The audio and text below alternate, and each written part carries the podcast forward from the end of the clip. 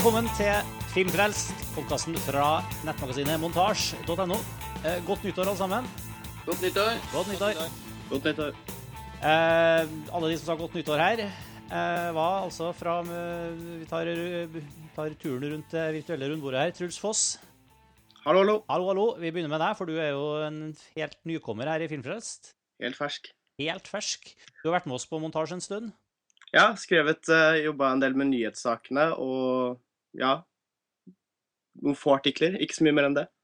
Du har vært en ivrig og viktig, viktig montasjebidragsyter i det siste, så det er utrolig kult at du endelig er med på en Filmpress-episode, og ikke en hvilken som helst episode, for uh, som vi etter hvert skal komme inn på, så det her uh, Tradisjonen tro så begynner vi året med en gjennomgang av fjoråret og fjorårets beste filmer. Og I tillegg til Truls med oss for å gjøre det, har vi Sivert Almvik. Hallo, Sivert. Hallo, hallo. Oi, nå var du lav, Sivert. Vær lav.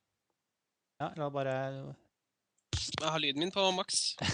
bare sitt litt nærme mikrofonen, men vi, vi skal nok få, få hørt deg likevel. Eh, Sivert Almvik han kjenner, kjenner seg, en gammel kjenning. Eh, også fra montasje. Og har vi Lars Ole Kristiansen. Hallo, Lars Ole. Hei. Hallo, hallo. Uh, og jeg heter Martin Sivertsen. Det, vi, sånn, uh, hadde litt tekniske problemer og litt logistikkproblemer sånn, uh, i kveld, så det er litt usikkert hvor mange av oss som blir med hvor lenge, og om vi får noen flere som slenger seg på samtalen underveis. det får vi se på. Sivert, du kan ikke bli så lenge i kveld, har jeg forstått? Nei, det er litt sånn ja, ymse med tid. Det er mulig vi får en påhopper underveis. Men det vi i hvert fall skal gjøre i dag, er jo at i forbindelse med at vi i montasje har publisert og kåra og satt opp uh, på en slags sånn kollektive årets beste filmer-artikkel. Hvor vi har samla inn Lars Ole, du kan fortelle litt mer om hvordan akkurat det har foregått, men hvor vi liksom har samla redaksjonens uh, og alle de som er tilknytta montasje i siste, har kommet med sine favorittfilmer fra 2013. Og så har vi satt det sammen til en sånn stor artikkel. Det er det som skal være tema for Filmfrelst også den gangen her. Hva ja. var de filmene vi satte pris på i 2013? Hvordan var det filmåret? Kan du si noen ord om hvordan vi har gått fram for å, for å lage den, den toppfilmkåringa? Ja, nei, det er ikke så veldig komplisert, holdt jeg på å si. Det er tradisjon tro. Eh, vi har gjort eh, dette her eh, flere år på rad nå. Eh, og det er også veldig tradisjon at vi spiller inn denne podkasten etterpå. Men det, det, vi gjør, er at vi lager en topp 20-liste, eh, hvor eh, hver enkelt skribent eller bidragsyter kommer med, med, sin individuelle liste. Og på plassene fra 1 til 10 så skrives det også da sånne korte omtaler da, om, om, filmene. Og Så er det også lov å legge til sånne tilleggsseksjoner som hederlig omtale og de verste, årets verste filmer og så, og så videre. Og det er sånn at alle som er tilknyttet eh, Alle de faste bidragsyterne til montasje får tilbud om å, å, å sende inn en liste. Så er det sånn at vi vi har tradisjon for å vente ganske lenge med å lage disse listene, fordi vi ønsker at folk skal rekke å få sett mest mulig film for å kunne være med. Eh, ikke minst da premiere, filmene som har premiere i romjulen, fordi da er det, det er ofte at det er mange godbiter som blir spart eh, til da. Og, så vi ønsker jo at skribentene våre skal få muligheten til å, å, å se, også, se, de filmene da, før vi ferdigstiller listene. Eh, det gjør jo da også at det alltid er noen som ikke rekker å bli ferdig i tide, eller rett og slett ikke har mulighet fordi de er midt oppi julestria og nyttårsfeiring og det som uh, verre er, holdt jeg på å si.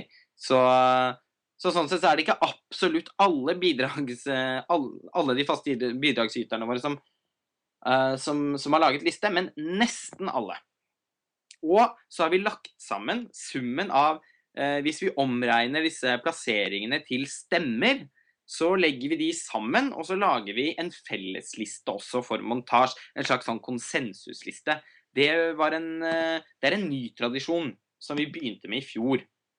Eh, vi syns jo det er eh, jo det er OK at montasje også på en måte kan ha en sånn slags På samme måte som mange av de andre filmmagasinene som vi ser opp til, har gjerne en sånn offisiell topp ti-liste. og det har jo da også vi hatt lyst til å ha.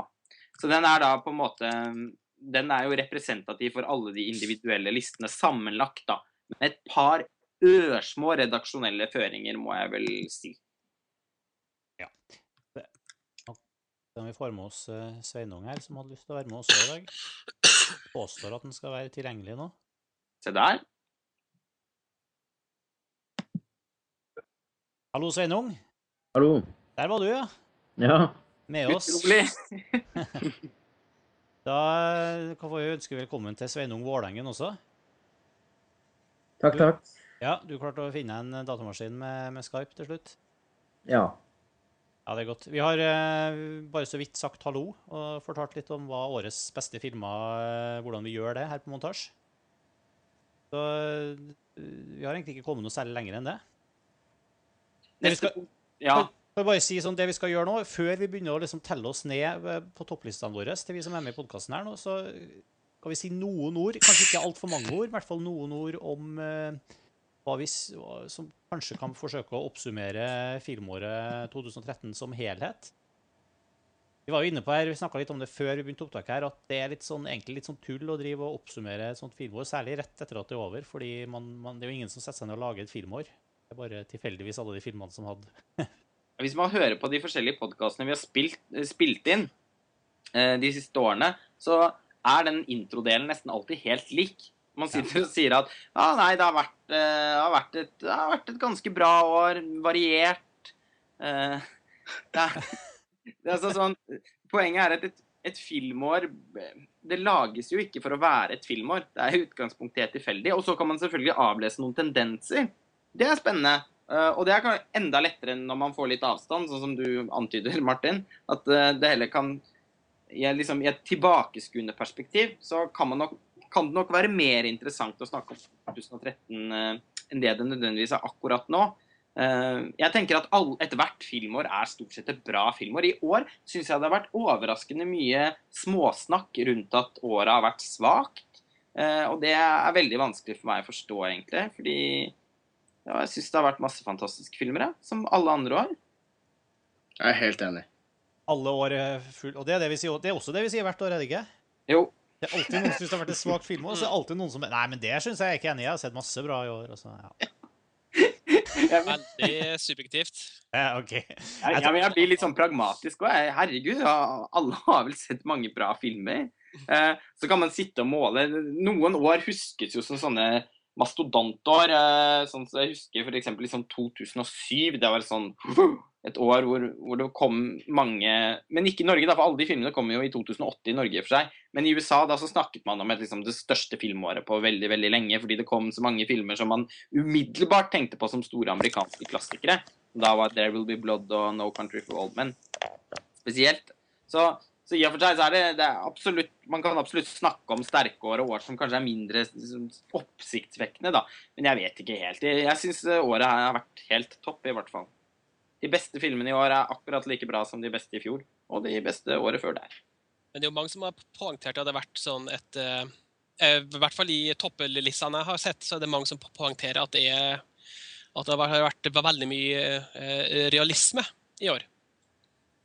Er det, en, er det en trend dere kan kjenne dere igjen i? Nei, det, jeg, Nei. jeg syns ikke det. Det kan være et poeng, sier jeg også, sier alle sammen. Nei, nei, det er overhodet Nei, ikke. Det er vel fire-fem lister jeg har kommet over som har da sagt at eh, ja, det har vært veldig mye realisme i år. Pain and gain og uh, sånne ting. Om Men man den kan kalle den som realistisk, Den er jo nærmest dokumentarisk. ja, den er jo faktisk Dessverre. Det er det som gjør den litt sånn uh, bittersøt. Ja, altså, den er vel basert Ja, gud, det skal være Det skal sies, det. At det er, det er mye av de veldig sånn eh, voldsomme over the top-filmene i år som nok ligger nærmere en deler av virkeligheten vår enn det vi kanskje ønsker å erkjenne. Det kan man jo si om filmer som både Spring Breakers og The Bling Ring i og for seg også. Mm. Og Pacific Rim og Sann historie. ja, ok, det, her, det, det her begynner å skli ut allerede. Jeg tror vi hopper videre til det som folk egentlig har lyst til å høre, og det er jo uh, topplistene våre. Ja. Eh, og måten vi gjør det på, at vi kommer til å begynne på Vi har jo satt opp eh, i artikkelformat på montasje, så har vi topp 20 eh, for ganske mange av, inkludert alle vi som sitter her, men også en del andre som har vært involvert i montasjeredaksjonen, og som er en del av montasjesystemet, har kommet med sine topp 20-lister. Det, det, så ambisiøst skal vi ikke være i uh, Filmfest-episoden her, men vi, skulle, vi, skal begynne på tiendeplass. Og så ta runden rundt vi som sitter her nå, og telle oss ned, rett og slett, opp mot uh, førsteplassen vår. Bare se om vi har noe Ja, bare presentere filmene og ta, snakke litt, litt rundt dem. Og Sivert, siden du har, er den som vil må forlate oss først, så bare så du i hvert fall skal få sjansen til å presentere én film. Ja. Så tenkte jeg at du skulle få lov til å begynne med å fortelle oss eh, hva som er din tiendeplass over eh, beste filmer i 2013. Der har jeg satt Pain and Gain. Ja, Der har vi den allerede. Vi har allerede snakka om den. Det var som en bro som jeg tok opp. Nei, det, det var faktisk en av de filmene som jeg ble positivt eh, overraska over. For jeg hadde egentlig dømt den nord og ned. Jeg tenkte Michael Bay han lager jo ikke noe bra historie. Det er jo veldig imponerende å se på, men det er jo ikke noe bra filmer.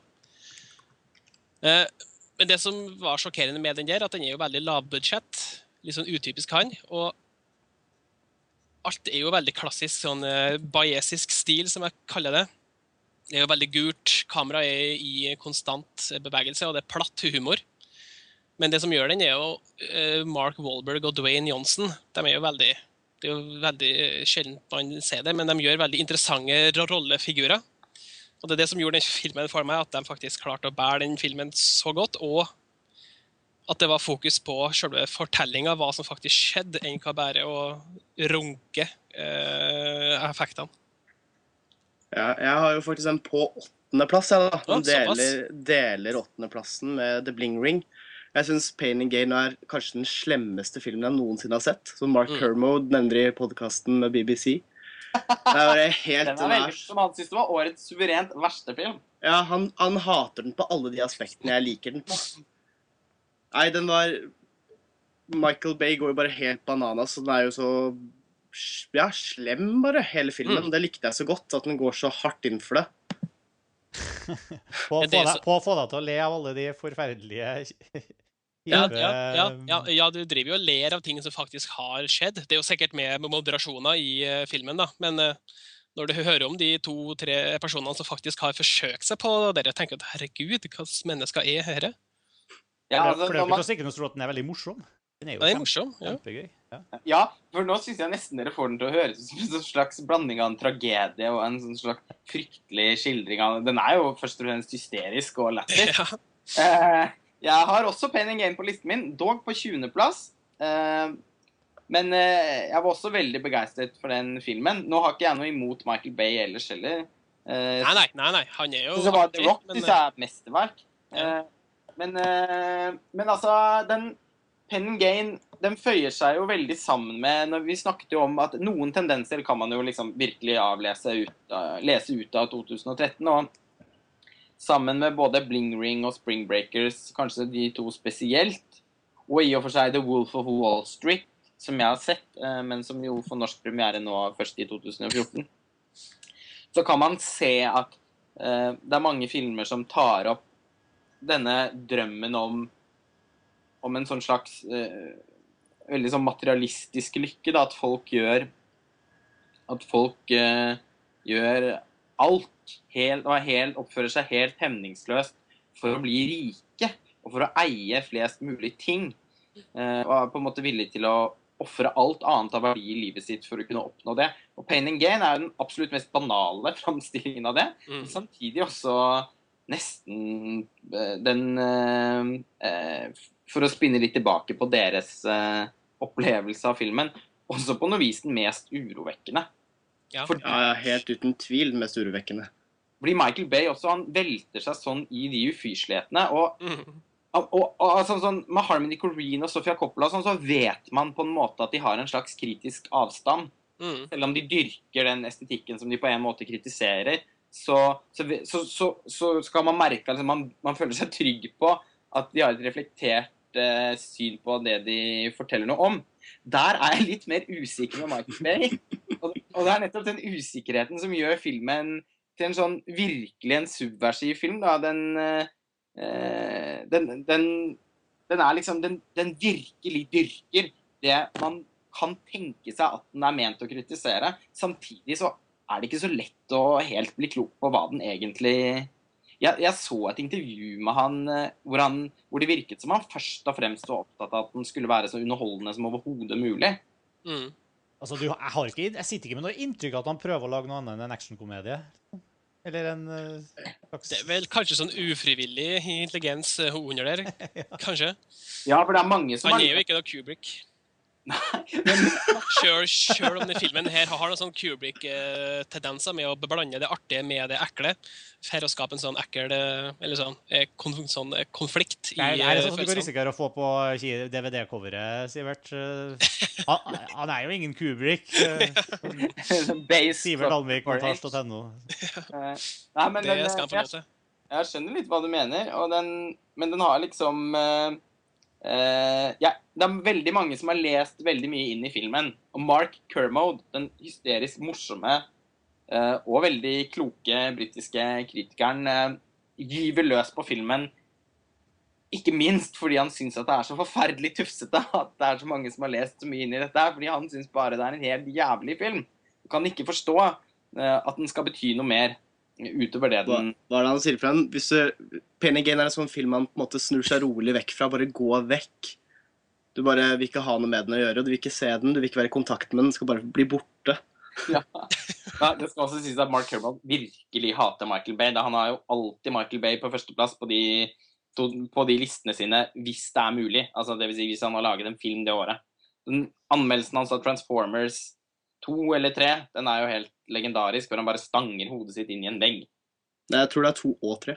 Ja, ja. Det er jo nettopp det som er kult. altså Hvis man sier at det er noe som er kult med Michael Bay, så er det jo nettopp det at han, han ikke er så middelmådig, på en måte. Og ikke bare en sånn Altså, han, Mm. han, han er så ekstrem i det han gjør, enten han, han vil noe med det eller ikke, så er det på en måte det, Han blir ikonisk på grunn av at han bare tar den helt ut i den forferdelige retninga.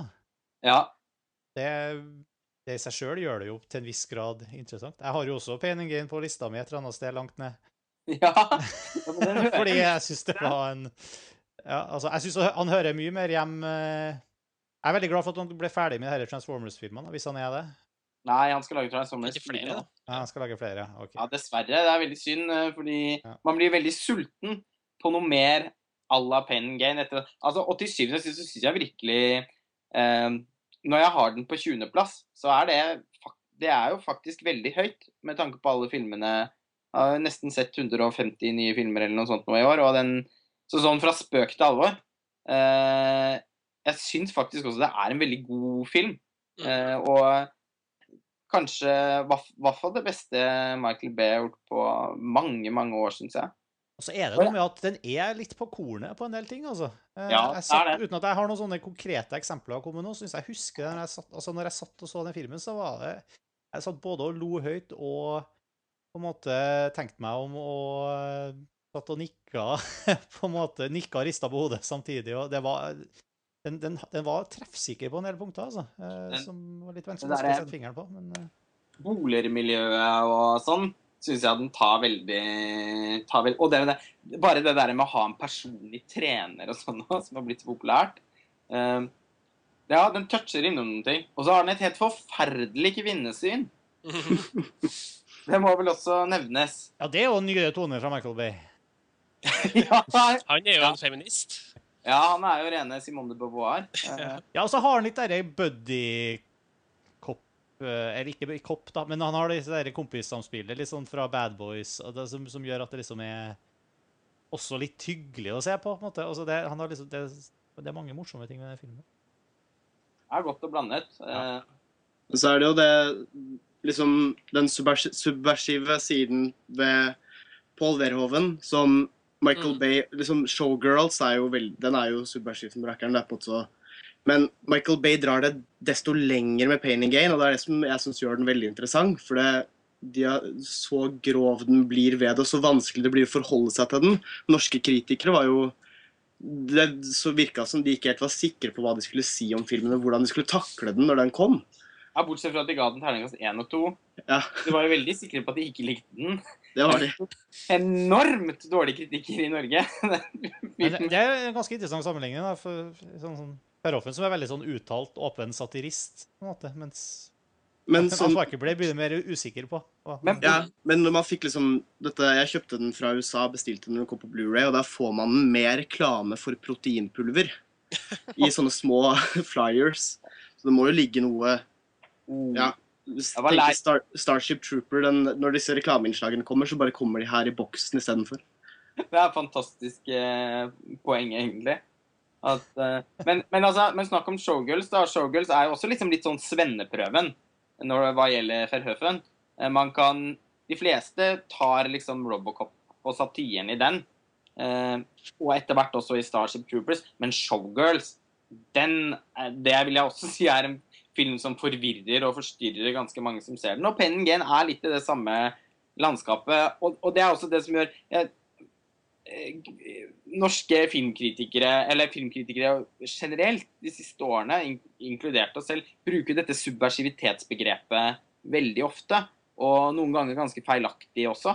Men eh, det er liksom eh, en, film som Pain and Gain syns jeg faktisk virkelig er en, en subversiv film, da, i den forstand at den virkelig dyrker det den eh, tilsynelatende forsøker å, å kritisere. Og det gjør at folk får problemer med å, å ta den. Det, det er ikke en film man liksom bare kan arkivere som satire eller som eller som en hjernedød actionkomedie. Den er liksom litt av begge deler i en veldig sånn merkelig miks. Varmt anbefalt for alle som ikke har sett den, vil jeg påstå. Mm. Veldig. Og vi liker jo film man har problemer med. Ja, Det er som Lars von Trier sier, film skal være som en stein i skoen. som en sten i skoen, ja. Det er jo på en, på en måte pain and gain, utrolig nok. Det er faktisk både pain og gain. Ja, det er det. Yes, ok, nå skal vi hoppe videre, tror jeg. Eh, Mens vi prøver å få inn Truls igjen, som forsvant ut av Skypen her, så kan eh, Sveinung, Ja. du kan få lov til å fortelle oss hva din tiendeplass er. ja. Det er nok eh, noe helt annet enn Pain and Gain. Det er godt. Eh, ja. Det er uh, Oliver Assayas sin 'Etter revolusjonen', uh, som gikk på uh, norsk kino tidligere i år. Ja, og det Jeg må si jeg, jeg syns det er en hans allerede en av hans sterkeste filmer, da. Det var ikke en film som fikk så fryktelig mye oppmerksomhet, men det handler kanskje litt om at Asayas også er en filmskaper som mangler de der store verkene. Han er liksom veldig anerkjent og eh, satt pris på blant sine astma, inntrykk av, men blir liksom aldri regna som de virkelig store. Um, men eh, ja, jeg er i hvert fall glad i, i filmene hans, så jeg syns den her her klarer han å liksom fange noe av det som gjør han til en så dyktig autør. Han, han klarer liksom å dyrke det og eh, binde det sammen med en litt mer engasjerende historie enn hva han pleier, da. Det handler jo om Det er jo eh, en slags oppvekstskildring det her av noen ungdommer i utkanten av Paris på, på begynnelsen av 70-tallet. Som eh, eh, ja, er veldig politisk engasjert. Men etter hvert så er det flere av de som blir veldig opptatt av kunst, og så blir det et spørsmål om hva skal man liksom fokusere videre på. Kunsten eller politikken, hva er viktigst? Og, eh, det er en utrolig vakker og poetisk film, da. Mm, så det Ja. er ikke problem å sette den på tiendeplass. Nei, jeg syns eh, Jeg har jo også sett filmen. Jeg, jeg har den eh, Jeg tror jeg har den vel på 18.-plass, tror jeg. Eller 19.-plass. Eh, men jeg likte også Likte den også veldig, veldig godt. Eh, jeg har ikke har vel ikke fullt så nært forhold til Asayas jazz fra før av som, som deg, for det er fortsatt noen av bildene hans jeg ikke har sett. Men, eh, men etter hvert så har jeg også virkelig begynt å sette pris på, på han. Og kanskje, som du sier, at han har ikke Han, lager, han er ikke en sånn mesterverksregissør. Og han har på en måte ikke, nesten ikke laget en eneste, en eneste film som stikker seg ut som et sånn voldsomt betydelig verk. Men han, eh, han har et sånn et lynne, da, som, som er eh, Som er veldig, veldig fint, og som Jeg syns han er en Det begynner å gå opp for meg, i hvert fall, at jeg syns han er en gans, en veldig god menneskeskildrer. Eh, både i den Cold Water og i Summer Hours spesielt, som han laget bare for, eh, for noen få år siden. Som er en film som har sittet veldig igjen i meg. Og, og jeg føler at etter revolusjonen òg syns jeg jo mer jeg tenker på den, jo bedre liker jeg den. For jeg syns at den måten han klarer å skildre ungdom i en sånn brytningstid, både i sine egne liv og i den perioden som filmen foregår i, da. Den politiske revolten og ønsket om å få nærkontakt med kunsten, filosofi, altså hele denne sånn klassiske suppa, egentlig. Eh, Ja, veldig sånn veldig fransk film på den måten. ja, det må man si. Hele den der eh, Ja, og disse store intellektuelle spørsmålene og litt ransiøst. Altså ikke filmen, men Nei, ikke filmen. Ja. Men det gjør jo også, den minner også litt om amerikansk film på 70-tallet. Altså Robert Altman kanskje spesielt.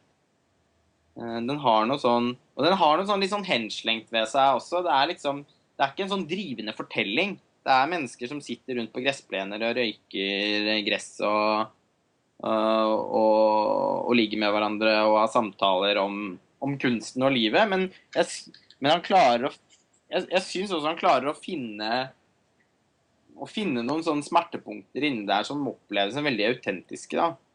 Og det, er, og det er noen fantastiske enkeltscener i filmen, det må vel også sies. Han begynner, Ja. å, få, han begynner å få ganske sånn eh, altså, Nå høres det jo veldig feil ut å si at han begynner å få grep om filmhåndverket, for det har han jo selvfølgelig hatt eh, veldig, veldig lenge. Men eh, med Carlos så eh, flekset han jo en, noen litt andre muskler, da. Mm. Eh, og jeg syns jo også man ser mye av det i etter revolusjonen. Disse scenene hvor de blir jaget av politiet, f.eks. Eller den fantastiske scenen i det brennende huset. Ja. Jeg er veldig enig i at det ikke er en noe sånn drivende fortelling på den måten, men det er, det er alltid voldsomt driv i fortellingen hans likevel. Det er veldig det Jeg tror ikke jeg kan komme på noen annen filmskap hvor jeg liksom har blitt så fascinert av klippearbeidet. At liksom eh, måten eh, klippinga bidrar til at liksom det blir en voldsom bevegelse og tempo i filmen hele tiden. Eh, altså i, i de fleste hans filmer, da. Ikke 'Summer Hours', kanskje, men, men de fleste andre hvor det er alltid folk som liksom er i bevegelse på vei et eller annet sted, og det er liksom sånn tjopp, tjopp, tjopp hele tiden. Selv om liksom tempoet er aldri så rolig tilsynelatende men... i bildene. Jeg, jeg, bet, jeg, jeg bet meg også veldig merke det i akkurat den filmen her. Eh, det mener jeg også til og med at Husk at vi hadde en, en samtale om på et tidspunkt hvor jeg da nevnte en referanse som for deg selvfølgelig er uhyrlig. som er Steven Spielberg. Ja. Fordi det er faktisk noe eh, Selv om det høres Dette høres jo merkelig ut for, for alle og enhver, tenker jeg, fordi koblingen Asayas og Spielberg, den er far-fetched. Eh, men eh, det er faktisk noen av sekvensene i Og det er mange, blant annet noen av de sekvensene som jeg nevnte i stad, f.eks. den jaktsekvensen. da. Mm. Det er noe veldig Spielbergsk over den, og det ligger i klippingen. Og Spielberg sin klipper, Michael Kahn, Michael Kahn, han er jo vidt anerkjent for å være en av historiens beste klippere. Og han, og han gir jo ofte filmene til Spielberg et sånn voldsomt tempo. Ja. Eh, Jeg ser sammenligningen, jeg gjør det, altså. ja, tenk på München, for eksempel. Ja, München og Catch Me If You Can var det første jeg tenkte på nå. Ja. Det er, ja, og de er veldig nærliggende eksempler. Så det, jeg skjønner hva du mener med at det er noe med klippingen i de Asayas-filmene. Og det Ja. Ja, og jeg syns øh, Ja, det er liksom det der drivet i filmene hans som, som fascinerer meg mest. Og ofte har det Har det kanskje Jeg vet ikke. Det er, det er, det er, jeg jeg syns ikke eh, I mange av filmene hans, f.eks. Carlo, så sleit jeg litt med å, å engasjere meg i, i uh, menneskene. Men det, det er noe av det som jeg syns er liksom litt mer modent da, med etter revolusjonen sammenligna med noen av hans andre filmer, at uh, rollefigurene er rett og slett mer interessante. Han, altså, han, han kommer mer innunder huden på dem, Mm. samtidig som han fortsatt har det der litt sånn distanserte blikket. At det liksom handler mer om, om handling da, enn om, om eh, eh, ja, motivasjon og psykologi og ja. At det er liksom Ja. bare det derre Ting skjer, men, men, men det, er, det er et eller annet med, med revolusjonen hvor eh, Ja, de ungdommene er bare mer engasjerende enn en vanlig, da. Ja, men jeg, jeg kan være litt enig i det. Og jeg, jeg tenker også at han han, han han er liksom Jeg føler også veldig at Asayas fortsatt er en filmskaper som er veldig på vei. Uh, han har hatt en ganske sen modning, syns jeg. Altså Mhm. fra Han har laget mange filmer som som, som til gjengjeld kan være veldig bra, da, sånn som Cold Water f.eks. Men den er jo en veldig tidlig film. Og den føles som en tidlig film òg. Som en Ja. ung og tidlig film. Eh, eh, og sånn som Irma Vepp og sånn også har noe et eller annet sånn Den er veldig innfallsrik, og det er noen veldig fine ting der. Men det er samtidig noe litt sånn umodent over det, syns jeg. Der vet jeg mange vil si seg sikkert veldig uenig, for det er en veldig populær film. Men, men egentlig syns jeg liksom med 'Summer Hours' så syns jeg han Der syns jeg nok det skjer noe. Mm. Og Carlos blir noe litt annet igjen. Selv om jeg lot meg ganske jeg, Ikke bare ganske, jeg ble egentlig veldig engasjert i karakterene i den filmen også. Jeg var veldig begeistret for Carlos. Jeg så bare den uh, miniserieversjonen. Men Ja, jeg det syns den var helt fantastisk. Ja, den var, ja, den var voldsomt bra. Ja, men jeg er veldig enig. Det var ikke meningen å få høres ut som liksom, degradere Carlos på noen måte. Men, det, var, men eh, det er litt, det er, for meg er det et godt eksempel på at jeg sitter igjen etterpå Jeg så sånn den lange versjonen, og da satt jeg igjen etterpå og tenkte liksom, jøss, hvorfor var det her så engasjerende? Ja. Eh, eh, jeg, han var på en måte ikke så Jeg blei litt Altså, jeg blei ikke lei av han eh, han i hovedrollen, men det var liksom litt sånn Jeg vet ikke. Jeg, han var liksom han, han, Jeg følte liksom ikke at han utviklet seg så veldig, men da er det nettopp pga. at eh, karakterene i Asias sine filmer er alltid interessante å følge med på, selv om man kanskje ikke engasjerer seg så veldig i dem sånn personlig. Ja. Nei, jeg merker, øh, ja, og han Edgar Ramirez han, Jeg syns han spilte veldig veldig bra i Carlos, men jeg nok, kan nok være tilbøyelig til å være litt enig i det du nevner angående karakterutviklingen. fordi at jeg syns nok også den siste, den siste episoden av den miniserien synes jeg rett og slett ikke er spesielt god. Eh, de tre første syns jeg var helt Det er, fire, det er da fire episoder, Ja. mener jeg å huske. Og de Jeg tre første synes jeg var helt strålende, og den siste syns jeg var sånn Oh! Den var ikke like bra. Så den Eh, der kunne jeg faktisk tenkt meg å sett den kortere versjonen, for jeg kan tenke meg at det er der de har strammet inn mest. Mm. Vi har jo spilt inn en egen episode av Filmfrelst om eh, Carlos også. så vi kan jo henvise til den også. Ja, Ja. Det var- husker jeg godt. Da hadde jeg bare sett de tre første episodene, og da erklærte jeg den filmen allerede for en av årets beste, selv om det var i januar. OK. I kjent stil. I Mesterverk. Kjent Mesterverk. Ja. Men Lars Ole, mm. eh, jeg tror vi går videre til din tiendeplass for 2013. Da går vi fra Olivier Assayas og Etter revolusjonen til hva? Ja, det blir helt i andre enden igjen, da. Man of Steel av Zack Snyder. Uh. Ja, er nummer ti i år. Den har jeg også på nummer ti. Samme plass. den har jeg på nummer Nå- Jeg har den faktisk høyere. Jeg har den på nummer åtte, tror jeg. Ja. Tenker meg om. Men da alle sammen har den på topp ti, i hvert fall. Eh, Kanskje ikke du, Sivert? Hvor er Sivert? Har Sivert forlatt oss? Hvor er Willy? Nå skal jeg rette opp uh... Jeg har den heller ikke på min topp ti. Men se, Heller ikke så ung. jeg har den heller ikke på topp 20, men eh, jeg likte filmen. Det gjorde jeg. Ja. Og superhelt eh, Altså, superheltfilmsjangeren er jo ikke akkurat noe jeg forbinder med deg. Nei, det er overhodet ikke. Så eh, det at, jeg, det at jeg likte den, det, det, er, ja, det er Zack Snyder sin eh, fortjeneste. Men det her har også vært en sånn polariserende film, for det er mange som virkelig hater den filmen her òg. Har jeg lagt Ja, det merke til. Og Sivert, nå kom du tilbake igjen nå. Vi vi snakker om Ja. uh, Zack Snyders uh, Man of Steel. Åh, Ja, ikke sant? ja. En, en megetsigende åh.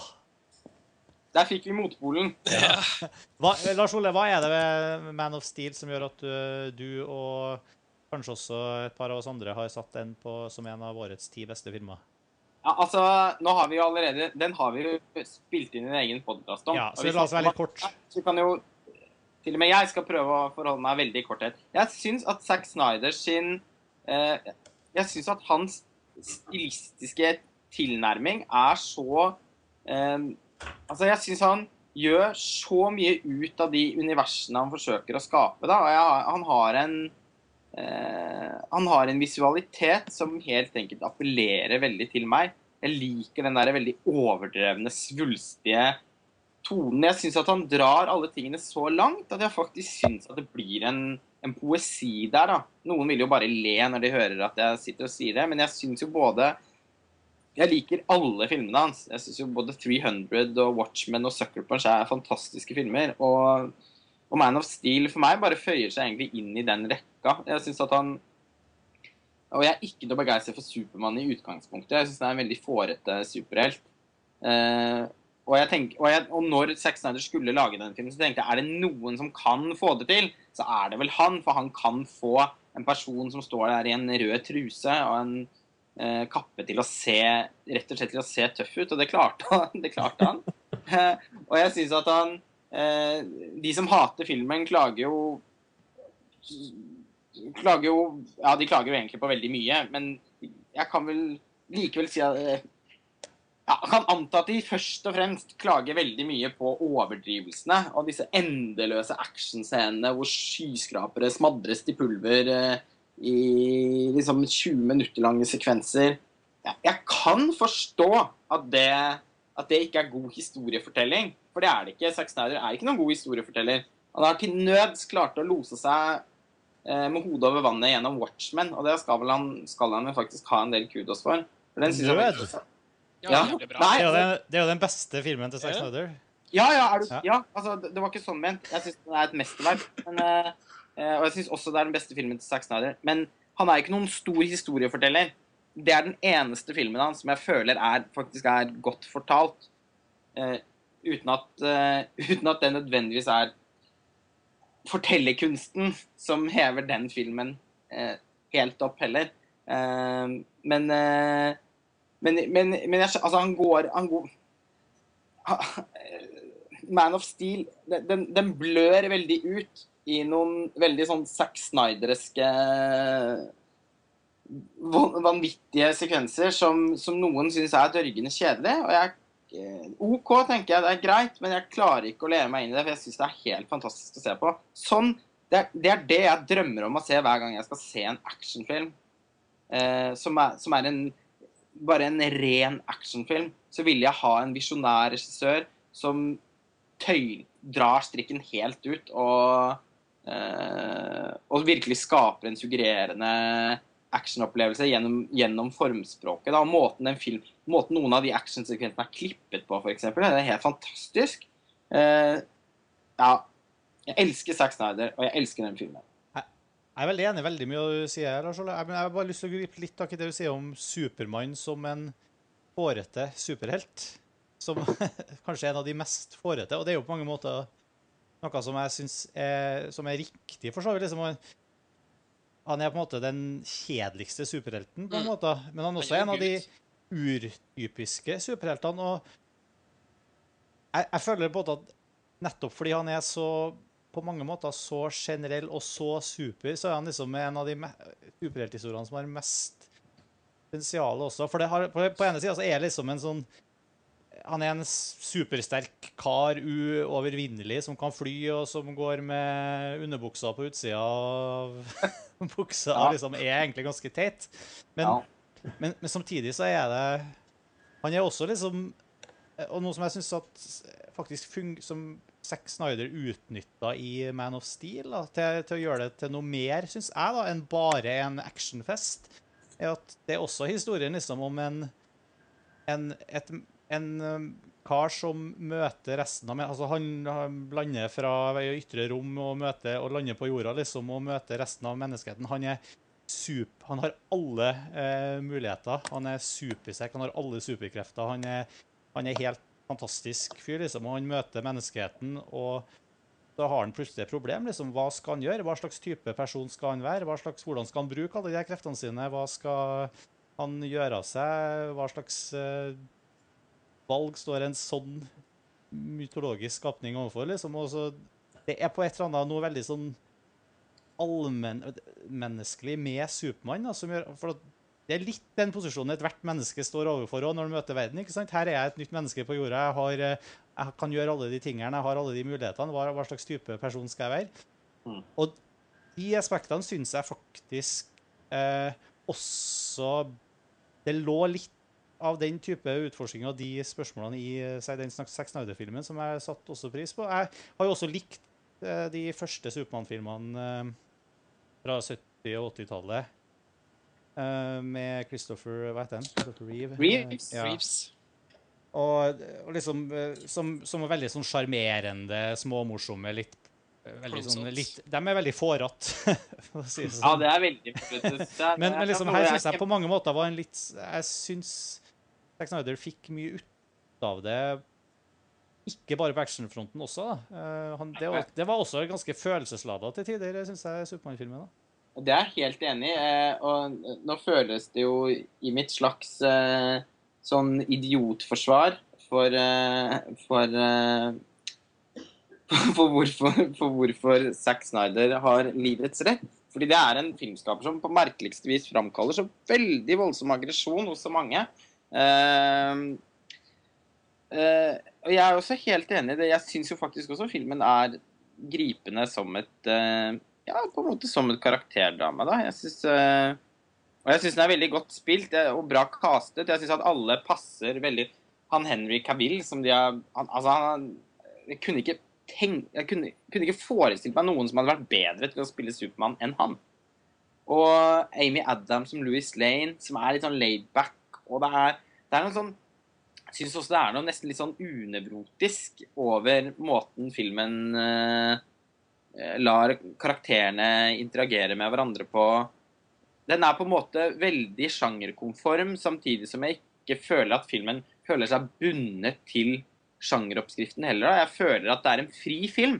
Kanskje det er nettopp det jeg syns er så flott med alle filmene til Zack Snyder. At de føles frie. Det virker som han faktisk har eh, At han har eh, får lov til å utfolde seg som, eh, som en actionautør. da. Eh, uansett hvilket, hvilken univers han skal ta for seg, eller med gåsetegn historie han skal fortelle. Uh, og de, de, de innledende passasjene Én ting er jo disse scenene på krypton og sånn, som jeg syns er veldig flotte. Men når uh, de tidligste scenene hvor Supermann liksom har sin sånn slags dannelsesreise, de er jo også alle de scenene er fotografert på en veldig poetisk måte. Klippet men nesten sånn, nesten sånn innslag av sånn elliptisk klipping. Og det er et, for, et type formspråk som jeg syns er veldig sjeldent å se i en, i, i en sånn type kommersiell superheltfilm. Ta disse Marvel-filmene, f.eks. Hvor jeg ikke kan finne et spor av noe som ligner på det jeg forbinder med, med skikkelig film. da. Og det syns jeg det er masse av i Man of Steel. Ja, for det, for der, de syns De Marvel-filmene har for meg har vært veldig kjedelige opplevelser de siste årene. Ja, for meg òg. Og her syns jeg det er mye mer å ta tak i i, i noe sånt som Man of Steel. da. Ja. Selv om jeg nok er litt mindre Zack Snyder-fan enn du er.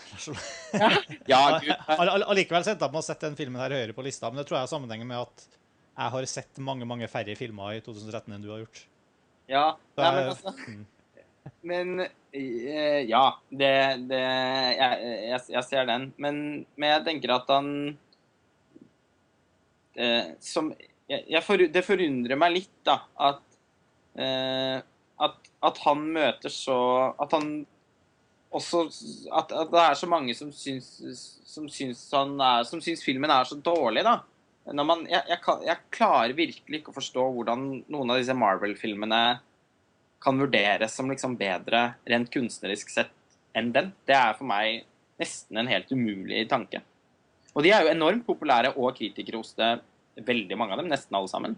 Være seg Avengers eller Iron Man 1-7. Yes. Ja, edre gale. Enig, enig med du.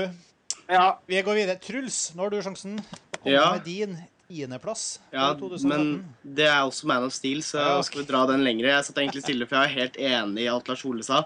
Jeg vil gjerne tilføye også Michael Shannon som Sad. Syns jeg også var veldig bra. Jeg likte veldig godt aspektet at han er Han er på en måte oppfostra til å være den skapningen som er skal beskytte planeten, Krypton, og kompleksiteten som kommer med det, at han er ikke en direkte ond skapning, sånn som Bane kan sies å være i Dark Knight Rises. Og det aspektet som Den ondskapen som bygges opp, blir litt mer kompleks på bakgrunn av det til å være en tradisjonell actionfilm. Hvis noen Og Ja, Sodd, følger jo også sin eh, rolle. Altså, han Ja. har en plass Han, har, han, er, han er den figuren han skal være, og har følger veldig sånn rasjonell, eh, eh, måte å forholde seg til verden på. Liksom. Men Supermann er den som ikke den, Ja. og jeg, det, det ligger noen sånne sånn eh, ja, Jeg husker vi snakka om det i den Supermann-podkasten så vidt òg, som vi hadde om den filmen her. at eh, det ligger noen sånne eh, arketyper der som er veldig sånn godt representert. da, ved, i, i, i, Altså politiske, nesten, arketyper. mm. Som, Og så er det selvfølgelig veldig deilig at han klarer å trekke den litt sånn tidvis litt plumpe eksistensialismen til liksom kompromissløs vold som varer i 45 minutter. Det er veldig deilig. Ja. ja, for det er veldig lenge. Ja. Og så etter at du er ferdig med en scene, så kommer det liksom en til. For, Ja. Ja, han gir seg jo ikke når han setter i gang. Å, men det er så deilig når de slåss. Eh, men eh, ja. Men jeg kan også si meg sådd Jeg opplever jo også han som en ganske sånn ja, nyansert på den måten at man Det er ikke en skurk jeg sitter Jeg, jeg, jeg syns jo Jeg syns ikke det er, han er så veldig urimelig, egentlig. Jeg, jeg kan forstå han. Selv om jeg selvfølgelig ikke kan forsvare at han ødelegger en hel by, sånn at antakelsesvis altså flere hundre tusen mennesker kanskje dør. men han er hensynsløs og har et ondt flir og alt det der. Så han, Ja. han er jo på mange måter også en klassisk eh, ond, ond type. Ja. Men han har den derre lille Ja. Yes, da er det Jeg tror vi går videre. Jeg har eh, på min tiendeplass en film som jeg vet at veldig mange av eh, dere andre har på listene deres òg, og mye flere av dem i montasje har satt denne filmen eh, høyt oppe på sine topp 20-lister. Så det er vel en god anledning til å si noen ord om Frances Ha. Det var en film som jeg ble rett og slett først og fremst oppmerksom på at jeg burde se via og lese deres Flere av dere har snakka varmt om den, og det har blitt skrevet varmt om den på montasje. Hadde ikke vi en sånn distribuer denne Jo. artikkel om Ja. eh, Francis sa, og da så ble den distribuert? Jeps. Så eh, vi skal, jeg vet ikke om vi skal ta det til inntekt for eh, Nei, jeg tror ikke vi skal i det. Tilfellet. For jeg tror jeg faktisk var kjøpt inn til distribusjon omtrent i det vi skrev den artikkelen. Ja. Men det er jo hyggelig å tenke på at vi på en eller annen måte har vært med på å fronte den, da. For det har vi nok. Men for, var, for meg var det en sånn møte med en sånn, en, et ganske stort møte med en lit, liten film. da. Eh, Noah Baumbach. Jeg har ikke noe forhold til han, jeg har ikke sett Greenberg. Jeg, har, jeg så bare Frances sa rett og slett fordi det ble Jeg hadde sjansen, og det ble presentert meg som en Jeg visste at det var en film man burde få med seg. Og det, og det er jo på en måte en, en veldig sånn hva skal jeg si, Det er en beskjeden liten film da, som, som, har, som gjør alt det den gjør, veldig veldig godt. Og, og det er kanskje det nærmeste jeg kommer liksom, eh, feel, en sånn ren feelgood-film i år. Selv om den er sår og har ting å si om de uh, hovedpersonene som, som stikker litt, i land, så er den, den er så um, på en måte sjarmerende og, og levende, og jeg føler meg så midt Jeg klarer å meg på så mange ting ved den filmen at jeg følte at den ble en veldig sånn levende og, og, og jordnær, sprudlende filmopplevelse for meg også. I, ja, i sterk kontrast til for eksempel eh, Ja, jeg vet ikke. Altså en helt sånn fullstendig diametralt motsatt filmopplevelse fra f.eks. Man of Steel igjen, men, eh, men likevel en veldig, en veldig nær og, og, og varm og god, god film, da, rett og slett. Um, I svart-hvitt. Av en eller annen grunn. Men, Ja. eh, men det funka også veldig fint som en sånn eh, New York eh, svart-hvitt-tradisjon. Vi Men jeg er helt enig til jordnære aspektet. Jeg føler liksom alle filmene i år og alle filmer på veldig lang tid, så er den filmen jeg klarer å relatere til mest og få mest personlig utbytte av også, etter å ha sett. Mm. Så god følelse av en sånn film man kan returnere til gang på gang når man er i midten av 20-åra, som jeg er, da. Og føle at man får noe igjen av å se filmen også. Man kan på et vis Den hjelper deg også til å forstå noen av dine egne redsler og det å på en måte bikke over til å nærme seg 30 og videre oppover. Jeg, jeg bare lengta tilbake. ja. Nei, men for det er jo på mange måter sånt eh, Generasjonsbudsjett er jo det vanlige brukte ord, liksom, eller noe sånt. Den, den sier, men jeg vet ikke, jeg, jeg både kjenner meg igjen og ikke kjenner meg igjen i veldig mye, liksom. Men det er, ikke- det er ikke så farlig om jeg liksom klarer sjøl å plassere meg i de situasjonene. i De, men, men den gjør det så godt, da. Den eh, det, det er, Og det, der er det noe med kunsten å skrive jeg, jeg vet ikke om jeg skal bruke ordet realistisk dialog, men i hvert fall god dialog, som, som fungerer veldig godt på film. Mm. Og, og, og scener og, og situasjoner som, eh, som føles veldig, veldig levende og, og på en måte reelle. da. Så er det liksom noe med hele tonen og rytmen og hvordan den går hele veien. Sånn eh, Noah Baumbach har jo vært veldig nært med Wes Anderson og Sofia Coppola, hele denne Coppola-gjengen og Wes Anderson. Og de jo, har en veldig evne til å lage engasjerende, jordnære filmer som også er litt sånn i underholdningslandskap, så det blir feel good også. Selv om mange vil nok si at Wes Anderson er helt far out der. Jeg syns jo ikke det. Men denne Ja. Sivert. Hørte du lo. Mm. Jeg tenkte du kunne si noe siden du også er Siden du prata om Wes Anderson i stad. Jeg har faktisk eh, ikke sett eh, Francis Ha, det må jeg innrømme. Jeg har- den på lista mi over fi- filmer jeg jeg må se, men eh, dumme med slike lille li- lister er at de aldri blir De blir jo ikke kortere med tida. Så jeg har ikke rukket å sett, sett den ennå. Nei, Lars Ole, du har også Francis Ha. Ja, jeg har den. Ja, jeg har den veldig høyt. Jeg har den på tredjeplass. Og det ble klar, veldig klart for meg at jeg måtte ha den så høyt uh, når jeg så den på nytt igjen i romjulen. For jeg så den to ganger i Berlin, faktisk. Prioriterte å se den to ganger der. Og så fordi jeg syntes den var så fortryllende bra. Og, og så uh, fikk jeg ikke sett den igjen når den gikk på kino her i høst. Og så har det vært Sånn er det alltid sånn på toppen av listen at alle man blir, er så begeistret for alle filmene, så det er liksom vanskelig å gjøre de der valgene. Men den måtte skyves høyt opp når jeg så den igjen, fordi det bare slo meg at denne typen film er til syvende og sist noe av det fineste jeg vet om. Eh, Den er jo Den har jo veldig tydelige eh, veldig tydelig slektskap til fransk, franske nybølgefilmer. Den har den herre liksom florlette, slentrende tonen. Eh, som ikke minst er understreket i musikkbruken, og da særlig bruken av Georges Delerue sin musikk fra diverse Francois Truffaut-filmer. Um, men så har den også et veldig den er også veldig en New York-film som slekter mye på Woody Allen. Fotarbeidet, som, eh, som jeg syns er helt eh, fantastisk fint. Eh, skutt i sort-hvitt, som dere nevnte i stad. Eh, men, eh, men det er veldig sånn Det er eh, en ting er, Den er faktisk også skutt digitalt i sort-hvitt. Det, det, det klarte jeg ikke å oppfatte når jeg så filmen, men jeg så på ekstramaterialet. Og jeg syns den looken de har klart å få til med veldig sånn mørk, dype svarttoner og eh, De har jobbet mye med liksom silhuetter og altså sånn bare brillene til hun venninnen til Frances. Eh, måten de liksom lyser opp på i et mørkt rom, f.eks., syns jeg er helt eh, fantastisk bra gjort. Minner veldig om Gordon Willis sitt eh, fotarbeid i Manhattan. Og det har vel også Noah Baumbach nevnt et par anledninger, at eh, man kan jo ikke ikke være inspirert av den filmen hvis man skal lage en film satt i New York i sort-hvitt.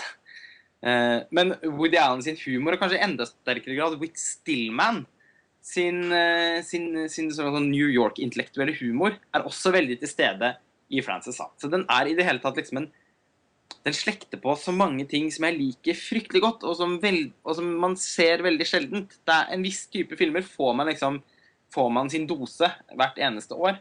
Men denne liksom Denne vare, fine vennskapsskildringen eh, den måten den tar liksom temperaturen på å være i en alder og i et bestemt miljø. Den eh, Det er en sånn sjargongfilm, eh, som, som liksom tar, ta for seg en, en viss sjargong og, og, gjør det på en fantastisk fin måte. Som, som jeg også syns det er veldig lett å kjenne seg igjen i. Jeg er 27 år, like gammel som Frances sa, og føler meg veldig ofte omtrent akkurat som hun gjør på mange punkter i den filmen. Det er en sånn alder hvor man ikke helt liksom vet om livet virkelig er i ferd med å starte, eller kanskje er i ferd med å slutte. Eller ikke slutte, men stagnere. Men jeg kan love deg, Lars Ole. Jeg er 37. Ti år senere så føles det ikke veldig forskjellig. Gjør det ikke det? Fysj. Ja. Det, verste, det, verste, er vel når man eh, Når liksom det 30-tallet kommer. Jeg ikke snakke mye om det, men Men jeg føler, for det er det den filmen klarer i hvert fall å, å vise veldig. At du, det er noe med å liksom få oppnådd mest mulig og få eh, liksom eh, funnet sin identitet tidsnok før mm. liksom, den ungdomstida er over. Og det begynner liksom virkelig å haste, for Frances sa det. Um, ja, og Sånn sett er det ikke så langt unna litt den her tematikken vi var så vidt innpå, som ligger litt i I Man of Steel? Nei, ikke Man of Steel. kanskje, kanskje, mer i Som vi sikkert kommer tilbake til, Spring Breakers og Ring, eh, Bling Ring og, og PNG. Altså, dette var i den herre, det herre verdenen vi har skapt for oss sjøl, liksom, det, det samfunnet, det forbrukersamfunnet, overflødighetssamfunnet, liksom, hvor, hvor, hvor, skal du passe der? Hvilke Hva er det som Hva i verden skal du gjøre med livet ditt i en sånn verden? Altså Man kan jo si at i, i Frances sa så er det mer sånn kulturelle og intellektuelle kulturelle og intellektuell kapital eh, framfor en liksom materialistisk tankegang. Men prinsippet er i og for seg litt det samme. Ja, Den er jo eh, på en måte mindre karikert, på en måte, eller lettere kanskje for flere å identifisere seg direkte med. Ja, mm. ja. ja. Uh, helt klart. Men, men, det er liksom også Prinsippet er litt det samme. den der, De er på vei, på vei mot livet, som, som Truffaut sin film så utrolig vakkert heter på norsk. det er liksom men de, Frances er veldig sånn byksende, løpende på vei mot livet. Men, hun, men veldig åpenbart at hun også frykter den der overgangen hvor hun plutselig er på vei fra livet isteden. Um, og det syns jeg den filmen Det kommer veldig veldig fint til uttrykk i den, i den, filmen på en måte som jeg nesten ikke kan huske å ha sett. Det er mange som har sammenlignet den med den TV-serien Girls. Det har også jeg gjort, for det er jo noen åpenbare likheter der. Men jeg syns jo på en måte at uh, Frances Ha klarer å uttrykke veldig mange av de samme tingene på en, på en mye mer uh, på en mer på en mer autentisk måte, syns jeg. Jeg har, ikke, jeg har, ikke, sett så mye av Girls, da, men der er det vel også mange flere som er i liksom samme situasjon. Mens uh, i Frances Ha så er det jo liksom flere venner av Frances, eller bekjente, som uh, har liksom tatt det steget over i voksenlivet og liksom begynt yes. å etablere seg. Det liksom skapes en kontrast der òg. Ikke minst uh, hun bestevenninna. Ja. Ja. Uh, det, det er jo noe girls på en måte ikke tar Eller de tar det for seg litt noen ganger, men de er jo akkurat litt yngre. Uh, ja. Men, men, i og for seg, det, det, er mye Det er ganske mange overlappende ting der. Men, uh, men, jeg bare føler at den har en veldig karikert tone. Som i og for seg er morsom. Jeg liker girls, jeg. Men, men Frances sa syns jeg selv om den lager liksom kulturelle stereotypier og sånn, så, så syns jeg ikke den går for langt i karikaturen sin. Da. Jeg syns fortsatt det føles veldig autentisk. Og det er ofte på sånn detaljnivå, syns jeg. Sånn som på den ene lille sånn nachspielet de har, hvor det er en jente som beveger seg sånn, med sånn danseaktige bevegelser foran en sånn vinyl- og bokhylle. Og så er det liksom Det er ikke helt sånn at hun danser, men hun skal samtidig gi uttrykk for at hun er til stede i musikken. Og hun er så selvsikker at det kan hun uttrykke, selv om hun egentlig ikke kjenner de som hun er på nachspiel med, spesielt godt. og så blir det hysterisk morsomt når kameraet følger den ryggen som liksom smyger seg bort langs, eh, langs den hylleveggen. Et sånn lite øyeblikk som det er veldig vanskelig å forklare hvorfor det er morsomt. Jeg hører jo meg selv nå at det ikke høres spesielt morsomt ut. Men for meg er det veldig, veldig morsomt. Jeg syns at filmen har eh, Den klarer virkelig å ta noen ting på kornet, syns jeg. Den her er sekvensen hvor Frances er på den festen nå med disse fremmede menneskene og hun antivenninnen som hun bare skal bo hos. Ja. Jeg vet ikke om noen vil følge meg opp. Skulle du si noe, Sveinung? Nei, bare, bare at den var veldig bra. Frances har veldig bra. Veldig bra. Det kan vi Den Jeg med. Korte, korte versjon. Yes. Du har vel på listen du òg, Sveinung? Ja, for jeg skulle egentlig bare si at jeg tror egentlig de fleste som liker den filmen, er enige om hva som gjør den bra. Jeg er i hvert fall, jeg er i hvert fall veldig enig i det som har blitt sagt nå. Og jeg har den vel på Det blei vel en åttendeplass til slutt. Og Eh, jeg, jeg har den på Eller min liste Jeg tror ikke jeg har sagt det, men min liste blir posta seinere til dere som lytter. Fordi jeg har vært litt treig og julestri og alt det der. Men du, du, Uansett, jeg har- tror- har den vi kommer ikke til å publisere den podkasten her før seinere. Så Ah, okay. podkasten er publisert, så er det sikkert din liste ut òg. så bra. Men jeg, da har jeg den på fjerde når podkasten er publisert. Du må uansett forholde deg til listene her, eh, her og nå, og da Men den, den står på fjerde på din liste? Ja. Med andre ord en film som, eh, som mange her har satt høyt. Da. Det er vanskelig å se en og ikke like en, tror jeg. Ja, det, nå fikk jeg faktisk nettopp eh, vite av en venninne av meg i dag at hun syntes den var helt forferdelig Oi. på Facebook. Ja, okay. Jeg hadde, hadde innstendig anbefalt den til henne. I stand litt- corrected. Så det var jo litt skrekkelig. Men eh, ja, det skal nok diskuteres. Sivert? Ja. Da har vi beveget oss eh, fra tiendeplass på lista vår til niendeplass.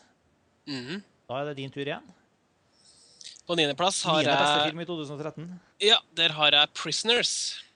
Oi. Ja. Eh, Da snakker vi om uh, Schwarzenegger og Stallone. Nei, Eh, eh, ikke. Stallone. Uh, Prisoners. Tenker jeg på helt feil film nå. tenker du på Escape Jeg Plan? tenker på Escape Plan. jeg. Ja, nettopp. Ikke den, nei. nei. Ja, det, okay, Dennis sorry. Villeneuve Sorry, Sivert. eh, ja, det hadde vært en liten eh, sånn bombe. Hva er det eh, Prisoners. Det var Jackman, selvfølgelig. Ja, Hugh Jackman og han Jack eh, Nei, Jake Gyllenhaal heter det. Ja. Eh, det som jeg likte med den, var at eh, premisset er jo latterlig enkelt. Du, det er noen som kidnapper barna di- di- dine. Du har, en, du har en mistanke, eller du er veldig sikker på hvem som har gjort det. Hva gjør du?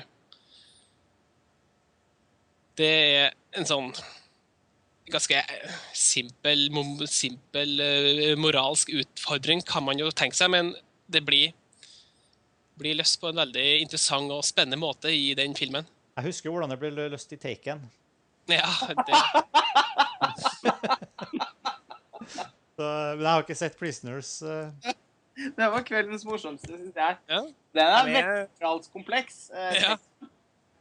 Ja, Ja, for det, det som også er, er litt så artig, det er at den er veldig pessimistisk, den filmen. Den ser på menneskeheten som Eller vi liker å se på oss sjøl som et veldig sånn moralsk og har evne til å skille mellom godt og vondt. Men i den filmen så rakker den virkelig ned på, på oss med mennesker og viser oss fra, det, fra, fra vår mørkeste side. Og så er det jo det spørsmålet man stiller seg etterpå. Hva, hva, hva ville man sjøl ha, gjort når man, om man har kommet i den situasjonen? Hadde man eh, blitt en, eh, en eh, torturist, eller har man ville ha latt rettferdigheten skje som den skal skje? Ja, Ja. Det er flere som har sett den? Jeg har sett den. alle andre tror jeg har sett den. alle andre enn meg. Ja. Sveinung, jeg mener jeg husker at du ja det, Du husker noe sånt noe som tråkket i salaten? Ja, det Men Ja, altså eh, Det jeg syns Altså, for meg var det kanskje årets skuffelse. Eh, fordi den filmen eh, så veldig ut til å bli liksom årets store thriller. Eh, veldig sånn Fincher-tradisjon med Zodiac og, og Seven. Og fotografien til eh, Roger Deakins Eh, ut fra bildene, da. Det, det, det så veldig bra ut. Og jeg syns også filmen starta veldig godt. Veldig som en sånn Å ja, nå får vi en sånn type thriller. Jeg fikk veldig den, den følelsen. Eh, men så tar filmen tar liksom en omvei, og det er jo noe der som gjør den original, for så vidt. Og den tar en omvei eh, etter hvert, hvor det blir veldig fokus på eh, Ja, jeg trenger ikke å spoile det, men i hvert fall så går man vekk fra liksom, det fokuset om å finne de kidnappa barna, Mm. til liksom noe som handler om eh, en av de mistenkte. Forholdet mellom han og Hugh, Jack, Hugh Jackman, da, som er faren til, eh, til et av disse barna som er borte. Og jeg synes at Filmen bare roter seg fullstendig bort i den omveien, for den blir liksom værende der. Eh, og det det her eh, liksom såkalt eh, dypdykket ned i menneskesinnet som den liksom gir seg ut for å ta, da, det, det syns jeg bare blei veldig overtydelig og faktisk ganske urealistisk. Og Hugh Jackman eh, skriker og brøler og slår og hoier og Altså så store deler av filmen hvor, hvor liksom, som liksom bare er det. Uh, og det jeg blir bare lei, og det, det er ikke spennende lenger. Og, etter, og når filmen etter hvert liksom omsider vender tilbake til utgangspunktet, og hvor liksom hva skjedde med disse barna, og det begynner å nærme seg en løsning, så, så bare ender filmen med en sånn avslutning som ja, som virkelig bare er, setter spikeren i kista for min del. Eh, Ja, den eh, slutten syns jeg ikke var så bra. At den var liksom sånn der eh, sånn, eh, Nesten litt så positiv. Jeg synes de skulle ha gravd seg enda mer ned i men- menneskelige dritten vi lager. ja. Og det var jo aldri noe tvil. Det var jo aldri noe spenning i hvem som hadde kidnappa dem. Det skjønte man jo med en gang. Det var jo han der eh, Det må du ikke si. Spoiler!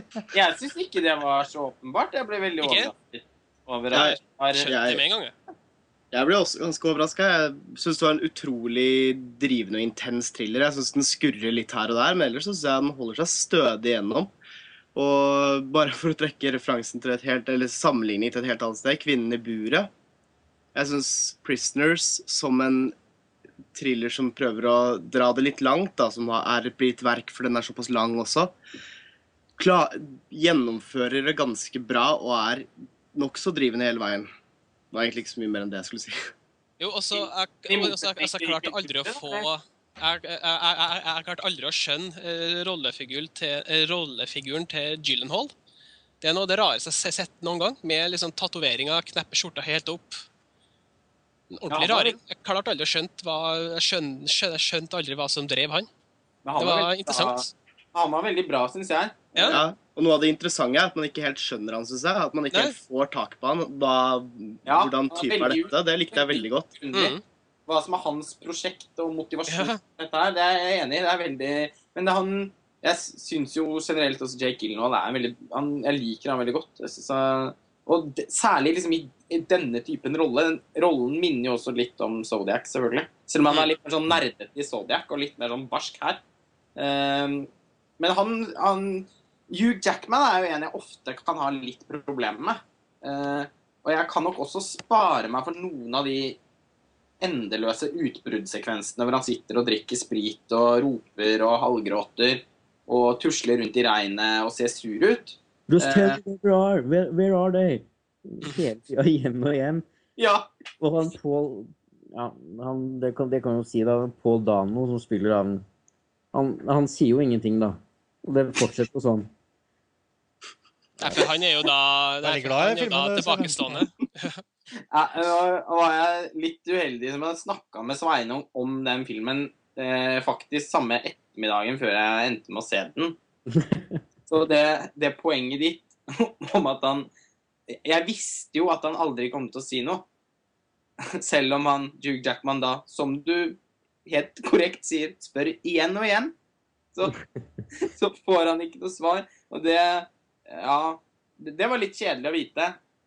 Men men når det er sagt, så gikk det ikke så veldig mye utover opplevelsen min. Jeg likte filmen betraktelig bedre enn deg. Eh, eh, jeg er nok veldig på samme linje som Truls og sikkert Sivert, eh, tror jeg. Altså, jeg syns at den Jeg syns ikke den var all verdens Den var ikke all verdens original Eller jeg, jeg syns ikke det var noe en... Det var ikke noe enestående ved denne filmen, men jeg syns at den var stem, Jeg syns den var stemningsfull, og jeg syns at den hadde en sånn følelse av ja, det man kaller på engelsk for liksom dread. Det var Ja. en synkende Ja, den er veldig trykkende, hele filmen. Ja, Mm. Ja. Og det satte jeg veldig pris på. Og jeg syns det var fantastisk flott musikk eh, av han eh, islandske komponisten. Som har laget noen veldig flotte CD-er ellers også, som jeg har hørt litt på. Eh, på Spotify. Eh, og har også endt opp med å høre ganske mye på det Prisoners-soundtracket. Eh, og Roger Deakins, som ikke på langt nær er en av mine favorittfotografer. Jeg synes han 50% av filmene han fotograferer, ser bare beige ut, syns jeg. Eh, med noen, selvfølgelig med noen nyanser, men eh, han har aldri vært noen sånn stor helt for meg. Men her syns jeg virkelig også han gjør en, en av sine bedre arbeider. da. Jeg syns han klarer å Jeg syns at filmfotografiet klarer å bidra til å liksom intensivere stemningen hele veien. Og det at filmen, filmen er nok også litt i lengste laget, syns jeg. Men på en måte bidrar det også til den herre håpløse følelsen. Og, og, i det filmen liksom endelig hvor den krimgåten, da, som egentlig er litt sånn nedprioritert i den første halvdelen av filmen, når den begynner å ta mer plass, så blir jeg virkelig revet med. Når jeg kommer inn i dette huset med alle disse mønstrene og boks, slangen ja, slangene, den slangescenen er så forferdelig nervepirrende og intens. ja, Uten at man, man vet liksom ikke helt heller hvordan, hva, hva man skal forvente av den i øyeblikket. Nei, nei det var og, og veldig merkelig. Altså, som det, igjen, det er ikke så lett å da denne karakteren, uten å gå noe videre inn på Man må ikke spoile for mye her heller, men altså han Hva som er hans prosjekt, på en måte, er også veldig ubegripelig i begynnelsen. Og, og alle, alle, nesten alle menneskene i filmen ser sånn derre fryktelige ut, på en eller annen måte. Herja. Ja, herja som de er Det litt sånn, ødelagte. det er litt sånn samtidsbilde, tenk jeg på. Men det er kanskje litt sånn langt å strekke den eh, analysen òg, da. At det er sånn samtidsbilde på USAs eh, fallitt, eller økonomisk fallitt og sånt. Ja, men det, noe, det var noe litt sånn der Suburbias svar på Winter's Bone. over det, Ja, ja, det var en jævlig bra ting å se. Men eh, ja, og så likte jeg ikke Winter's Bone i det hele tatt, da. Men eh, Fordi den syns jeg var så forferdelig karikert og veldig lite spennende. Eh, men, men, men, men, det, men jeg syns Prisoners leverer veldig på noe sånn noen ytterst konvensjonelle krav man gjerne stiller til den typen spenningsfilm, så syns jeg Prisoners leverer bra. Jeg likte den, jeg likte den veldig godt, egentlig. Jeg syns ikke, ikke det er noen stor film, men eh, Og det kunne man fått litt inntrykk av eh, fra Fordi det er jo enkelte som har vært helt panegyriske i sin ros av filmen. Og kan, det, det kan jeg i og for seg forstå, men, eh, men så begeistret er ikke jeg. Men, men jeg likte den godt. Og det er i hvert fall et veldig steg opp for han Denise Villeneuve, han kanadiske filmskaperen som har regissert den. fordi de to, først, de to forrige filmene hans, jeg har ikke sett den første, er vel den Malstrøm. Uh, mulig han har laget noe før det òg, den har jeg ikke sett. Men jeg har sett den uh, Incendies. Ja, den likte jeg ikke. Nei. Og jeg likte i hvert fall ikke den Polyteknikk. Den syns jeg, var et he- den synes jeg var helt forferdelig. Når det blir spennende å se noe Enemy også, som han lagde i år med Jake Gyllenhaal, som har fått enda bedre mottakelse nesten, tror jeg. Så ikke Ja, helt den, feil. har fått, ja den, den er det ikke så mange som har sett ennå. Så den har vel ikke fått like mange anmeldelser, holdt jeg på å si. Men de tidlige kritikkene har jo vært uh, voldsomt bra. Kommer Mm. den til Norge, eller blir det video all the way? vet, vites ikke, tror jeg. For den har ikke fått distribusjon i USA ennå. Ja, OK, såpass. Så det blir vel i hvert fall en 2000 og... Ja, naturlig nok det er 2014, men det blir vel også en 2014-film i USA. Jeg Ja. syns, jeg, bare, jeg syns Jake Gyllenhaal er god i filmen. Det, det kan jeg godt innrømme. Men, men eh, det, når du liksom nevner Når du syns Winters Bone Lars Ole, var mer karikert eh, for du, du snakker om menneskene i den filmen. Ja, da snakker jeg om de som bor rundt i de campingvognene og sånn. De opplever Ja. det som Og det syns nok det var vanskeligere at den filmen var karikert, for den følte jeg virkelig forsøkte å fortelle noe om et samfunn. Og det føler jeg egentlig ikke at Prisoners gjør. Ok, fordi jeg, har- egentlig ganske stikk motsatt opplevelse. For jeg, jeg følte at Prisoners utga seg for å liksom ja, bare være noe helt annet. Og det, det er så mye sånn symbol mett av greier her som man ikke får svar på. Er liksom slangene, og, og særlig da Jake Gyllenhaal, hvor man liksom skal mm, klistre på han noen tatoveringer og gi han noen tics. Og det skal være noen liksom diverse ting som gjør at man blir liksom sittende og, og fundere veldig på hva, hva er egentlig greia med den rollefiguren. Og så eh, liksom klarer ikke filmen å liksom eh, levere nok til å liksom forsvare de, de tingene som jeg endte opp med å oppleve som veldig karikerte. da, Hos eh, både rollefigurene og egentlig litt det miljøet også.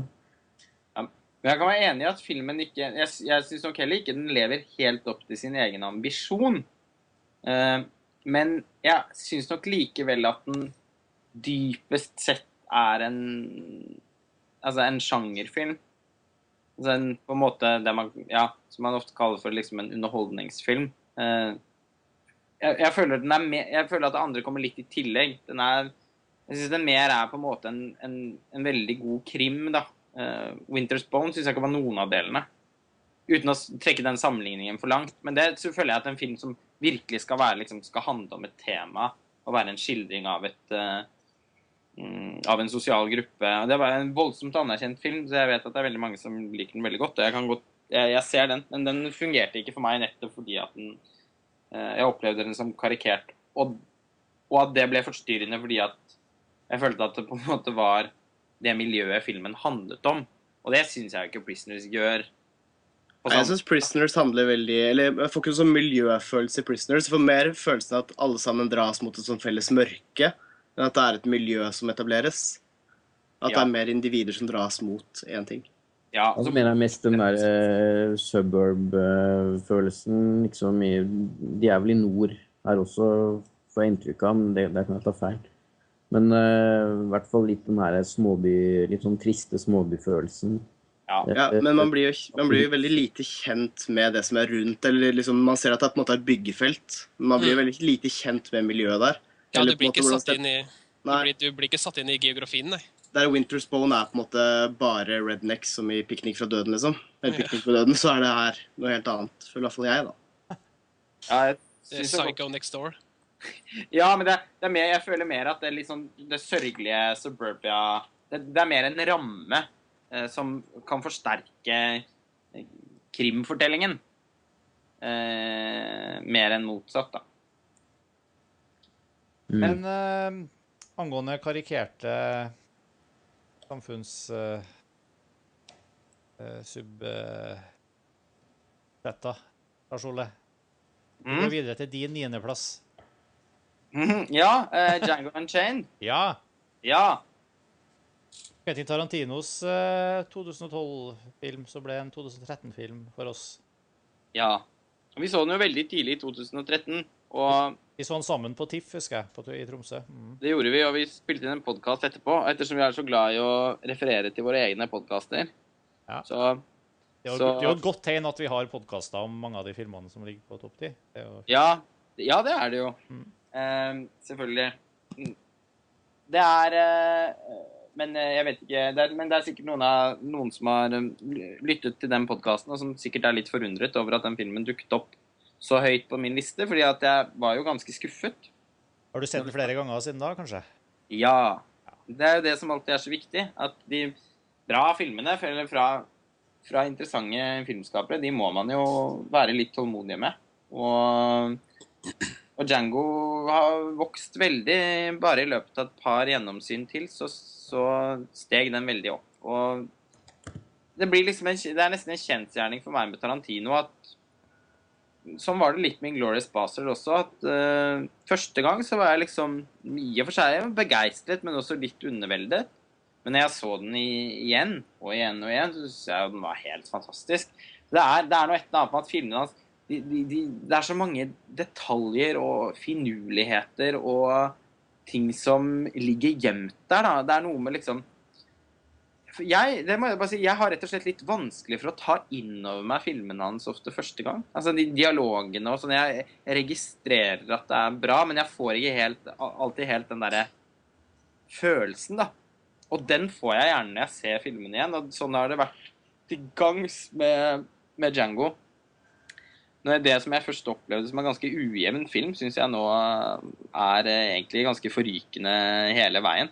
Og det er, det er noe, så, det er noe sånn sjenerøst og, og hengivent ved liksom måten Tarantino lager film på. Jeg synes han, Det er liksom som han ønsker å få det maksimale ut av Virkelig det maksimale ut av det universet han har valgt seg. Og hver, det er som om hver eneste scene skal være en scene. Og det er ikke Riktignok så er det ikke heller sånn at alle, alle scenene er, er, små mesterverk i seg selv. Det er eh, tvert imot. Men jeg syns likevel den herre Jeg syns han klarer å finne en tone, og, og, og, og han lager så mye film. Eh, altså, han, han han lager så maksimalt mye film ut av den settingen han, han boltrer seg i, da, syns jeg. Bare den herre middagen uh, på ranchen til han Calvin Candy, uh, når de sitter rundt der ved bordet og spiser, og han kameraet liksom spinner rundt bordet i noen lange tagninger, og dialogen bare går løpende i liksom fem minutter, ti minutter, 15 minutter. Det er ikke så mange som gjør det. og som sagt litt i skam så må jeg, melde, må jeg jo da melde at det er ikke alltid jeg har helt klarer å, å, å, å, skjønne hvor godt jeg liker det når jeg ser det første gang, men det blir veldig tydelig for meg etter hvert. Og Django Unchained eh, Det var ingen tvil om at den måtte med på listen på topp ti til syvende og sist. Hva Den er vel på din liste òg, Sivert? Ja, jeg har satt den på nummer fem. Ja. Så ganske høyt opp. Jeg har jo alltid så følelse med Eller alltid, da. Jeg synes det er sånn, Igjen så er det sånn, en skuffelse å se hans, eh, hans filmer sånn på 90-tallet var super. Og så hadde han en sånn periode på 2000-tallet og litt opp nå som har vært litt sånn eh. Men det, nå syns jeg det er topp å se at han er igjen i form, da, som jeg kaller det. Det er jo da de dialogscenene som du eh, nevner, som han er som jeg syns er ufattelig bra i Reservoir Dogs og Pulp Fiction og Jackie Brown og, og sånt. At han, har, at han, endelig har, klart å få til det igjen. Og at han òg har klart å lage en sånn eh, en sånn eh, hommage-orgie som faktisk er interessant å følge med på. Og eh, måten han portretterer da eh, slavetida. Det er òg veldig, veldig sterkt å se. Ja, altså jeg... Det sjokkerte meg faktisk litt at han gikk så langt. Det er jo et veldig hett tema i USA. Ja, den har jo skapt litt rabalder der. Nå må jeg si at jeg... Spike Lee som var litt uh, sur, da? Jo, han var skikkelig forbanna. Men han ja. har jo litt lyst til å lage de store filmene om sort historie selv. Ja, Han lager jo nesten bare sånt. Gjør ikke det? Nei da. det var veldig Ja, Den, den som jeg har sett, har, har vært sånn.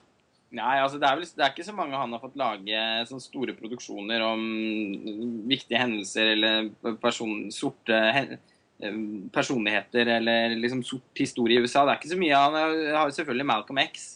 Uh, og så lagde han vel The Miracle at St. Anna, som jeg dessverre ikke har sett. Som jo også er, men, men normalt så lager han sånne filmer i Brooklyn, liksom. Fram til ja. han har laget mer kommersielle eh, studiofilmer de siste eh, ti årene. Nå, filmene hans gjør det jo så dårlig, så han vil jo aldri få muligheten til å lage noe sånt noe som Django Unchained, dessverre. og han vil nok sikkert gjort det annerledes. Men, eh, men han eh, Spike Lee er fin, han. Han får holde på med sitt. Og eh, jeg synes jeg skjønner ikke helt hva som er så kritikkverdig mot at Quentin Tarantino lager en det å lage en underholdningsfilm eh, rundt et sånn type tema, syns jeg må være det synes jeg må være helt innafor. Nettopp fordi, som du sier, også, Sivert, så er det ikke sånn at han, han, romantiserer det jo heller ikke. Nei, det er grufullt. Særlig den scenen med slaven som har eh, rømt opp i treet og blir henta ned med de hundene. Ja, den er fæl. Det er grufullt å se på. Ja, ja. og den, er, den, drar det ganske langt med volden. Mm. Det har han det jo med å gjøre, da. Men jeg er jo uh, hårreisende uenig i deg at uh, at uh, de forrige foregående filmene hans uh, er så svake. Jeg syns jo altså, Det har, tror jeg til og med vi har snakket om før, men altså, Kill mm. Bill er jo min absolutte favoritt. Og jeg er også voldsomt begeistret for Inglorious Bastard. Stadig mer begeistret for den enn Django. Og det handler vel også om at jeg syns at Quentin Tarantino som visuell filmskaper er like spennende eh, som en visuell, veldig sånn filmhistorisk bevisst filmskaper. For meg er det like spennende faktisk som de dialogsekvensene. Men eh, Det må ja. med, det, det må inn med, med, med med moderasjoner, for Kill Bill da var det litt sånn overkill, for å se det på et sånt ordspill. Nei, den er jo bare helt fantastisk. Eh, Det er virkelig den ene Tarantino-filmen hvor jeg eh, også har hatt et eh, emosjonelt eh, engasjement som, som har vært veldig sterkt. Eh, Nå, nå syns jeg også Django Unchained engasjerer en, men jeg kan ikke si at den liksom rører eh, i dypet av min sjel. Og på en eller annen merkelig måte klarer faktisk Kill Bill å gjøre det. Jeg er en, den reisen som hun Beatrix Kiddo tar der, syns jeg faktisk er veldig gripende. Og så syns jeg det er en fantastisk festforestilling av, av eh, stil. Men, eh, men, men vi trenger ikke gå så veldig inn i den diskusjonen nå, for nå bruker vi jo så lang tid på alle filmene. Og vi har ikke kommet mer enn til niendeplass. Nei, vi må ikke. gå videre. Vi har via en hel episode for et år siden til Django og Tarantino i samme slengen. Så Mm. Skal vi kutte den? vi kutter den der. Eh, Men Django var din niendeplass. Da, Truls, hva er din niendeplass for 2013? Det er eh, en av de mest overraskende for min del akkurat da. Jeg skal jeg det er Rush. Jeg satt og så traileren til Rush, og jeg bor i København nå. Den hadde kommet et par uker før der. Så tenkte jeg nei, jeg stikker ned på kino aleine og skal se den. Stakk ned på Stakk ned på Imperial Nei, Empire var det. Og satte meg ned i kinosalen med popkorn og brus. Skikkelig liksom unge på tur. Og ble helt, helt revet med. Så det er helt fantastisk. Sånne, disse fysiske scenene hvor kameraet kamera til Anthony Dodd Mandel går inn i motorene. Formel 1-bilene bruser Det er som Og musikken til Hans Zimmer over det. igjen. helt ekstremt vakkert og så poetisk rundt Formel 1-sporten. Helt fantastisk. Ja. Jeg har egentlig ikke helt hvorfor. Eh, det, er, det er karakter, det er jo et karakterdrama mellom eh, James Hunt og hva heter han andre igjen? Mickey Lauda. Ja, Nicky Lauda. Er det Nicky eller Mickey? Nikki. Nicky Lauda. Og jeg syns det hele det også er løst på sånn utrolig drivende og fin måte, og ble så engasjert i alt. Men det som driver hele filmen for min del, er foto og musikken, som gjør den helt uimotståelig, bare. Det er veldig Jeg fikk jo aldri gleden av Eller gleden, jeg vet ikke om det var en glede, men altså, jeg fikk aldri dessverre sjansen til å se Rush på kino, så jeg har ikke sett den ennå. Men akkurat det du beskriver der, var, det var litt av det jeg fikk ut av å se den her eh, Senna, den dokumentarfilmen Ja, om Formel 1. yes. Som jeg, som jeg har ikke noe forhold til motorsport eller Formel 1 eller noen ting. Bare eh, det derre fartssuget og liksom den litt sånn fysiske opplevelsen av, av den sporten. Ja, jeg, Følte jeg veldig på kroppen av Senna. Mm. jeg tok meg selv liksom mot det siste løpet og sitte og bite negler i at jeg syntes det var så intenst og nervepirrende spennende, samtidig som det filmatisk er så ekstremt flott. Og bare for å trekke inn 'Weekend of a Champion', som ble relansert i Cannes, Roman Polanskis Formel 1-dokumentar, nå husker jeg ikke hva, hvem han tar for seg, den, den er ikke verdt å ta med i den kategorien. Okay. Så er det sagt. Men jeg vet at det er flere som har sett Rush her. Eh, Lars Ole? Ja, ha, bare sånn før Har du også sett den, Sveinung? Ja, jeg har det. Ja, hva syns du? Nei, jeg likte den kjempegodt. Jeg gjorde det. Eh, og jeg, jeg likte også veldig godt at den, den er liksom litt Den er litt fjollete. Og det er liksom De, har, de som de, altså Teamet bak filmen, skuespillerne, alle har liksom bare Det virker som de nærmest bare har blitt enige med å lage en litt sånn eh, ja, karikert og litt tøysete film, da. Eh, det er liksom den den der ekstremt overdrevne sånn maskuline vitsinga og eh, ja, nei, det er, det er både, både humoren og det visuelle i den filmen gjør at jeg, jeg syns det var en utrolig underholdende opplevelse. Ja, for den er veldig morsom. Den er Mm. Veldig sånn teit morsom. Ja. Ja, det er veldig sånn Det er som eh, Sveinung sier, det har noe litt sånn fjollete ved seg. Det er litt sånn understreka i tidskoloritten òg. Ron Howard eh, ja, Uten å gå for mye inn i han, men det er mange ting som ikke har hans sterkeste side i utgangspunktet. Men tidskoloritt er i hvert fall ikke det, for alle som har sett Frost Nixon. Eh, det, ja, Rush er litt sånn i samme land som den. Når det er 70-tallet, liksom, så er det Oi! Det er, Det er nesten så du kan se parykkene og sminken og, og Alt ser veldig sånn kostymert og sminket ut. Men på en eller annen måte syns jeg det funka veldig bra i Rush. Det er nok litt ufrivillig, men det ga gi filmene litt sånn derre litt sånn flir som jeg kan sette pris på. Men med tanke på at det er Ron Howard, så føles det litt som en ufrivillig god film også, på mange måter. Ufrivillig god film. ja, men det gjør det. Eh, som jeg vel skriver i den omtalen på listen min, at jeg må nesten klype meg i armen. Når jeg har, har, for jeg har også denne filmen på listen min. Jeg er til og med en plass høyere enn deg. Jeg har den på åttendeplass. Og eh, ja, det føles nesten uvirkelig å innlemme Ron Howard. Uh, liksom definisjonen av middelmådighet. Uh, Men, men, men Truls, du tror han bevisst går ut for å lage litt sånn middelmådige filmer? Nei. Ufrivillig slumpe. Han sitter og god gremmer, ja, gremmes over at denne filmen nå blir regna som god. Ja. Overhodet ikke det han hadde tenkt med å lage denne filmen. Nei, ufrivillig god. Det var, det var bra. Nei, altså jeg, jeg tror nok veldig mye av dette handler om at han har fått med seg den fotografen som han har fått med seg, Anthony Don Mantle, som er en av verdens fremste fotografer, og i min bok kanskje Kanskje egentlig den fremste på 2000 Sammen med Janusz Kaminski, kanskje, kanskje den største på 2000-tallet. Jeg må innrømme at jeg holdt nesten på å skrike mot disse sluttscenene i Rush når de er på den japanske Formel 1-arenaen, og musikken til Hans Zimmer med celloene som Det er jo helt fantastisk. Åh, ja. Eh, ja, soundtracket det må vi komme tilbake til. Men fotoet til Anthony Don Mantle Han fotograferer dritten ut av den filmen. Eh, hvis det går an å si.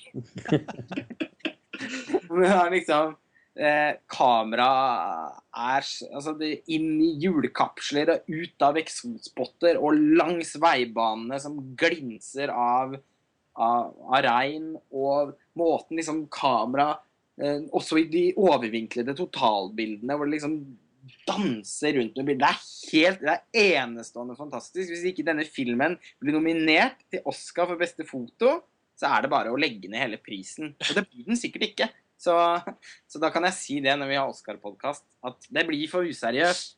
Eh, men det, det er bare helt utrolig. Og Anthony Dodd for de som ikke er så godt kjent med hvem det er, så er han da en britisk-dansk fotograf. Han eh, bor i København og har, var Lars von Trier sin faste fotograf en, i en del år. Eh, fram til og med Antichrist, som kanskje er hans aller største arbeid, eh, men hvor de dessverre fikk en konflikt. Sånn, så, så de jobber jo ikke sammen lenger. Og så er han Men han er kanskje veldig så kjent for å være den faste fotografen til Danny Boyle, og vant da en Oscar for eh, Slumdog Millionær. Og at Ron Howard det, altså, det er et sånn merkelig eh, Det er bare i det, Altså, jeg husker jeg Når jeg bare registrerte at filmen hadde fått veldig gode kritikker, så bare liksom hm, Ja, morsomt at han har laget noe bra, bra liksom.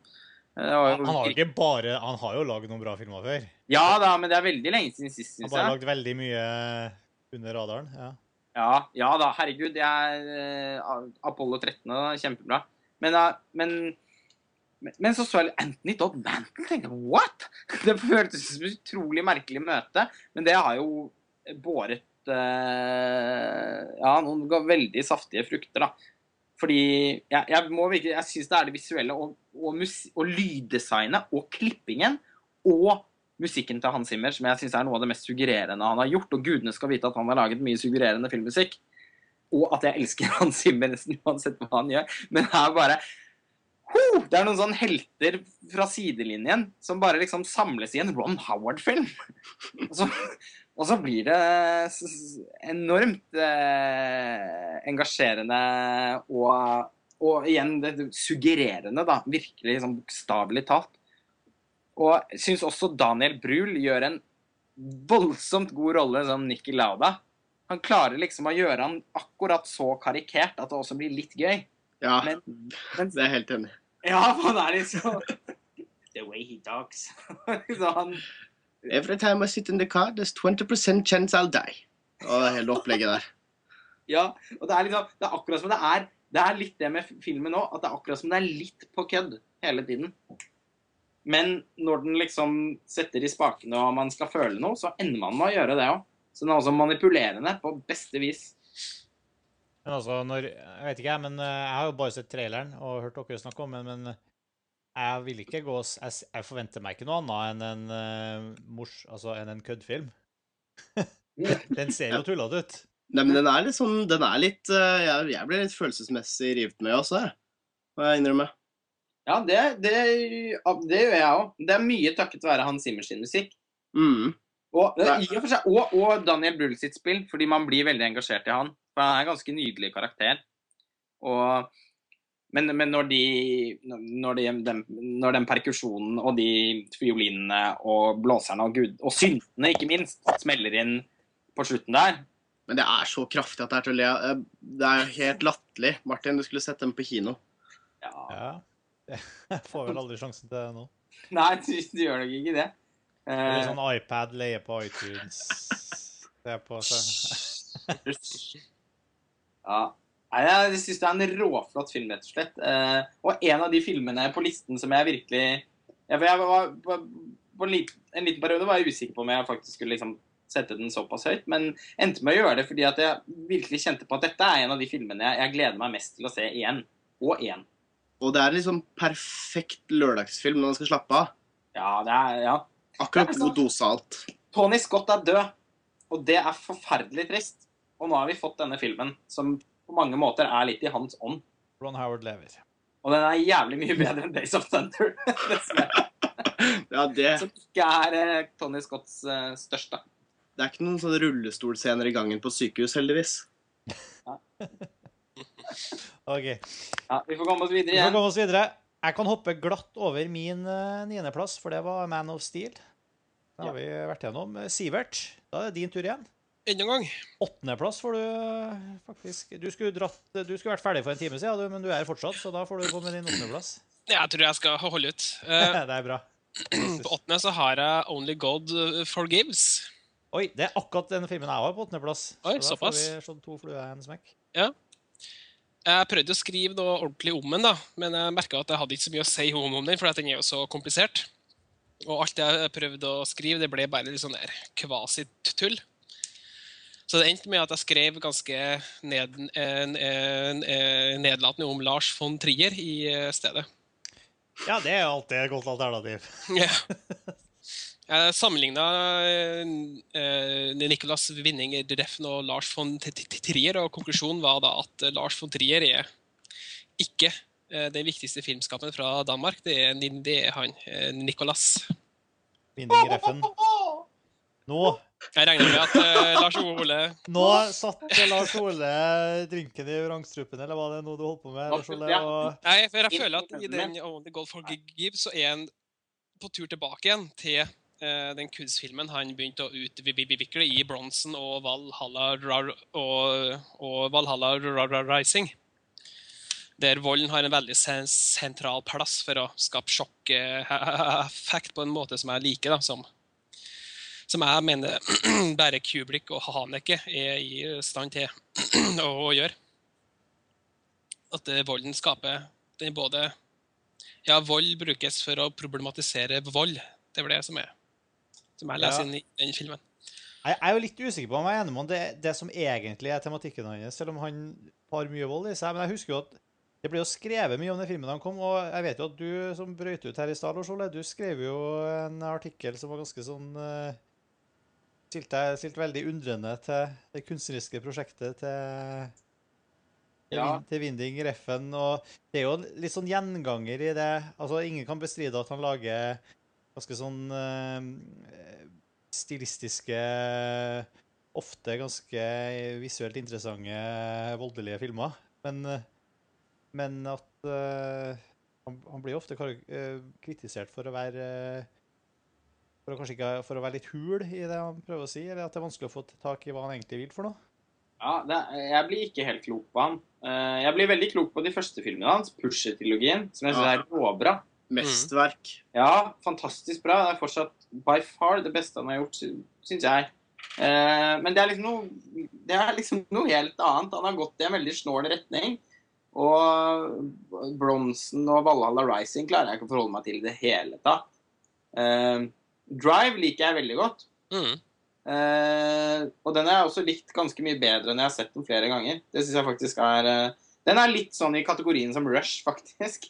Den syns jeg har, uten sammenligning for øvrig, men den, bortsett fra at det er mye bilkjøring Men den Den, den syns jeg har en puls og en groove og en litt sånn Jeg leser ikke så veldig mye inn i den filmen, Uh, men det syns jeg heller ikke er nødvendig. Den syns jeg bare fungerer veldig bra som en sånn uh, Som en veldig forførende underholdningsfilm.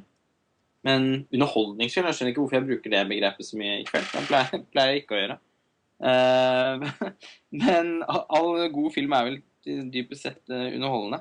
Men, men Only God Forgive syns jeg var vet, jeg, Det var ikke sånn at jeg mislikte filmen. Og jeg tror nok mange det fikk noen sånn kommentar, Kommentarene under den artikkelen min bare veldig preg av at folk liksom følte at jeg hadde slaktet filmen. Det var ikke det jeg prøvde på, heller ikke helt det jeg gjorde, syns jeg. Fordi det var rett og slett bare en film som jeg ble veldig usikker på. Uh, jeg, og det, betyr, det betyr heller ikke det samme som at jeg syns den er overveldende interessant. Men, det, men den hadde Jeg likte godt å se den, og jeg syns det det var mange fine tilløp der, og kunne godt, godt tenke meg å se den filmen igjen. Men, men, men, men som du sa, Martin, så, så er det vel det Jeg sliter litt med å se liksom hva som er Nicolas Winning Refn sitt sånn Hva som er hans kongstanke bak det hele. Nå trenger du Jeg mener ikke at alle filmskapere må, må ha det, men filmene hans er liksom også såpass å, like hverandre. Det er denne veldig innstendige volden, disse mennene Vil han si noe om maskulinitet? Eh, Vil han Men, si men det noe der det synes jeg er veldig sånn Det ble jo skrevet Jeg tror det var Benjamin Ja. som som skrev en slags sånn, eh, sva, eh, sånn andre artikkel om On the God Forgives også, hvor han på en måte Jeg vet ikke om det var et slags svar på artikkelen din, eller hva det var for noe, men, men prøve, prøve å finne ut hva Altså prøve å liksom si hva slags sånn tilsvar. uh, det, det, er i hvert fall veldig sånn tydelig at det her er, folk, det er en film som, som for i ordet, er veldig, vel- er veldig polariserende. At folk uh, Veldig mange rene, ser på det her og får veldig mye ut av det. Og andre vet ikke helt hva de skal få ut av det, og noen eh, får nesten ingenting ut av det. Ja, men Eh, jeg synes, og den artikkelen til Benjamin jeg synes den var, kjempe, det var kjempespennende lesning. Jeg veldig, han fikk veldig mye ut av den, og jeg synes det var veldig spennende å lese om det. Men, men, eh, men det ligner ikke helt på min egen opplevelse. Men altså, jeg, jeg stiller veldig sånn jeg, Og jeg vet ikke om jeg Jeg får jo ofte Jeg føler ofte at jeg får andre ting ut av filmene enn det andre, andre, andre serier. For det er jo, man- ingen kan benekte at det er en veldig voldelig film, og at den er på mange måter litt grusom og har, har veldig sånn seige scener i seg, og, og har en veldig sånn litt sånn an, nesten påtatt, anstrengt stilisme, eller det er et eller annet med den som er virker litt sånn litt Det er noe sånn skikkelig kvinnefiendtlig også, som er liksom Ja, men- merkelig å se på. Men likevel, jeg, altså, jeg, men jeg syns for eksempel han eh, Den antiheltfiguren her, altså den eh, Hva heter det? Protagonisten? Eller hva heter antagonisten, heter det kanskje. Eh, Han bødderen i filmen, eller dommeren eller djevelen, eller hvem det er for noe, han som går rundt og og rett og slett eh, nesten er naturens kraft i filmen og tar livet av folk. Det syns jeg er en veldig fascinerende figur. Mm. Uh, og uh, jeg syns også at den filmen hadde veldig mye den, den, Uten at jeg klarer å sette fingeren på det og klarer å formulere det med ord, egentlig, som det går tydelig fram måten jeg snakker om det nå så eh, Måten den var Altså, den settinga i Du er inne på det i artikkelen din nå, tror jeg, Lars Ole. Eh, det begynner å bli lenge siden jeg har lest den nå, men eh, den veldig sånn thailandske eh, settinga som understreker en sånn eh, dimensjon av eh, For å bruke ordet kulturkrasj eller den, Man får en sånn veldig sånn eh, verdisynkonflikt.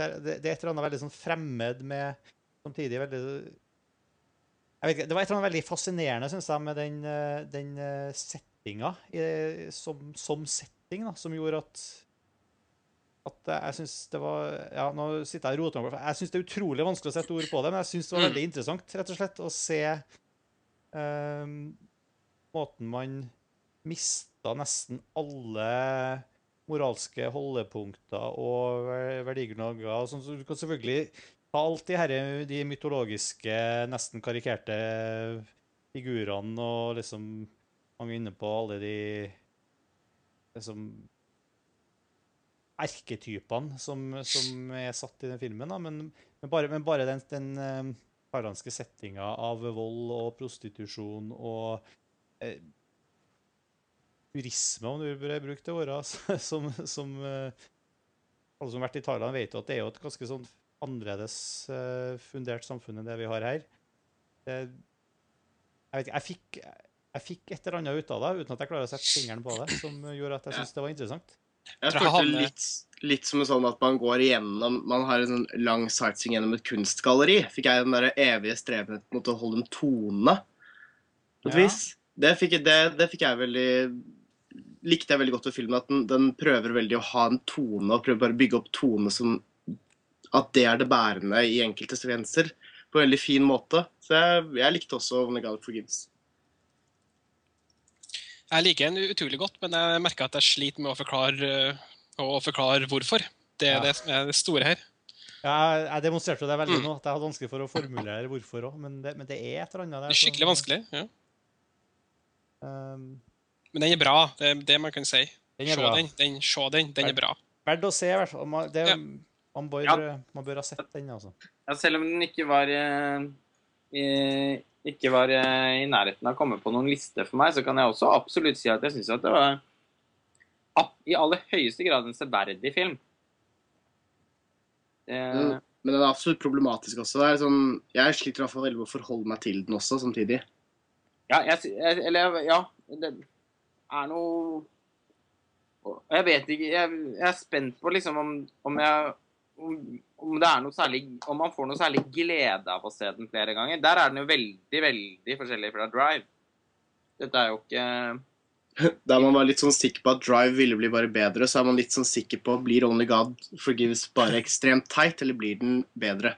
Ja, ja, det vil jo alltid liksom gå i den ene eller den andre retningen, men jeg føler liksom at den er litt sånn uff. Det- var også noe litt sånn dørgende trøttsomt med den filmen, syns jeg. Men, eh, men samtidig fascinerende. For all del en severdig film. Har du sett den, Sveinung? Ja, men jeg jeg fikk, jeg fikk ikke så mye ut av den, rett og slett. Jeg har ikke så mye å si om den. Jeg syns den var, eh, var veldig flott fotografert. Og det, det vet jeg at vi har snakka om noen ganger, Lars Ole, at det kan jo være nok i seg selv. Det kan være nok eh, til å gjøre en film interessant. Og, og det kan det, men jeg, jeg syns ikke det i det her tilfellet. da. Det, jeg syns det var nokså ja, jeg syns det var nokså kjedelig. Og det var, det var Det å liksom måtte hele tiden gi så mye for å Oi. Uh, ja, nei, jeg, jeg syns ikke det var noen sånn stor filmopplevelse. Og jeg også lurer veldig på hva, hva er det eh, Nicolas Winning Refn egentlig vil formidle. da. Og det er ikke noe Jeg syns ikke liksom alle filmskapere bør få lov til å slippe unna med å være vage og, og dyrke en sånn overflateestetikk og liksom fortelle tilskuerne at eh, Å ja, du lurer på hva filmen handler om? Ja, det, det er opp til deg, det. Det må liksom være noe, noe som Det må være en slags autoritet der. Ja, det er jeg enig i. Det syns jeg også mangler litt i den filmen. Jeg synes Det var et godt ord på det. Autoritet. Det, det, et verk kan også bli så åpent at det blir litt sånn forsvinner litt inn i seg selv. Og det syns jeg den filmen står veldig i fare for å gjøre. Nettopp det du sier, at man, man føler at man må hele tiden sitte og gi filmen så mye. Og jeg ble i hvert fall usikker på hva jeg fikk igjen. Ja, jeg vet ikke om jeg er helt enig i at det er så, at det er så tomt for innhold at du må på en måte sitte og fylle inn alt sjøl, altså. Eh, Det Ja. ja. Men det er Nei. vanskelig for å skrive under på det, men, eh, men likevel. Det er, det er i hvert fall eh, ikke noe tvil om at det er en Det er mange som. Det er fall mange som føler det sånn. Jeg har fortsatt til gode å se Valhalla Rising og Bronsen, jeg òg, som du stadig nevner som, som kanskje enda sterkere eksempel på akkurat det. da, hos... eh, Ja, ja altså, denne filmen, sånn sett, nettopp fordi at jeg syns at det er eh, At det er noe, noe forførende ved visualiteten til filmen. Eh, selv om jeg også syns det er noe Jeg syns jo heller ikke filmen er spesielt er, er vakker på den samme måten som Drive er, f.eks. For fordi den har et, også et veldig sånn til tider ganske sånn tørt, veldig sånn thailandsk filmaktig fotoarbeid. Nå skal jeg ikke gå mm, inn i det, men uh, men, men altså, den, jeg, jeg mislikte ikke jeg, jeg, jeg, den, holdt, den holdt på interessen min uh, på en eller annen måte, til syvende og sist. Det gjorde aldri Valhalla Rising, eksempel, som jeg syns var et mareritt. Det Ikke på en positiv måte. Det var en helt uh, forferdelig film. Det er mange som liker den òg. Jeg ser, jeg ser nå, jeg har sniktitta litt i eh, hva som kommer i listene her. Nå ser jeg allerede at vi skal fare fart raskt forbi din åttendeplass, eh, Sveinung. Ja. Som vi Det har vært innom allerede. Frances ha. Mm. Og også Lars Ole. Med, med Rush på åttendeplass. Men Truls Jeg har ikke lista di foran meg, så jeg er Nei. usikker på hva du har på Jeg har en splitta Jeg har delt åttendeplassen på Oi, to Pain and filmer Gain åttendeplass. og Bling Ring, så vi har tatt Pain and Gain før. Bling Ring. Skal vi vente med Bling Ring til vi kommer opp Ja. til Breakers? Ja, jeg tenkte det. At det er fint. For de filmene, alle disse filmene går jo litt inn i hverandre. Ja, de hører jo sammen. Eh, OK. Vi kan vente litt med det. Jeg kan Min åttendeplass, hva var den? det er jeg som er svaret skyldig. Det var vel uh, Finn fram til lista mi her. Ingen som har den foran seg? Sa du ikke Man in Steel? Nei, Man of Steel? Eller tok Ja, jeg jeg sa det, men det var niendeplassen min. kanskje. Oh, ja. Uh, jeg har Only God Forgives selvfølgelig på åttende. Det var det jeg sa nettopp. Mm. Ja, det var det. Det var det vi snakka om. Uh, men da er det faktisk eh, deg igjen, Sivert. Nummer på sju. plass nummer sju. Mm. Yep. Der har jeg Jack Reacher. Oi, det var den en av de filmene jeg absolutt hadde lyst til å se i år, som jeg ikke fikk tida til. Ja, den var faktisk eh, noe av det artigste jeg har sett på kino på veldig, veldig lenge. Det er jo en sånn klassisk eh, eh, spenningsfilm med konspiratoriske eh, elementer. Der det er en sånn. Hæ? Og Tom Cruise. Og Tom Cruise, selvsagt. Og så har, har du jo da dere eh, trusselen utenfra, som er da et sånn Dere eh, et stort firma skal forsøke å jeg Nå kanskje jeg sier litt for mye, da. Men det er i hvert fall sånn, sånne konspiratoriske elementer der det er sånn eh, en stor bakgrunnsorganisasjon som styrer stort og hardt i, eh, i, eh, i verden. Og da har det seg sånn at da den amerikanske individualisten Tom Cruise som Jack Reacher kommer og, redder, og kommer og redder dagen. Og den rollefiguren han gjør i den filmen, er så usannsynlig artig og overbevisende at det, det, det er sånne ting man sjelden ser, altså. Og så byr historiefortellinga for, for, på interessante tvister som gjør at man egentlig helt aldri får, får tak i hva, hva som skal som, eh, som, eh, skal, som eh, skal skje. Dønn Så er det Werner. Herzog. Ja, som eh, skurken. Mm. Skikkelig nasty fyr. Ja, det er jo regissert av han eh, Christopher McQuarrie, som jeg husker vi snakka om da vi tok opp en podkast for flere år siden om, eh, om Valk Valkyrie, som han skrev manuset. Han er tidligere sånn manusforfatter. The Usual Suspect og sånn. Så nå, jeg vet ikke om det er debutfilmen hans som regissør, eller det, Hvis jeg ser her, så har han Han har lagd én film før. Og skal lage Mission Impossible 5, står der. Oi. Announced. Ja. Nei, Det er absolutt en av de filmene som jeg har eh, sett fram til. Det er vel ikke så mange som har sett den, tror jeg, eh, av oss i montasje. Det ble jo ikke skrevet noen montasjeomtale om den heller. Jeg har Nei, ikke jeg fått sett ikke den. det. Nei. Jeg har sett den, da, med unntak av Werner Herzog som veldig karikert skurk, så syns jeg vel òg en, eh, en eller kanskje var det til og med flere gode biljakter. Mm. Så, så syns jeg ikke det var en sånn stor film. Men eh, Ja, nei, den, den hadde sine underholdningsaspekter, da. Det syns jeg.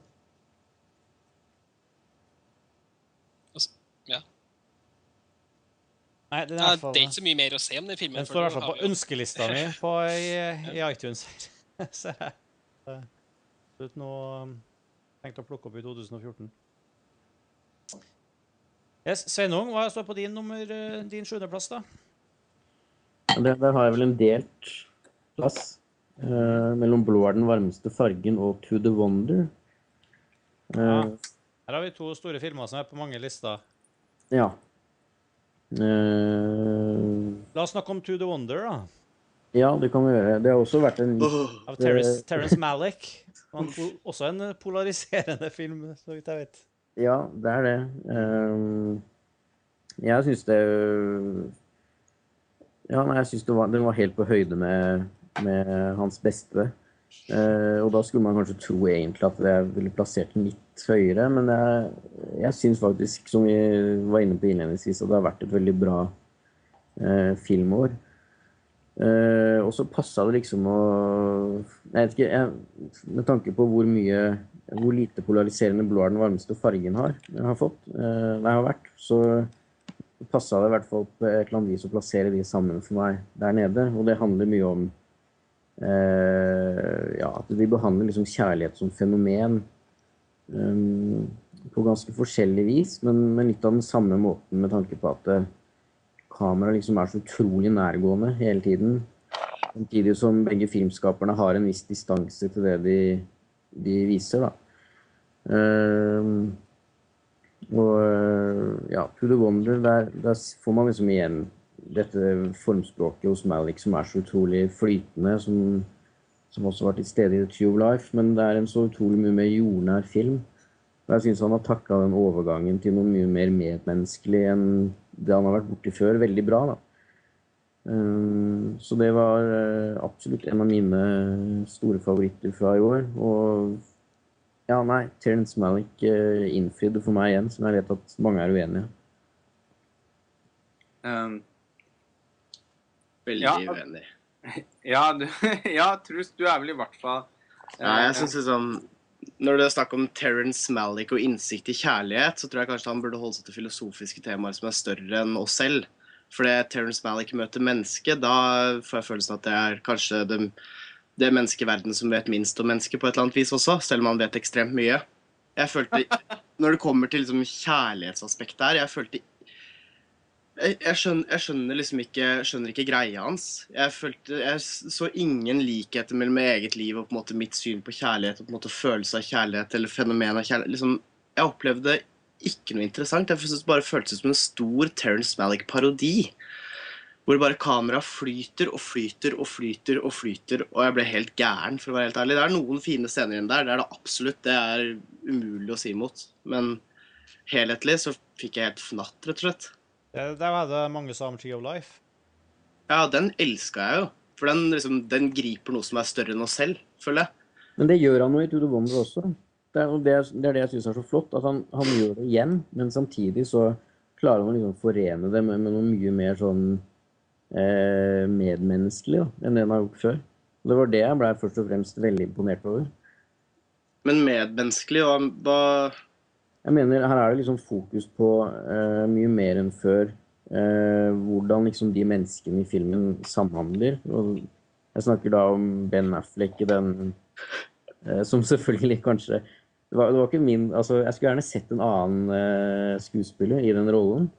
Men jeg syns han fungerer, fordi det er, det er liksom bare fokus på bevegelser og, og kroppsspråk og hvordan han fungerer sammen med disse to eh, damene, Rachel McAdams og eh, Olga Kurilenko. Um, og ja, det er liksom Det er, det er så veldig eh, den der eh, Som du er inne på, da. Den filosofiske Terence Malick, men med eh, liksom et mer sånn menneskelig tilsnitt enn før, da. Uh, han, ja, nei. Jeg, jeg syns han liksom virkelig klarte å eh, å videreføre den filosofien sin fra de andre filmene, som er veldig sånn Heidegger-inspirert. Med liksom eh, ja, eh, fenomenologi og mennesket som bare er en bitte liten del av det store bildet, og hvor også liksom følelser og kjærlighet er noe veldig uhåndterlig, da. Så nei, han eh, Jeg syns han liksom har klart å ta, ta den, den der veldig Terence Malick-stilen sin til et nytt nivå. Og jeg, jeg forstår veldig godt at noen syns at det blir parodisk, men jeg, eh, jeg syns altså ikke det. da.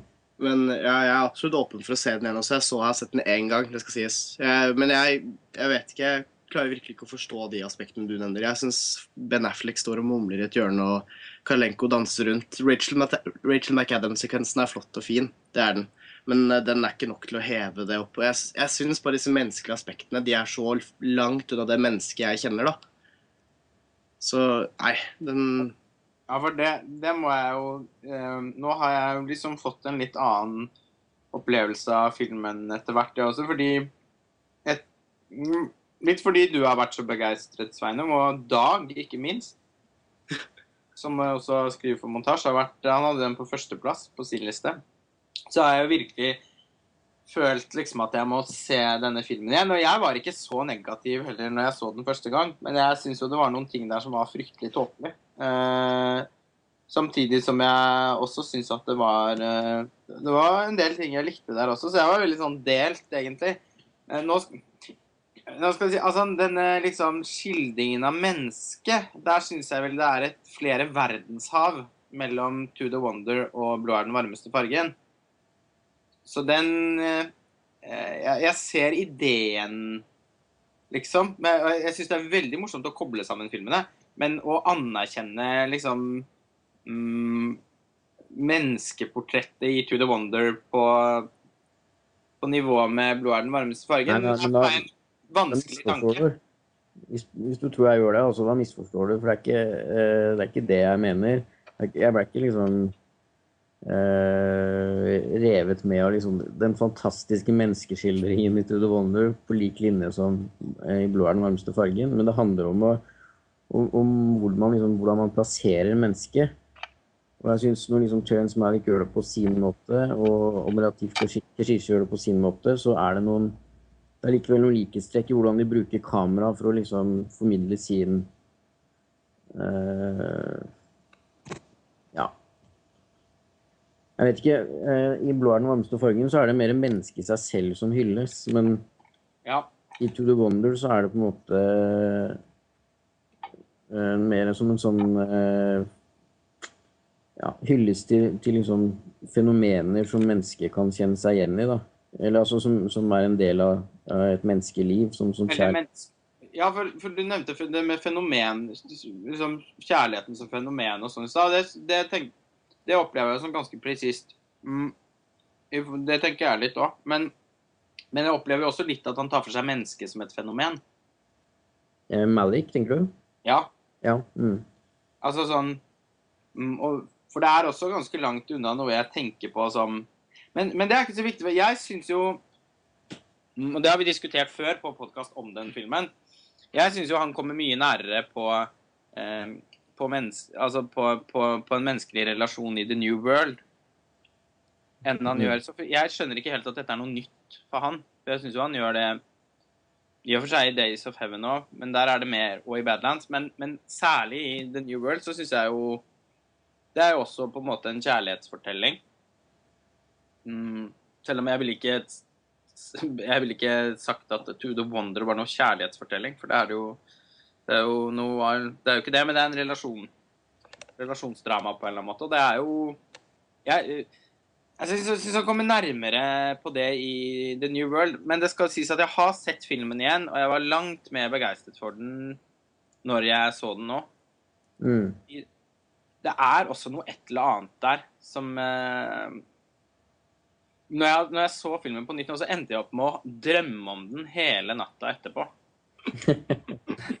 og det er jo en Jeg vet ikke om det er en kvalitet, eh, men, eh, men det er da noe. Altså, den elta seg såpass mye i liksom bevisstheten min i en større grad nå enn når jeg så den første gang. Og jeg kjente umiddelbart at jeg kunne åpne meg for å se den en, enda en gang.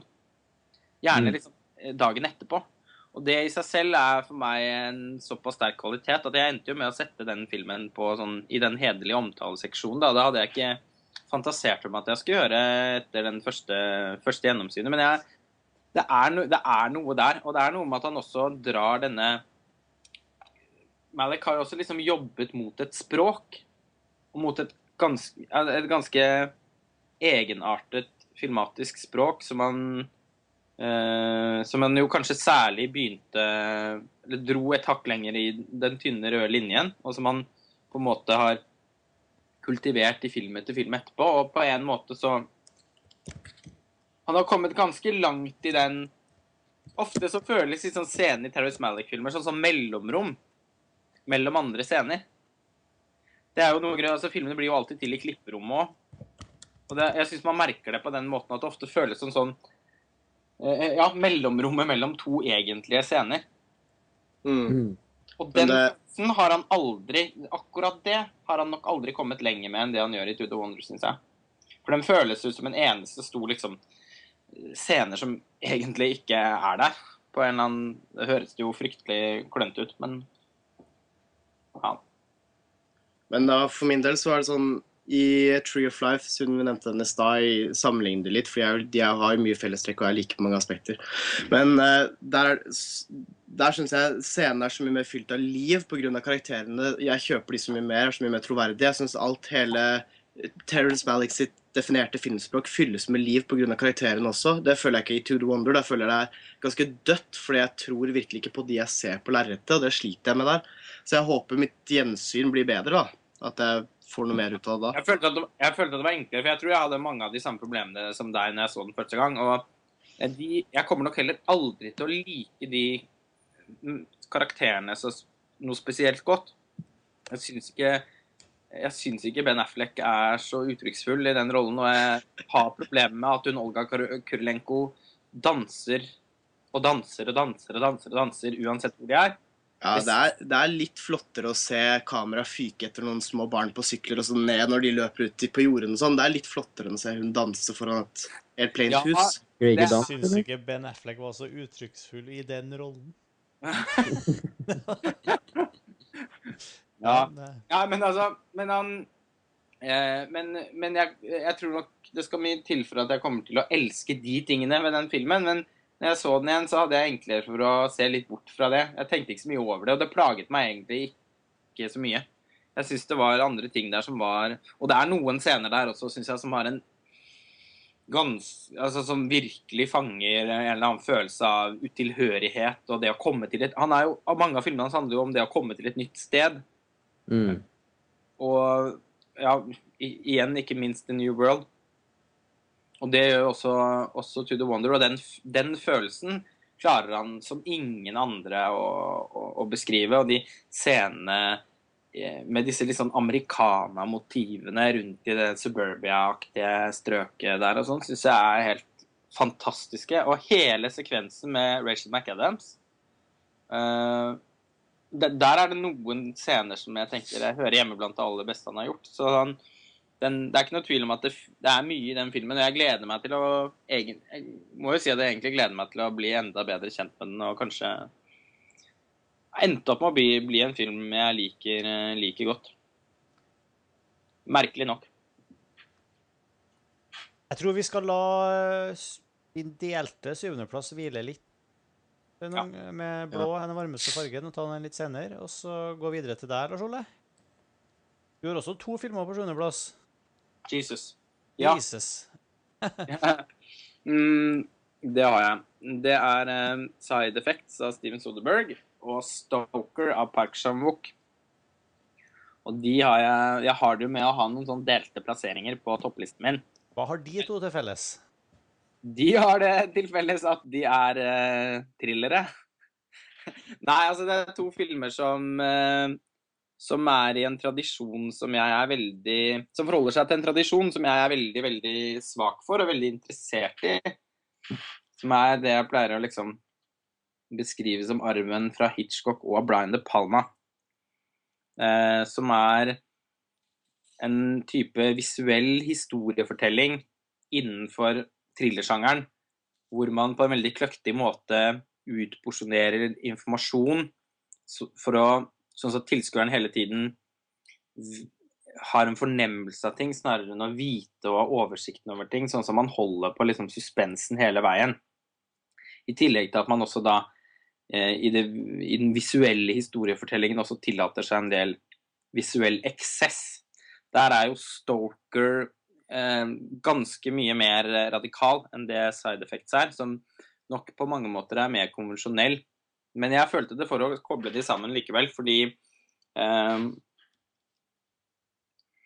Ja, fordi jeg hadde, litt fordi jeg også hadde lyst til å få plass til flere filmer. Du, du skulle egentlig ha sånn topp 50, og så Ja, aller helst. Nei, men, no, men altså eh, de, Jeg har veldig mye av den samme type gleden over begge de to filmene. Jeg syns det er to fantastiske, klassiske thrillere. Og det er det veldig sjelden man ser nå til dags, faktisk. Altså, det lages mye thrillere, men det er gjerne mer en sånn krim, krimbaserte thrillere, sånn som 'Prisoners', eksempel. Eller uh, actionthrillere. Den, det jeg tenker på som den klassiske thrilleren, det er faktisk nesten i ferd med å bli en slags utdøende sjanger. Og derfor blir jeg sjeleglad når noen bare i det hele tatt forsøker å lage en sånn film, og blir nødvendigvis enda mer overlykkelig når det er noen som får det til så bra som begge disse filmene gjør. For jeg syns jo også det er altså, helt uh, praktfulle filmer, begge to, på hver sin måte. Uh, vi kan godt begynne å snakke om Sto Det føles likevel ikke naturlig å snakke, snakke om de altfor mye sammen, så vi kan godt snakke om Stoker først, for den vet jeg også er på eh, noen av dere andre sine lister, kanskje? Jeg har den på syvende, jeg også. Ja. Det er jo Park Sandbukk. Du har den på ellevte eller noe, Sveinung? Sveinung har ramla ut, så vi får la han Han sitter med Ja. mo mobiloppkoblinga si og har eh, forlatt oss i noen minutter. Så vi får se om jeg klarer å få han tilbake igjen. Ja. Bra. Hva, hva med deg, Martin? Har du sett den? Nei, jeg har sett Side Effects, men jeg har ikke sett uh, Stalker. Nei. Skal vi snakke om side effects, da? ja, det kan vi gjøre. Det var jo um, absolutt en uh, både underholdende og spennende, syns jeg. jeg. For meg så ble, så ble det rett og slett litt vet ikke, jeg fikk det, For meg gikk den liksom eh, Den ble havna rett og slett bare i midt på treleiren for meg. Mm. Jeg, jeg, jeg syns verken det var eh, spennende nok, interessant nok Det var liksom virkelig å mm, få stjerna i margen eh, hos meg. Um, jeg, jeg har ikke noe sånn spesielt interessant å si om det, altså. Eh, Det er jo dessverre sånn som jeg ofte kjenner så å. Det er litt sånn Soderberg-effekten kanskje for min. Ja, Nei, nå er, nå er jeg slem også. Jeg vet at det må mye Nei da, men altså den berømte Soderberg-effekten eh, Jeg har blitt etter hvert veldig begeistret for Steven Soderberg, så Ja. kanskje den effekten også kicker inn. Uh, men uh, men jeg syns den er helt uh, utrolig bra. Men nå har jeg skrevet en veldig lang artikkel om filmen, så jeg kan jo egentlig henvise litt til den. Framfor å bruke altfor mye tid på å snakke om den her nå. Men jeg syns at den, den har den er veldig sånn en tematriller i utgangspunktet. Den utgir seg for å skulle ta opp et, et, et tema og ha på en måte en samfunnskritisk slagside, eh, men ender eh, på ganske finurlig vis, og noen vil si ganske plumpt eh, og mislykket vis, til å bli en sånn ren TV Norge-thriller, nesten. Den Ja, for den, for den har det her lille mysteriet, det litt psykologiske mysteriet, liksom hvem Hva er, hva er virkelig, hva er ikke, hva er Altså, den har den derre de der, litt, litt Ja, plump, litt sånn klisjé-plump-elementene eh, i seg. Ja, den, ja, og det liker jo jeg, da. Og så liker de litt sånn plumpe 80-tallsthrillerne også. Det, Adrian Nine, for eksempel, er en stor helt i min bok. Og eh, det, det Morsomt nok så har jo eh, Steven Soderberg selv sagt at det var noen som prøvde på Det var på pressekonferansen i Berlin, hvor eh, Jeg så jo filmen først der. Hvor det var noen som liksom prøvde å, at det var noen film noir-referanser her. Liksom, han, han liksom ville drepte det veldig med å si nei, nei, nei, nei. nei. Eh, ikke, nei, det, er, det er ikke sånn jeg tenkte. Jeg, liksom, jeg har hatt lyst til å lage min Fatal Attraction. Eh, ikke min eh, eh, Double Indemnity, liksom. Og Fatal Attraction, da, da ga han jo ut et åte som jeg selvfølgelig biter veldig på, men jeg synes også det er veldig mye Adrian Line i den filmen her, fordi den er litt eh, Man kan si at Side Effects handler like mye om depresjon og farmasøytindustrien som det Fatal Attraction handler om aids, på en eller annen måte. Det blir litt far-fetched. Eh, den eller, eller, utroskap, for den saks skyld. Fatter Fatal Attraction er utelukkende skapt, eh, liksom konstruert for å lage for å lage, skape angst hos tilskueren, og til slutt eh, å nøste det opp på en relativt sånn, konvensjonell måte. Og Det samme gjør Side Effects. Den, den gir ut et tema og liksom lokker tilskueren inn for å bli og, og, det skal sies da Rooney Mara, som er en så praktfull skuespiller, eh, portretterer den depresjonstilstanden synes jeg, på en helt eh, fenomenal måte. Og, og, og jeg syns virkelig også at den er interessant i måten den liksom behandler temaet på. Når jeg får si noe, Om det har et svakt punkt i de figurene, så syns jeg det må være den figuren til han Jude Law. Jeg Ja, synes hadde veldig sånn rar merk... Jeg, jeg, var liksom, jeg kjøpte ikke den um, Jeg må innrømme at jeg den, likte eh, Måten han utvikla seg gjennom filmen på, var ikke jeg helt med på. altså. Åh, jeg likte det veldig godt. Det er iskald og veldig sånn teit mannerolle på et vis. Ja, Jo, men måten han mister grepet på, på en måte, og blir Ja. Nei, er, men han, han går liksom også litt inn i denne tradisjonen som filmen forholder seg til. Altså en mann som forsøker å mestre og, og, og, og temme kvinnen, da. Mens hun representerer eh, det litt sånn irrasjonelle Dette er jo klisjeer som feministisk filmteori har hamret løs på i alle år med, i alle år, med veldig god grunn.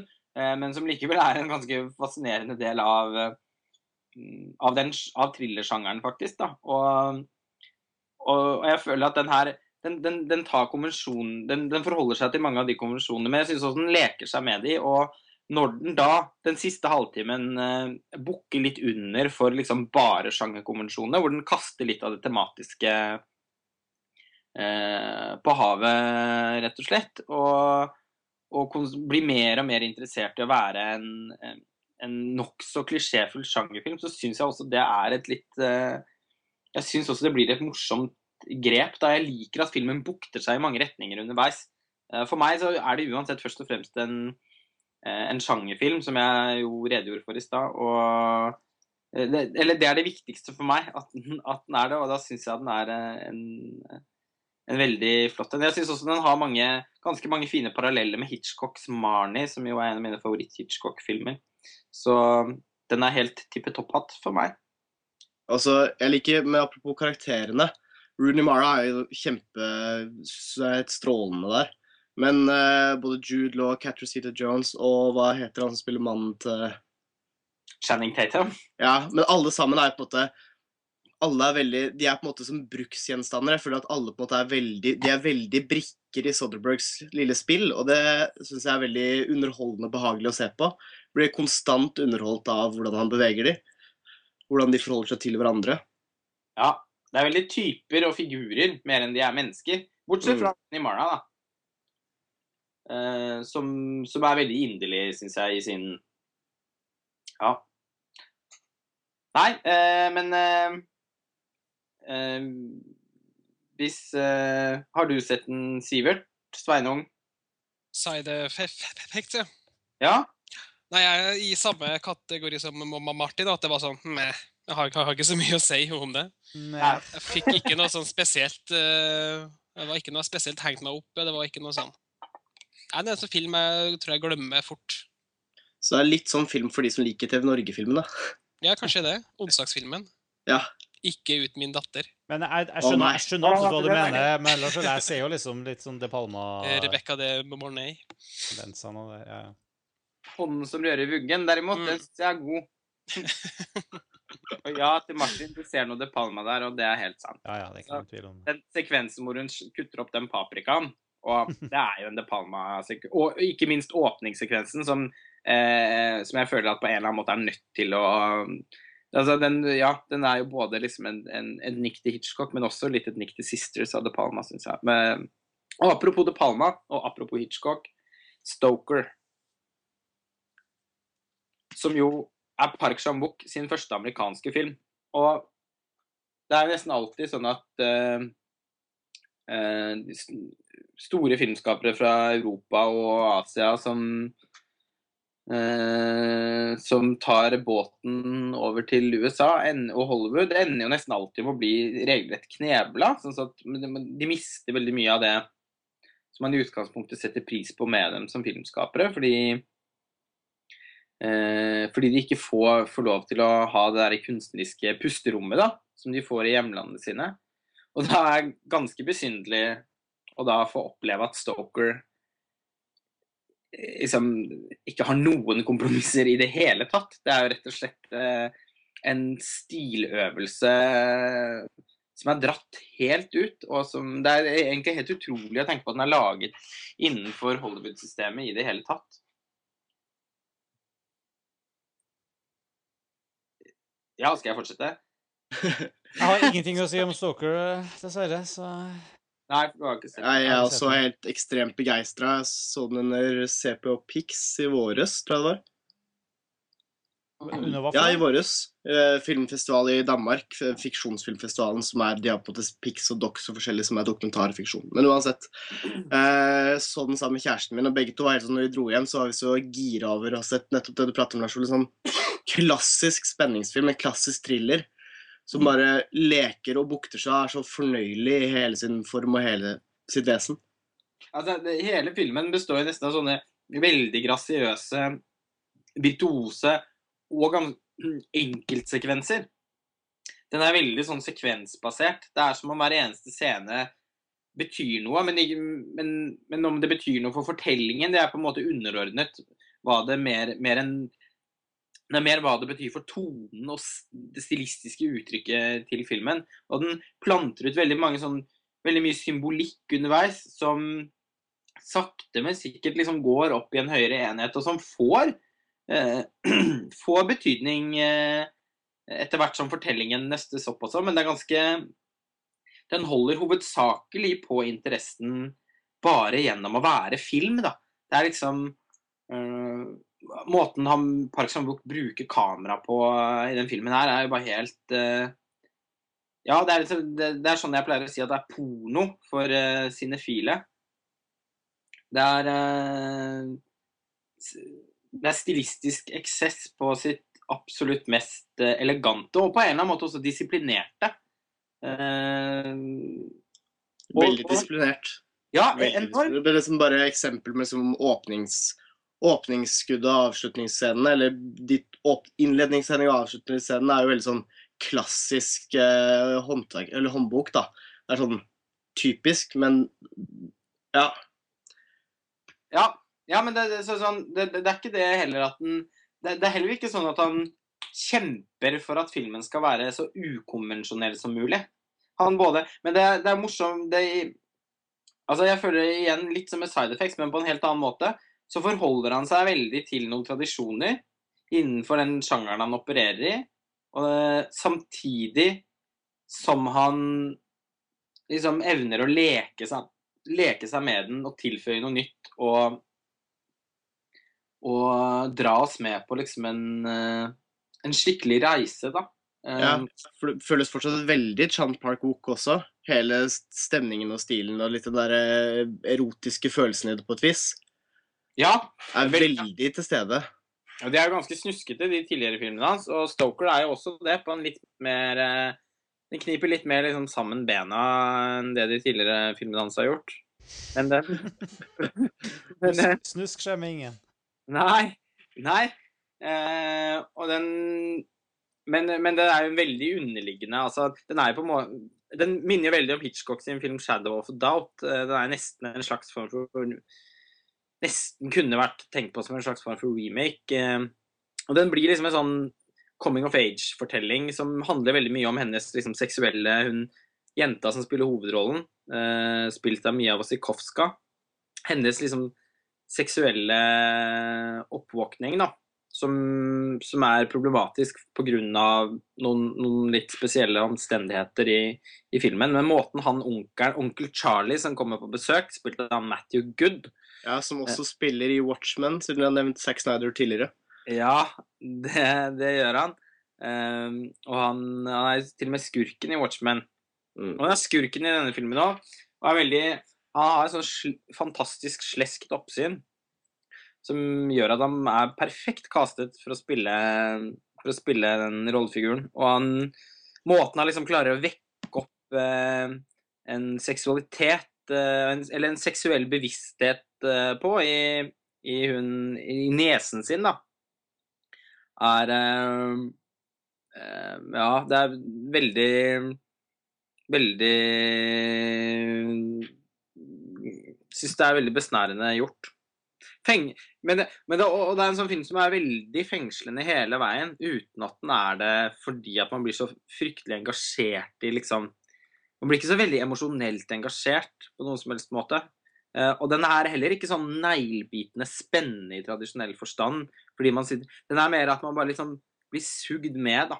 Fordi den er så fantastisk eh, Den er så fantastisk eh, godt laget som film, og som film, rent som filmspråket er på et så, på et så høyt nivå at det i seg selv er på en måte mer enn nok.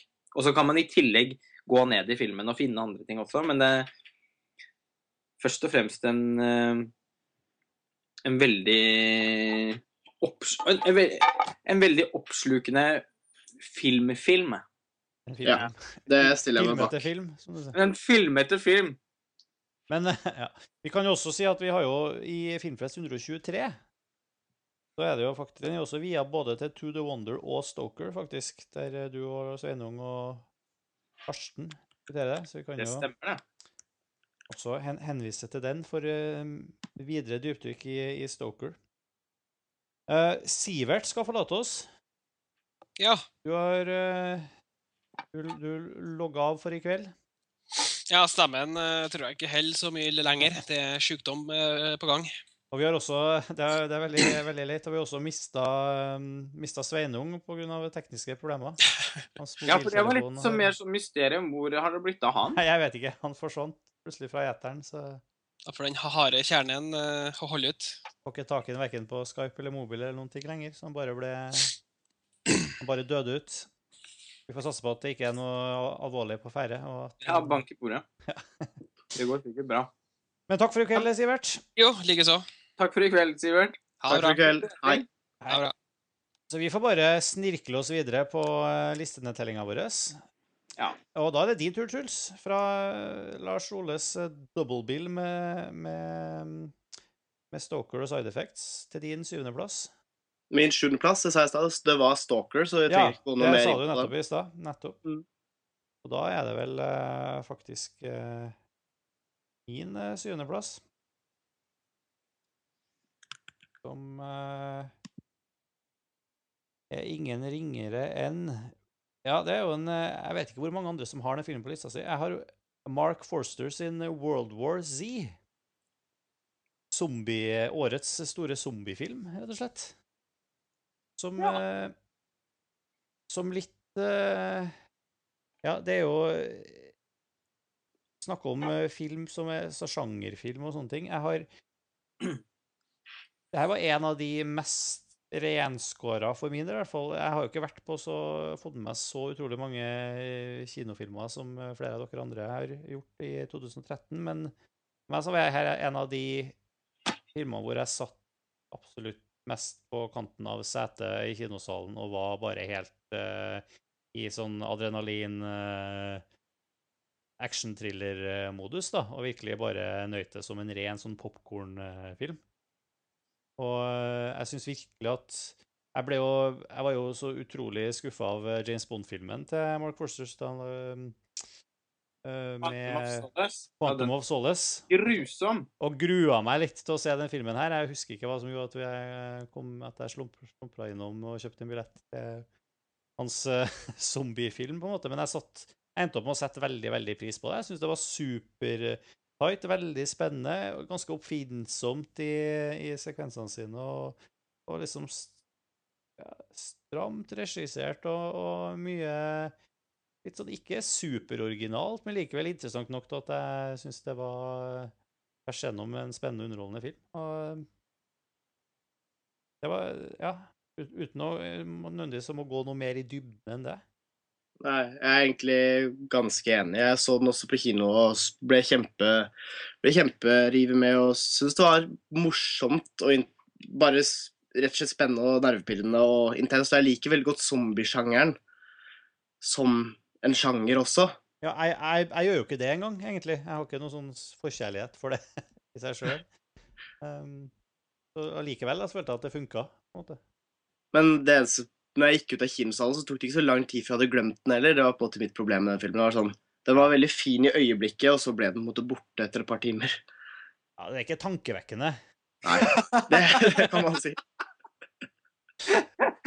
Nei, nei, den er mer tankespisende.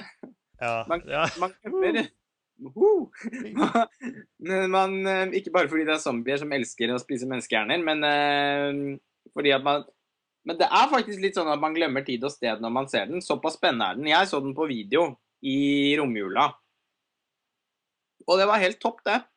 Uh, Det hørtes ikke helt og jeg har ikke tenkt en tanke på den filmen etterpå. Før den kom opp her nå. Så jeg litt uh, på samme, jeg har litt sånn samme opplevelse som Truls. At jeg syns at den egentlig er veldig god på det den gjør. Altså, den er eh, Den er veldig spennende, og Mark Forster han er en merkelig skrue. Jeg syns nesten er vemmelig hvor, eh, hvor ujevn han er. Eh, fra det aller skrekkeligste til eh, Ja, ikke det aller beste heller, men liksom sånn skikkelig ålreite filmer. Som 'Finding Neverland' og 'Stranger Than Fiction', som jeg syns er en ordentlig god komedie. ja, det den var jo kjempe, kjempebra. Ja, veldig bra. Og 'Monstrous Ball' er jo heller ikke så verst. Og det liksom Men han, han, han blir man liksom aldri klok på. Han er virkelig liksom innbegrepet på en anti-autør. Han har liksom absolutt ingen særpreg whatsoever. Og han er tysk, egentlig, og det er, det er mye Ja. Og når man ser Det er noe et eller annet som nesten som jeg syns er vemmelig med han. Men æsj. ja, men ja, det blir veldig, blir veldig rart skal snakke om. Eh, jeg, har, jeg har ingen argument for det. Jeg bare syns det er noe med det oppsynet hans og den filmografien hans som er litt avskrekkende. Eh, fordi jeg syns virkelig at det absolutt ikke er noen sammenheng der. Og det er, er til og med rart for filmskapere som man ikke tenker på som autører, at de er så lite autører som Mark Forster. Men uten å gå så fryktelig langt inn i det. Og også tysk, da. Uff. Ja. Ja. Ja, ja, nei, det blir bare dumt, det der. Men uh... Jo, men jeg, jeg, skjønner Ja, ja, jeg. Men han klarer jo å like av seg en god film i ny og ne. det- Ja, og han kan liksom håndverket. Og det tjener Det blir han belønnet med i World War Z eller World War Z. Fordi den er, den er veldig sånn kompetent, bra laget. Må, til liksom bare helt litt sånn kamerabruken, eksempel, er veldig mm, Bidrar veldig til å gjøre de scenene så, såpass intenst spennende som de er. Jeg er, er da også ganske glad i zombiefilm.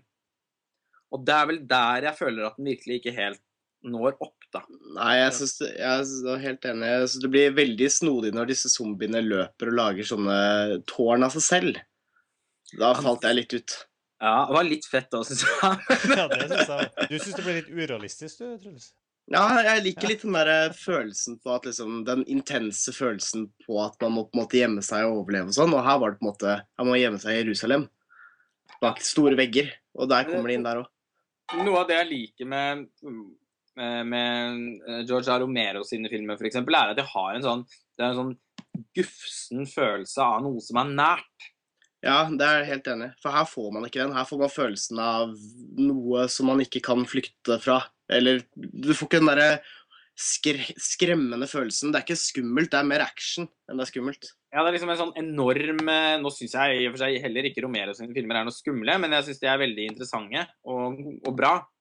Og den eh, De har jo en helt, helt, helt annen type innhold. Uh, en tematisk slagside som jeg syns er ganske mye mer velfundert enn en denne filmen her. Men, den, men, men det er nettopp det jeg, Der synes jeg at noe av det zombiefilmsjangeren kan tjene på, syns jeg, er å at det er en følelse av nærhet. da. Det syns jeg også Danny Boyle får til i 28 Days Later. Og Og Zack Snyder-remaken av Donald the Dead.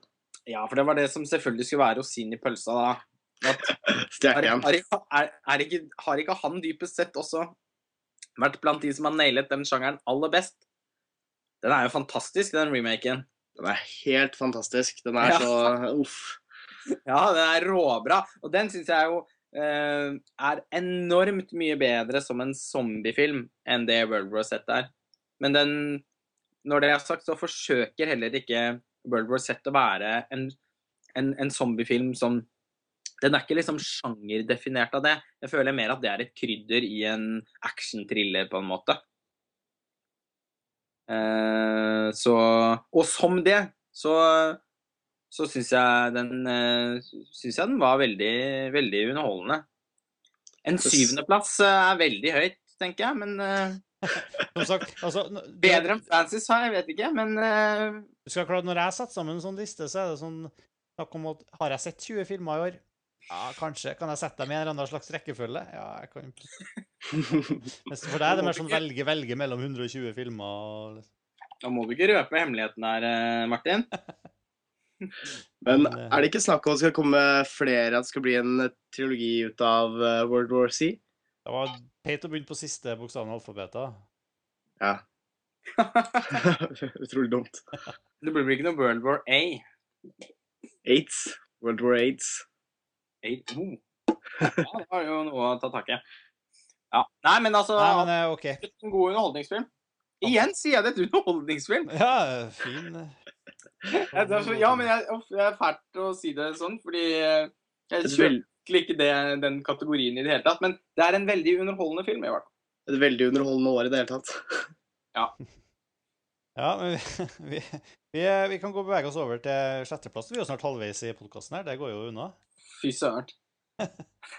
Lars Olle, hva, Må speede opp, eh, rett og slett. ja, vi har gjort det. Vi har jo droppa to deltakere.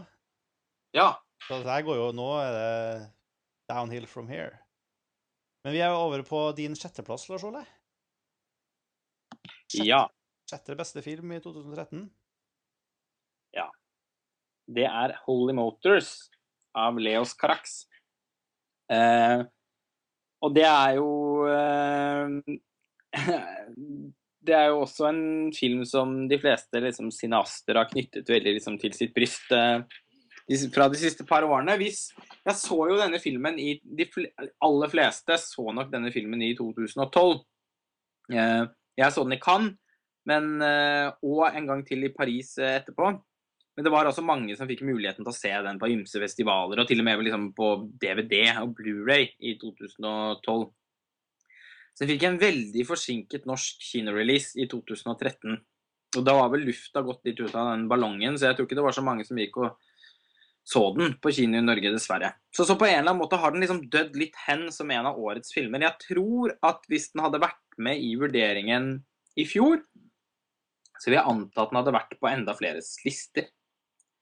Men, eh, men, men eh, når det er sagt, så er det ikke en film som alle nødvendigvis er så begeistret for heller. Men for de som kjenner til Leos Carax fra før, så er jo han på en måte en av de, en av de tre store Cinema du Look-regissørene, som er en, var en periode i fransk film hvor man dyrket liksom overflaten eh, fra og, og det føltes jo den gangen som liksom brudd med fransk filmtradisjon.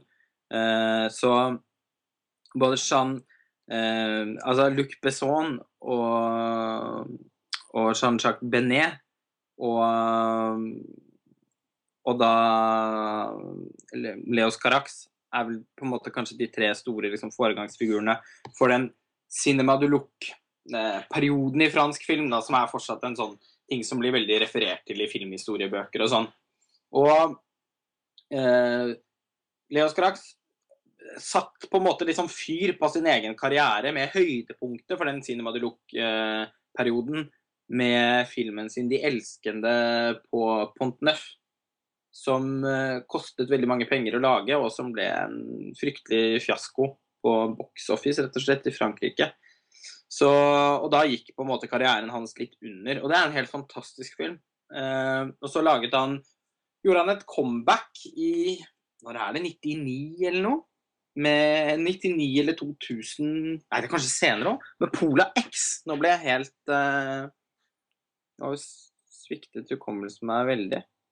Som også hadde premiere i hovedkonkurransen i Cannes, og som igjen fikk, eh, som fikk veldig dårlig mottakelse 99 som fikk veldig dårlig mottagelse, og som igjen på en måte nullstilte Carax litt. Og da skulle det jo da ta Ja, hvor mange år eh, blir det? Mellom 1999 og 2012? er- 13 år. 13 år, ja. Før han nok en gang vi eh, skulle lage en film. Og det er da Pola, eller det er da Holy Motors. Som på mange måter liksom føles ut som sånn Leos Carax på syre. Uh, bruker da denne fantastiske skuespilleren Denise Lavan, som også spiller i Så vi har laget en egen hyllestil på montasje. Uh, Topp fem uh, Denise Lavan-øyeblikk. Han er en veldig særpreget fransk skuespiller med et veldig Veldig sånn voldsomt kroppsspråk. Han er nesten som en sånn stumfilmskuespiller som, som eh, gjør en fantastisk eh, flott hovedrolle i Claire Denise sitt mesterverk eh, Beau Travail.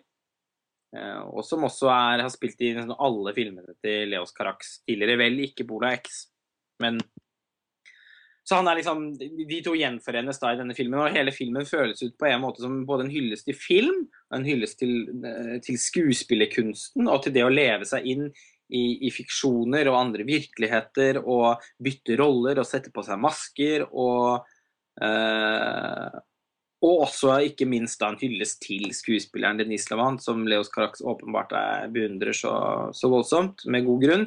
Og hele filmen består da av en rekke vignetter hvor han, Denise Lavant spiller en skikkelse som heter eh, Monsieur Ja, hva er det for noe igjen? Monsieur Oscar.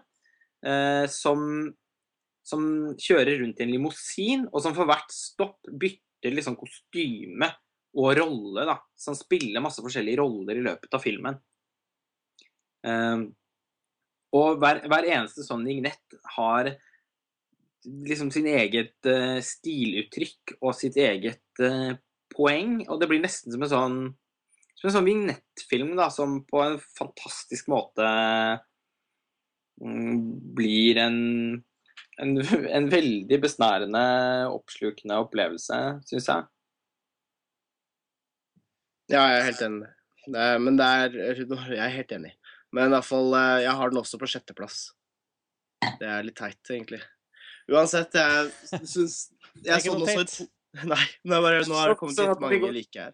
Når vi går oppover på listene her, så blir det ofte at det blir mer og mer synkront. og ja. Jeg, jeg så den også i 2012 og syns den var et av de friskeste pustet det året. Det var, så, det var en virkelig sånn unik filmopplevelse å komme inn i kinosalen og se. ja, det er noe med Og- det òg. Kylie Minosis fremtreden er jo også helt vidunderlig. Ja, veldig flott. Og det, det, og det er også en sånn film hvis man fjerner litt sånn Det er, det er på en måte på en måte en film som inviterer litt til analyse, og hva som kan bety det ene og det andre. og men, eh, men jeg føler ja, som jeg sa, jeg føler at den handler om film og fiksjon og skuespillerkunst og alle disse eh, kanskje ikke så fryktelig dyptloddende temaene nødvendigvis. Men, eh, men først og fremst så er den liksom også en opplevelse, en veldig raus opplevelse.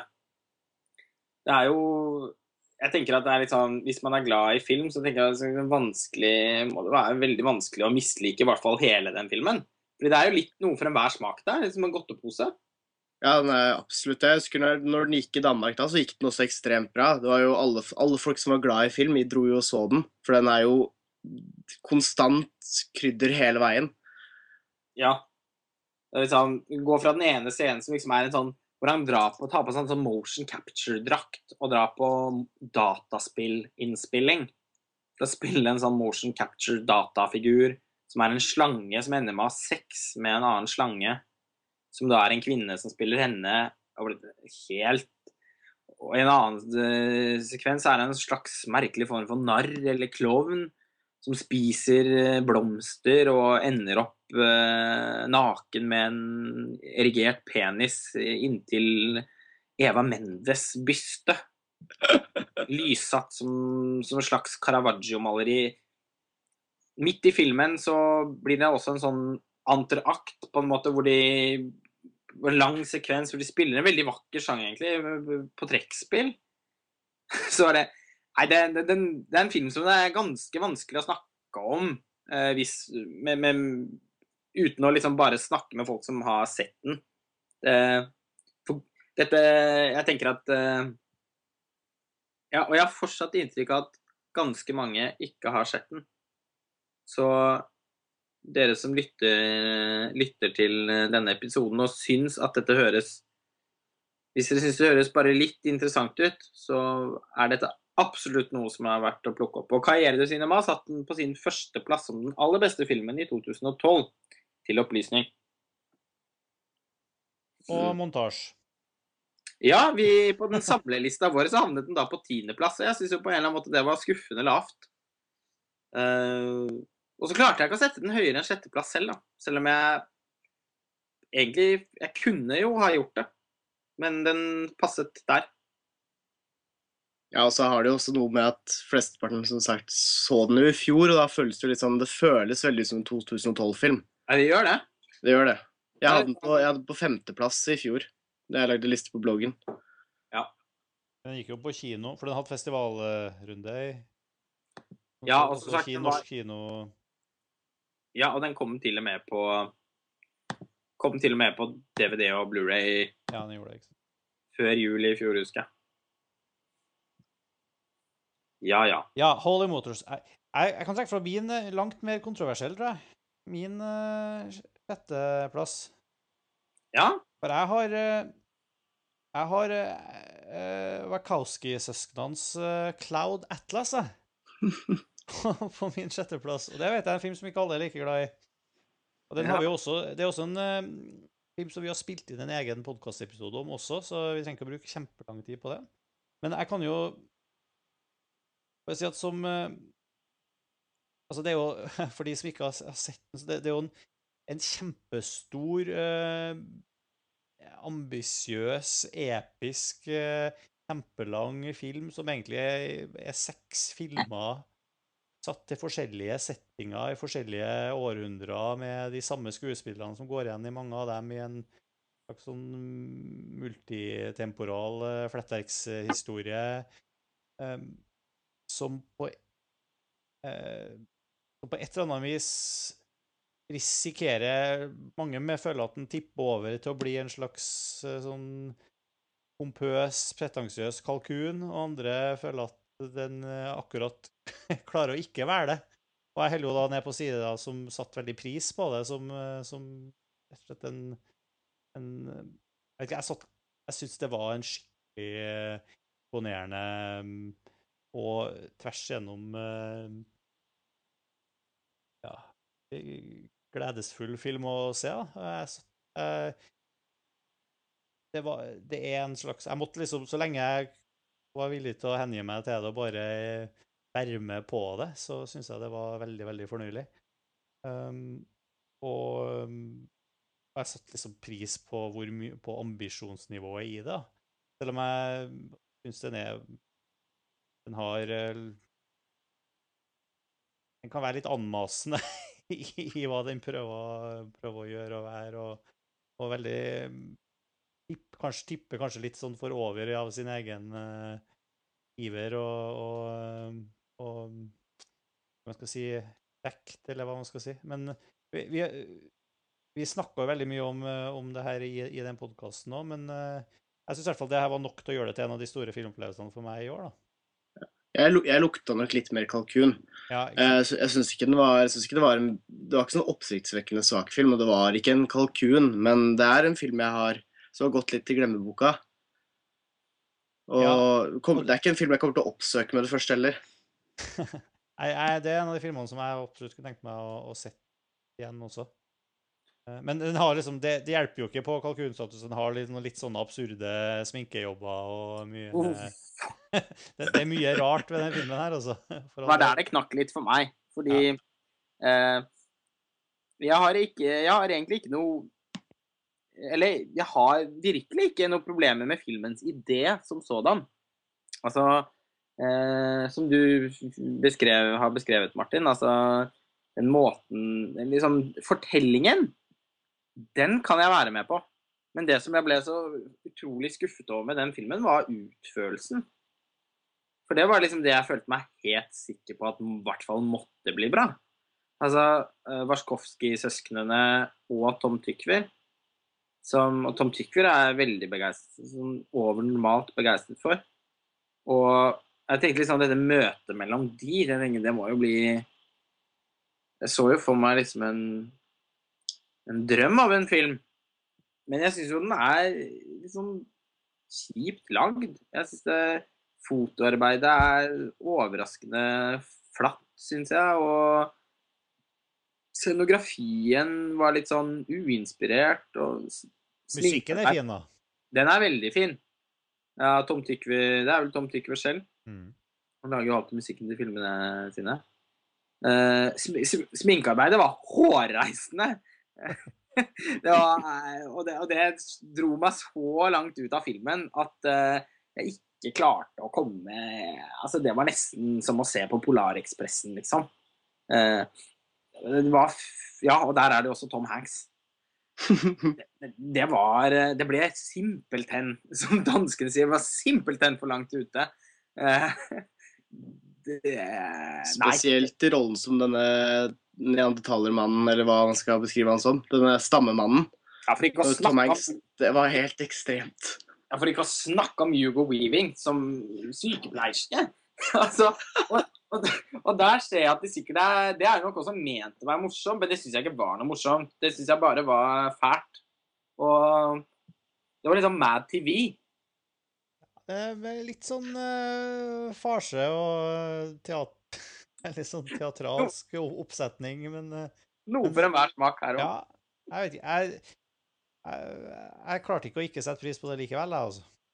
Nei, men eh, du, jeg skjønner den. Og jeg Det er heller ikke en film som jeg Jeg har faktisk kjøpt meg filmen på Blu-ray. Eh, fordi jeg må jo ha den, fordi det er en, den er jo en Tom Tykver og Warskowski-søsknene-film. Så den må jo i samlingen. Og helt åpen for å se den igjen en dag. Men det var noe med den visuelle ja, En sånn type fortelling syns jeg er veldig avhengig av å ha, ha en uhyre gjennomarbeidet og gjerne også litt original visualitet. Og det syns jeg ikke den filmen hadde, og da løftet den seg ikke for meg. Men eh, jeg har ikke noe mer stygt å si om den enn det heller. Men du, vet du hva jeg foreslår vi gjør, da? Vi kan gå over til å snakke om femteplassene våre, eh, Lars Olle. Vi har jo nøyaktig Vi har jo delte femteplasser begge to, og vi har de satt de samme to filmene. Ja, det er nesten vakkert. Ja, Ja. det var faktisk Ja, det var ikke Det var ikke samkjørt og avtalt Nei. spill. Det kan det ikke ha vært. Men uh, vi har altså Vi var inne på det før, at det var to filmer som vi skulle komme tilbake til. Men vi har uh, Sofia Coppolas The Bling Ring og Harmony Corrins eh, Spring Breakers Ja. på, på delt femteplass. Har, du har ikke det du òg, Truls? Nei, jeg hadde Bling Ring på åtte, var det åttendeplass. Jeg har åttendeplass, og så har jeg Spring Breakers litt lenger ned, litt lenger opp på lista. Nettopp. Mm.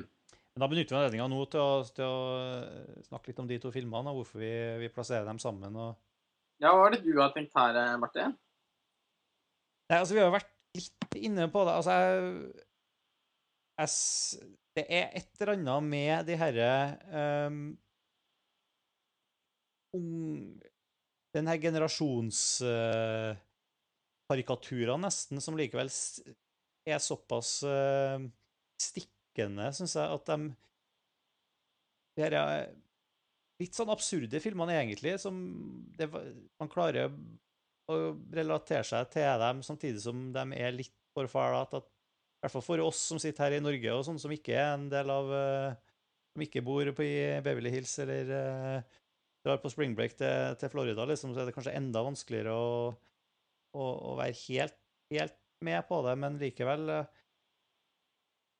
Litt sånn eh, Og som vi var inne på med, med PNNG nå, litt tomhet, eller sånn verdivakuumet eh, som, som er liksom midt i eh, den Jeg vet ikke Forbruker eh, MTV bling-bling-kulturen, da, som gjør at i, Hva i all verden skal man bry seg om som, eh, som 20-åring eller 18-åring eller eh, 70-åring? Hva er det man skal fylle livene sine? Hva er, hvilke mål er det man skal forfølge?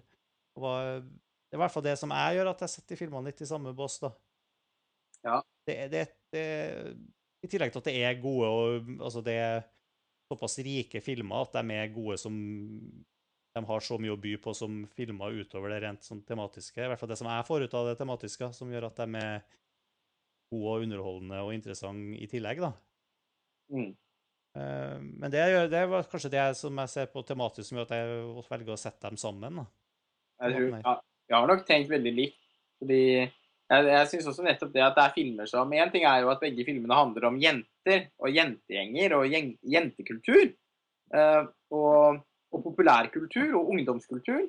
eh, og, og at de baserer seg på en forbrytelse Altså det ligger en forbrytelse eh, i bakgrunnen for liksom eh, hovedkarakterenes måte å bryte ut av det de normalt er en del, av. Da. Så det er en, som du antyder, Martin, altså de, de er på vei de, de søker etter noe. De er, søker etter en identitet eller en, en Eller et eh, Det er et, et forvirret verdigrunnlag her, da, som forsøker å finne De, de på en måte forsøker å å finne, eh, å finne seg selv og finne sin plass. Og ende med å, å begå forbrytelser eh, i første omgang som leder dem ned en relativt sånn skjebnesvanger vei. da. Og på samme tid så er jo begge filmene også en feiring av, av den populærkulturen. Begge filmene velter seg jo i i den, en bestemt type musikk, altså dubstep i Spring Breakers, og veldig sånn amerikansk eh, type altså R&B, rap, popmusikk i, i Los Bling Ring, som foregår i Los Angeles. Det er mye Kan- Kanye West. Eh, Det, det er veldig energi, da. Veldig sånn livsglede, og som, liksom, samtidig som det er veldig sånn trist og nesten nihilistisk, på en måte. Nesten Det, det er på en måte begge Det er en sånn kontrast der, da, føler jeg, mellom Ja, for det er som om begge filmene liksom tar liksom sats og hopper opp og ned på dansegulvet, og så akkurat i et bilde hvor noen har hoppet opp, så er det som om liksom bildet fryser og kameraet zoomer inn mot øynene, og så er det egentlig bare tomhet og sorg og fortvilelse. Eh, den, begge filmene har en veldig melankolsk slagside, men på eh, men, men igjen på forskjellige måter. Spring Breakers føler jeg vel i større grad er liksom bare med. Altså at filmen er med karakterene. Den føles jo nesten som et dikt, syns jeg, den filmen. Ja, jeg er helt enig. Den slags sånn sirkulære strukturen som er der, som føles litt sånn som eh, liksom glidende subjektivitet. Og overlappende. Alt er Ja. så suggererende. Det føles så flytende, da. Overlappende voiceovere hele tiden som Oh, this is everything we dreamed of. Og, og så plutselig er det This is not what we wanted. Uh, og så videre hjem. Så, det er, som du sier, ja, den går litt sånn i sirkler. Noen av festsekvensene ser jo nesten ut som de er to altså som det er, så, Noen av bildene i filmen nå kommer jo flere ganger. Akkurat som den er mikset sammen istedenfor å være klippet. Nå har det, jeg vel, Men det er Ja. sånn, det er sånn, sånn euforisk rus med sånn innslag av mareritt. Og så før det liksom Hvor lenge kan man holde det før det krasjer, på en måte? Og så krasjer det jo til slutt.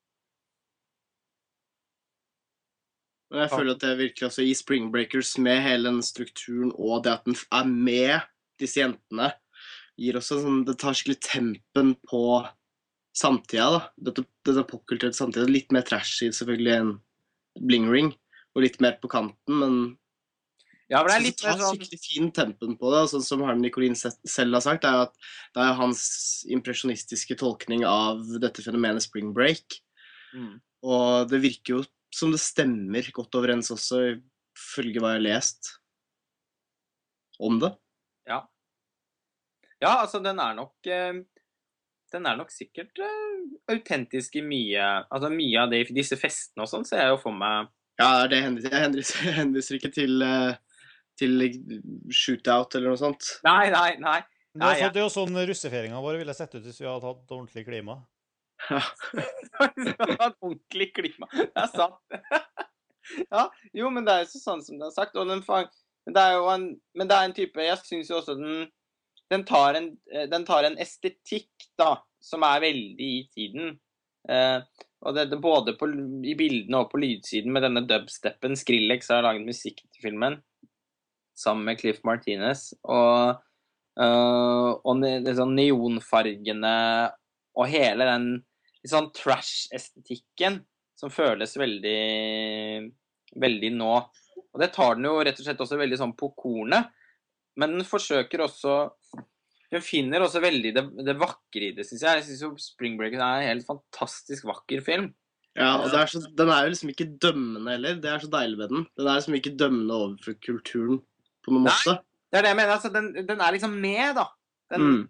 Og den hyller så, jeg føler ikke helt at den egentlig prøver å Der skiller den seg fra The Bling Ring, fordi jeg føler ikke at Spring Breakers forsøker å kritisere den kulturen noe spesielt. Altså, Man kan lese det sånn. Det er klart at denne alien-karakteren til James Franco med 'Look at all my shit' og Scarface og den, den materialist... Men, men han er så kørka igjen, syns jeg. at Jeg vet ikke om helt om jeg syns at han representerer bare Han- Ja. Han blir nesten som en sånn eventyrfigur i det hele. Det føles jo Ja. nesten som et moderne eventyr, føler jeg, da. Altså en sånn hiphopens eh, eventyrfigur som popper opp der. Med de Ja, og den, jeg syns filmen er mer som en sånn som en, Ja, nesten som en drøm. Og Ja men, ja, men det er litt sånn Alice in Wonderland-feeling Ja. over det, med de herre jentene. Og så er uh, James Franco denne katten med hatten. Ja, rett, rett og slett. Ja, men det er et eller annet der også. Jeg er helt enig, den er, den er liksom ikke bare trist. Den er tvert om. Den er jo veldig livsomfavnende og veldig, veldig flott og, og på mange måter. Og liksom veldig sånn energisk og rik og, og sprudlende og, ja, hvis, og, og alt det der. Men til syvende og sist så er den også veldig trist. Ja, den er det, men, det, men den har også en sånn melankolsk tone gjennom filmen som også Som jeg syns er like liksom Den er like trøstende på en måte som den er den, Det er en veldig sånn deilig film å være i, da. Uh, Altså, de her, de her ord, eh, voicemailene hjem til mora, eller hva det er for noe. Det, ja, det er jo dem som virkelig liksom setter prikken over i-en, eller eh, ja, det er jo så fint. Og disse scenene hvor de bare liksom kjører på scooter og løper rundt og Det er eh, Det er litt sånn som Terence Malick skulle dratt på diskotek, dette her òg. Er, det er, jeg ser den. Uh, og, og foto til han Benoit de Bie Ja. Gaspar Noés faste. ja, er jo bare helt fantastisk. Han eh, han må skyte flere filmer, tenker jeg. Han sk- skjøt også den The Runaways, som i og for seg er en ganske middelmådig, men relativt bra film, som mm, om, om dette bandet med Kristen Stewart og Dakota Fanning. Og han klarte å heve den filmen voldsomt med fotarbeidet sitt, så jeg skjønner ikke at han At ikke flere av de virkelig store plukker opp han. Det er jo bare helt, eh, helt rå. Jeg leste et intervju med Harmony Corrine. Eh, The Guardian intervjuet Harmony Corrine, og da fortalte han at han hadde fortalt om hvordan han ville ha foto når de har hatt en dialog på det. Så han hadde bare nevnt liksom, referanser til på en måte godteri, liksom sånn, en slags godteriestetikk Ja, på Spring Breakers, og det har de jo fått veldig fint til òg. absolutt. Det er masse, masse E-stoffer i fargene der. Ja, det er veldig E-stofffilm. mange, mange, hva skal vi si, mange gelétopper. Ja. Det er ganske mange silikonpupper ute og går eh, som rister i den filmen òg, så. Ja, for Eh. en åpningssekvens. Ja, ja, den er jo allerede en klassiker. Og det er også med Spring Breakers. Jeg syns den virkelig føles som en sånn umiddelbar klassiker. Eh, um, en film som kommer til Og merkelig nok så er den ikke så godt Altså slettes ikke så godt likt. Den er, det er mange, liksom, film, mange filminteresserte som, eh, som setter den høyt, og Carriere de Cinema satte den vel på annenplass i sin kåring for de beste filmene i 2013. Så den har liksom eh, Den får mye kred. Eh, men jeg har inntrykk av at folk flest som bare enten med liksom gå og se den på kino, syns at det var en helt forskrekkelig film. Uff, jeg ser for meg alle disse unge jentene som tenkte du skulle dra og se en chick flick, og så møter de det. Ja, og det, og det blir jo ikke da bare fordi den er liksom litt vulgær, eller det er også fordi at den er veldig sånn poetisk og, og sikkert eh, langtrukken, hvis man ikke er liksom into that. Og den eh, Ja, den har et snitt på 5,4 på Internet Movie Database. Det er jo ganske oppsiktsvekkende for en film som har fått så mye oppmerksomhet. Ja. Bling Ring har ikke så mye høyere, den heller. Nei, Den var ikke så godt likt i Cannes. Nei, den fikk ikke så dårlig mottakelse der nødvendigvis. Jeg føler nesten at det har sunket etterpå. Men det handler vel mer om at folk bare ikke liker Sofia Coppola. Det må jeg begynne å erkjenne at uh, mm, Jeg, og det vet jeg i hvert fall du gjør òg, Truls. Jeg elsker jo Sofia Coppola. Og, hun, eh, og syns at hun er en av de, de viktigste stemmene i amerikansk film. Og jeg hadde et gjensyn med 'Somewhere' her for ikke så altfor lenge siden, og det var helt fantastisk. ja, bare, ja. Den åpningssekvensen med bilbanen der, det er bare Ja. Det er så Det er grenseløst godt, liksom. Det, så, det setter tonen i første bilde. Og det er litt det samme med The Bling Ring også. Der settes tonen og markeres tonen med en gang, og så er den der. Nei, jeg syns, det er eh, helt fortryllende hvordan hun eh, Hun, eh, ja, hun har jo en annen En litt sånn annen Hun har en helt annen innfallsvinkel enn en, Harmony Corrine. Og nå er det jo så Altså, det er jo heller ikke en film som er preget av liksom drinker og spritånd og klor og piss, tisselukt, liksom. Eh, Det er jo mer parfyme og, og, og pudder og, og glitter og høye hæler. Og det er en helt annen type estetikk, men som også er det er også en, en, en, ungdoms, eh, en ungdomskultur og en, en kjendiskultur, da. Som, som jo også i og for seg er litt i Spring Breakers med denne alien-karakteren, men som jo får mye større fokus i Bling Ring. Og eh, Coppola har jo et mer avmålt blikk på sine karakterer enn det Harmony Corrine er. Hun velter seg jo ikke like mye med i dansen. Hun begynner med å gjøre det, fordi hun Coppola elsker også alt som er rosa, og alt som er kjoler og hot couture og gudene vet. Alle som har sett Marie, Marie Antoinette, vet at hun elsker det. Så hun får også muligheten til å dyrke de tingene i Bling Ring, men jeg føler at det er liksom inntil et visst punkt hvor filmen stopper å være Og, og Bling Ring er også, i motsetning til Spring Breaker, som, som jo ikke er spesielt morsom, eh, så er jo Bling Ring lenge hysterisk morsom, syns jeg. Men på et eller annet sted så stopper den å være morsom, og blir eh, ordentlig vond, syns jeg. Når de Men eh, denne sekvensen med Emma Watson eller etter hvert Emma Watsons karakter blir jo mer og mer karikert utover, og det blir jo hysterisk morsomt. Det tror jeg er nok mange som har problemer med også. Jeg likte det veldig godt. Ja, jeg syns det funker kjempebra. Og det, men, men jeg syns også hennes karikatur utover nesten slutter å være På en måte også slutter å være morsom, fordi jeg syns den blir helt sånn der, Herregud, nå må du liksom Nå må Men, du eh, ta sammen. Fordi man blir Jeg, jeg syns også hun klarer å gjøre at man blir engasjert i de, i, i de ungdommene. Og Mm. Når de liksom for syvende-åttende gang bryter seg inn i en av de der villaene, og du ser at de har ikke gøy De gleder seg ikke over det engang. Jeg skjønner hvorfor de syns det er fett når de, eh, når de bryter seg inn hos Paris Hilton første gang. I dette smakløse Ja, gudene vet hva man skal kalle det for noe. Eh, Diskoslott skrev jeg vel i den omtalen min. Eh, den følelsen av å liksom være der alene og vite at de egentlig ikke får lov til å være der, og danse litt på bordene og sånn.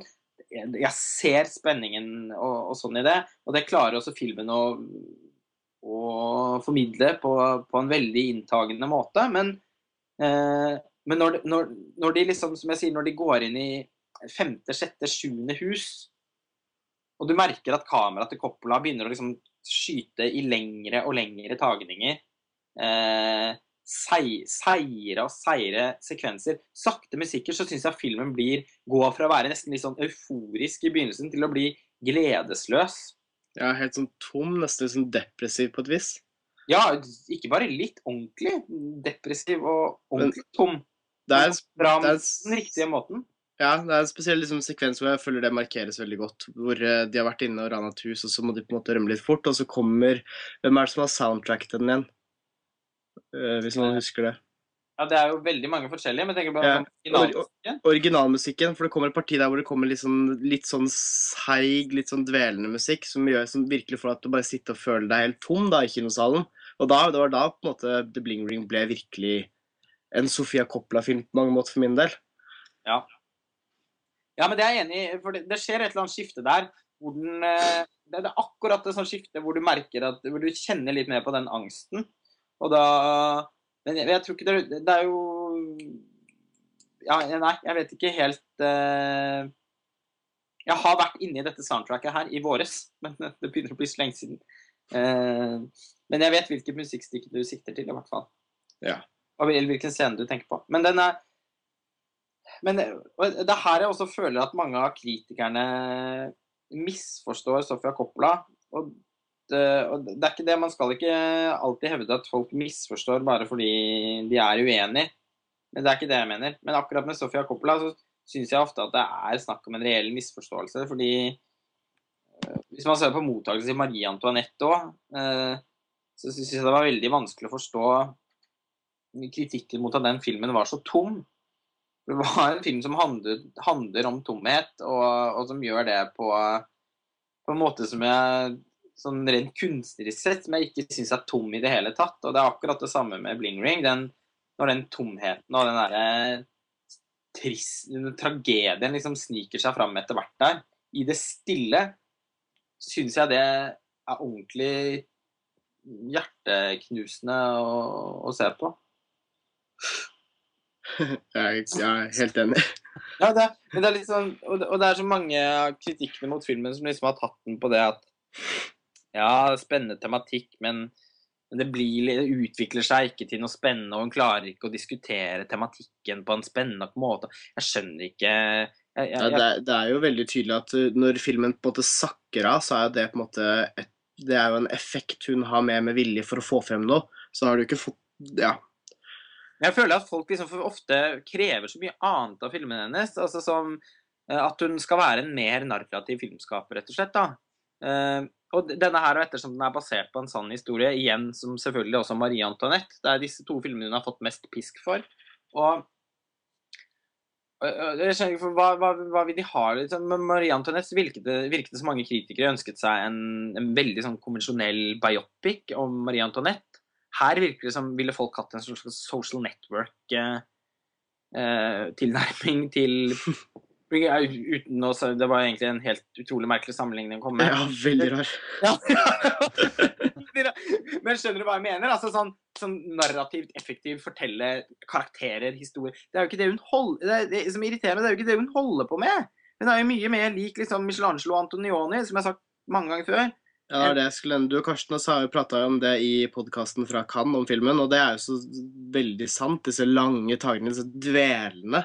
Ja, mennesker foran bygninger eh, med en sånn eksistensiell undertone. Ja, man må gjerne si at det er pretensiøst, eller eh, og at man ikke klarer å leve seg inn i det. Det skjønner jeg, men jeg forstår ikke dette kravet om at hun alltid skal lage noen andre filmer enn det hun faktisk gjør. Fordi hun har ikke Hun, hun har ikke Ja, i motsetning også til mange andre amerikanske filmskapere i hennes generasjon, så syns jeg hun er ofte er forfriskende lite konvensjonell, da. Så vet jeg ikke om dere husker å si det. Jeg vet jeg har pratet om det tidligere en gang. Men at både Spring Breakers og Bling Ring på en måte oser av samtida, da. De er på en måte så til stede nå. Ja. Ja, ja. altså Det er jo eh, Det er jo også noe av det som binder filmene sammen. Det er vel det, er vel det første jeg skriver i den omtalen på den listen min nå, tror jeg. At ingen filmer føltes mer akkurat nå i 2013 enn The Bling Ring og Spring Breakers. Og det er jo Jeg, jeg tror nok at disse, begge disse to filmene om uh, en del år så tror jeg de kommer til å stå som ganske sterke, interessante avtrykk på sin samtid, i hvert fall. Mm. Og det er jo mer enn man kan si om mange andre filmer. Hvilken film hadde du på femteplass, da, Truls? Der hadde jeg det første Eller er det det første? Jeg må dobbeltsjekke her. Jo, det er vel det første. Første skandinaviske innslaget. Danske filmen 'Sorg og glede' av Nils Malmros. For ikke norsk distribusjon. Men jeg så den i Danmark nå i høst, og det sies å være Nils Malmros siste film. Han har regissert 'Kunnskapens tre' og 'Skjønnheten udyr' og 'Kjærlighetssorger'. Kjærestesorger, er det vel? Og Ja. Ja, er en av tror jeg er enig med eller jeg og Lars er ganske enig, det er en av Danmarks beste regissører. Han, er- han lager så hjerteskjærende filmer og så, hjert, så knusende og så følelsesladde. Og går så nære menneskene. Ja. Eh, Han fantastisk skildrer av, Altså alle, liksom, alle deler av oppveksten, både barn, ungdom og unge voksne, skildrer han jo som rene Francois Truffaut. Ja, og dette er første gang han faktisk griper fatt på voksne voksne i en spillefilm. Og det, det er, filmen er jo en, basert på virkelige hendelser fra hans eget liv, hvor eh, kona eh, drepte deres ni år gamle datter i, eh, i Hva heter den? I, når du er helt borte. I eh, Nei, nå sitter det helt fast her. Ja, i hvert fall når hun, hun kom i en tilstand hvor hun ikke var helt seg selv.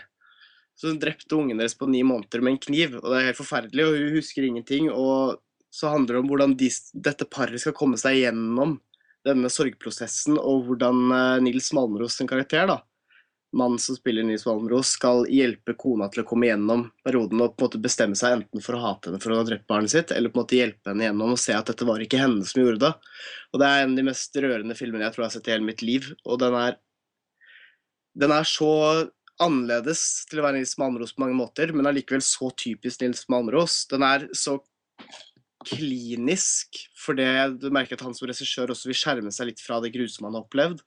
Men allikevel så går den virkelig inn i det med en sånn ærlighet og en sånn sånn eh, Ja, det å formidle noe så grusomt, da.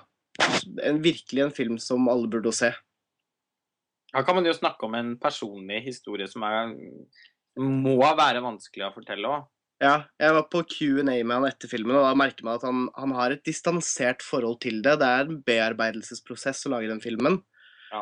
Og kona hans har jo også selv sagt at uh, det er min gave til deg at du skal få lov til å lage denne filmen, for at han skal få jobba med det.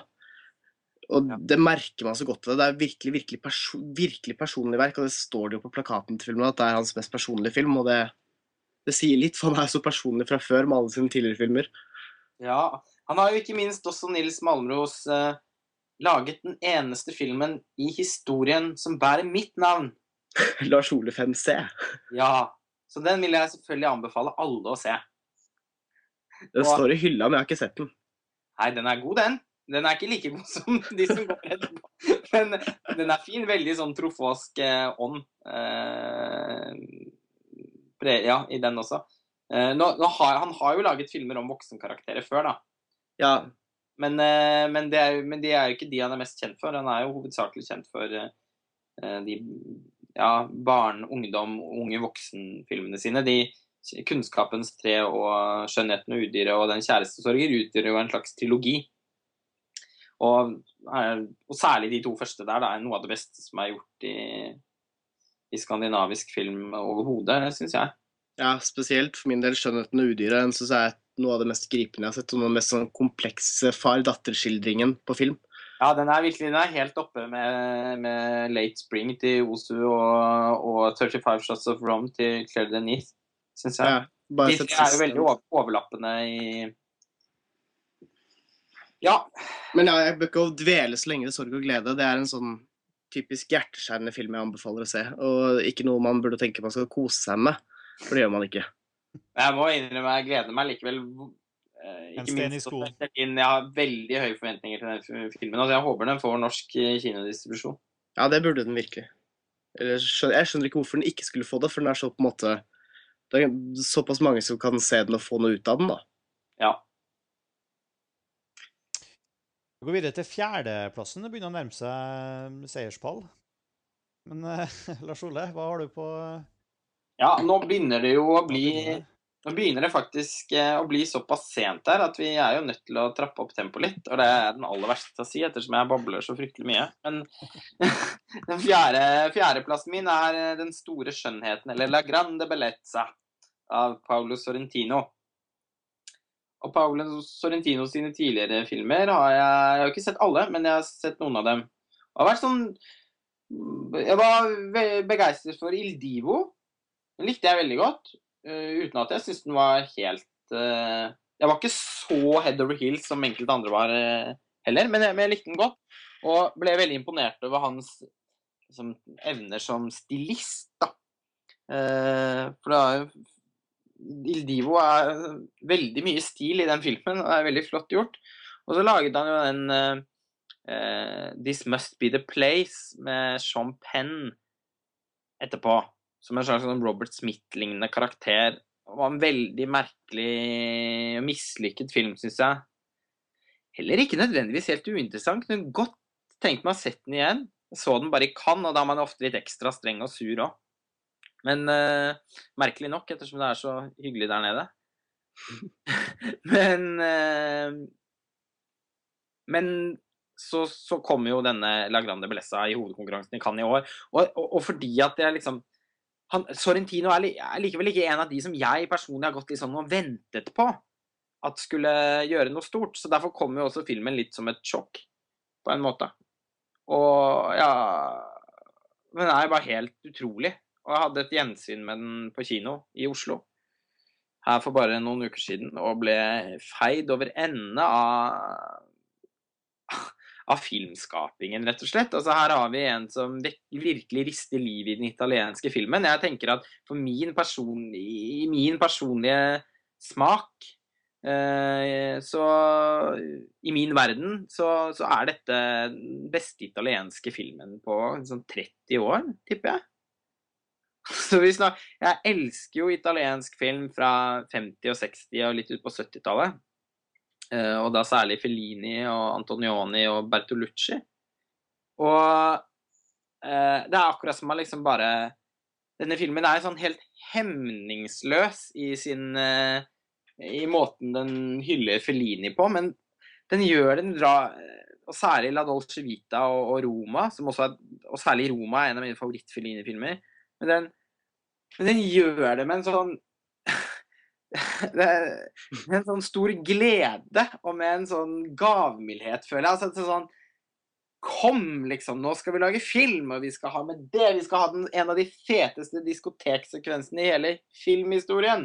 Det skal vi ha. Vi skal ha en helt fantastisk scene i en kirke. Vi skal ha en helt utrolig scene på en trapp, og det skal være fontener. Og alle skal ha på seg flotte klær, og alle skal ha vakre briller. Og, og musikken skal være helt utrolig. Eh, det er liksom som et overflødighetshorn uten like da, av, av, av, alt jeg setter pris på med en film. Nå har vi også snakket om denne her i en egen Filmfrelst-episode som, som, vi slapp rett før jul. Så jeg trenger jo egentlig ikke jo snakket, Vi snakket mye mer om filmen der. Da var det jeg, Sveinung og Otto Joakim som snakket om den, så jeg trenger ikke å si noe mer. Men jeg men den er jo bare Og, og nå har jeg bare snakket om overflaten. Der snakker vi litt mer om innholdet også. For jeg syns jo også den er en, et veldig Altså han hovedkarakteren sin Sitt blikk på den eh, På det slags aristokratiske Intellektuelle Borgerlige klisteret han har eh, han har satt seg selv i måten han liksom hele tiden analyserer situasjonen han er i på, og forsøker ofte veldig arrogant vis å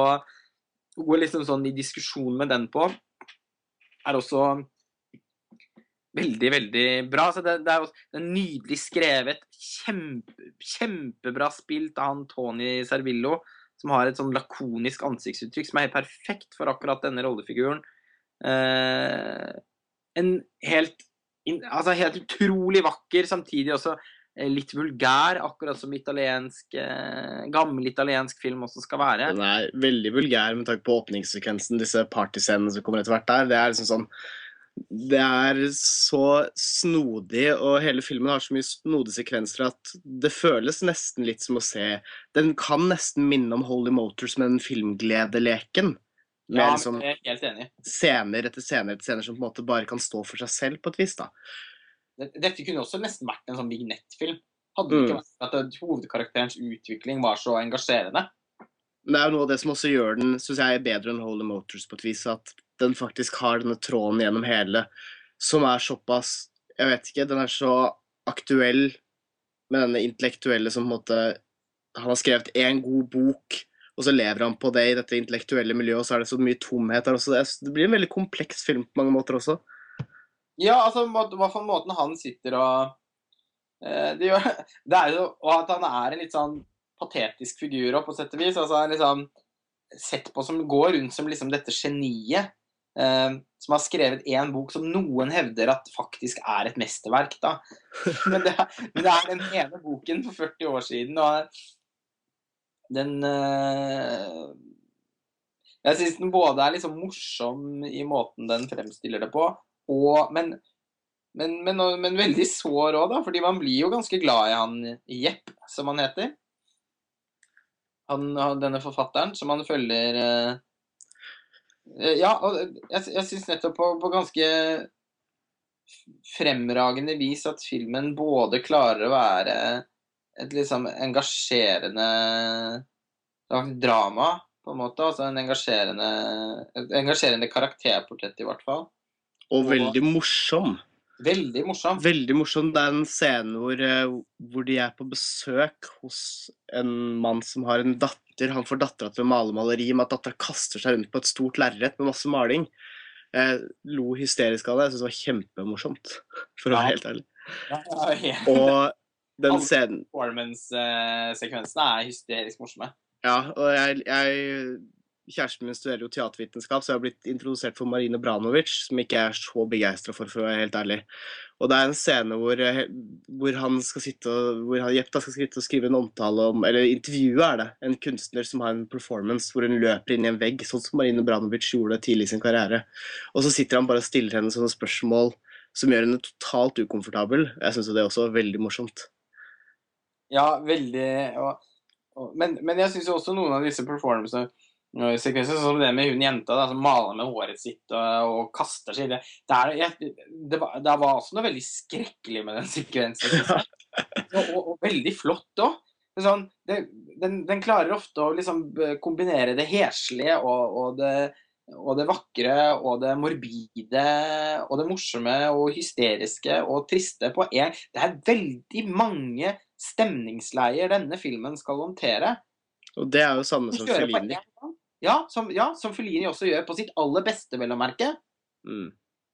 Det, Amak Amakord er jo full av liksom de samme følelsene der. Der er det jo følelse på følelse på følelse på følelse som alle er av ulik art. Ja, ja, ja. Den går fra liksom eh, Ja, fra gråt til gapskratt på, på, i løpet av et knips. Og sånn er den store skjønnheten, eller la grande bellezza.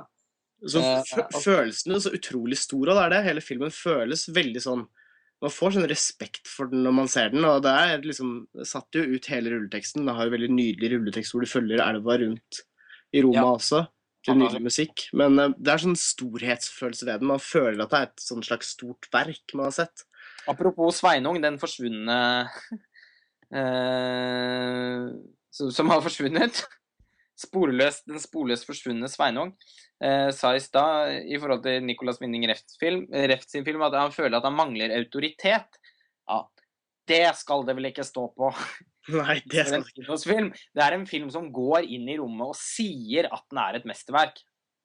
Eh, den er laget dette er, altså, Det er en ganske sjelden type film, eh, men den er, den er laget for å være et mesterverk. Og det er slettes ikke alle filmer som lages for å være det som lykkes, men det gjør den. Og den er da et mesterverk.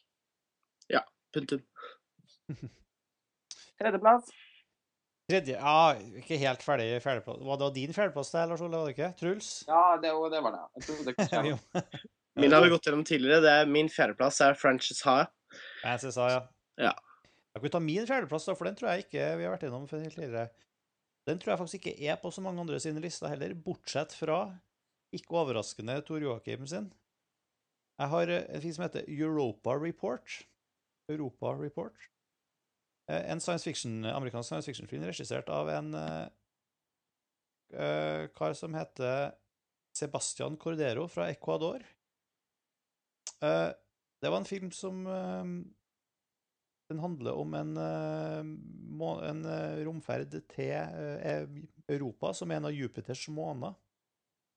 Og er i prinsippet en ganske sånn standard eh, eh, fortelling om en romferd som handler om det crewet som drar til den, eh, den planeten og lander der, og hva de finner der. En thriller uh, uten noe spesiell grad av originalitet der, men der filmen virkelig skinner, er måten den er realisert på. Den er, den er, en, plan, er fortalt gjennom uh, dag, sånn videodagbøker, TV-innslag, kamera om bord på romskipet.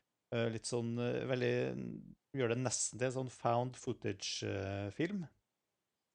Og den er også veldig sober og um, nesten sånn dokumentarisk, veldig realistisk i forhold til måten den avbilder romferd på, og, og ehm, du føler at den er veldig Du føler at, at den nødvendigvis er satt så veldig langt inn i framtida. Du føler at det kunne være en romferd som ble launcha i, eh, i 2014, på en måte.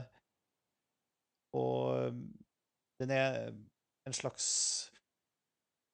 Den er nok, snakker nok mest til science fiction-fans, som en science fiction-sjangerfilm, på en måte. Men, eh, men jeg, det er i hvert fall en film som jeg ble veldig glad over å oppdage rent sånn tilfeldigvis på Netflix, for den har verken fått norsk eh, kinodistribusjon og bare så vidt dukka opp eh, Du får den kanskje på import-DVD eller noe sånt, men det var rett og slett et slags sånn funn som eh, av en eller annen Jeg vet ikke om dere har sett den? Har dere vært borti den? Hørt om den? Sett den?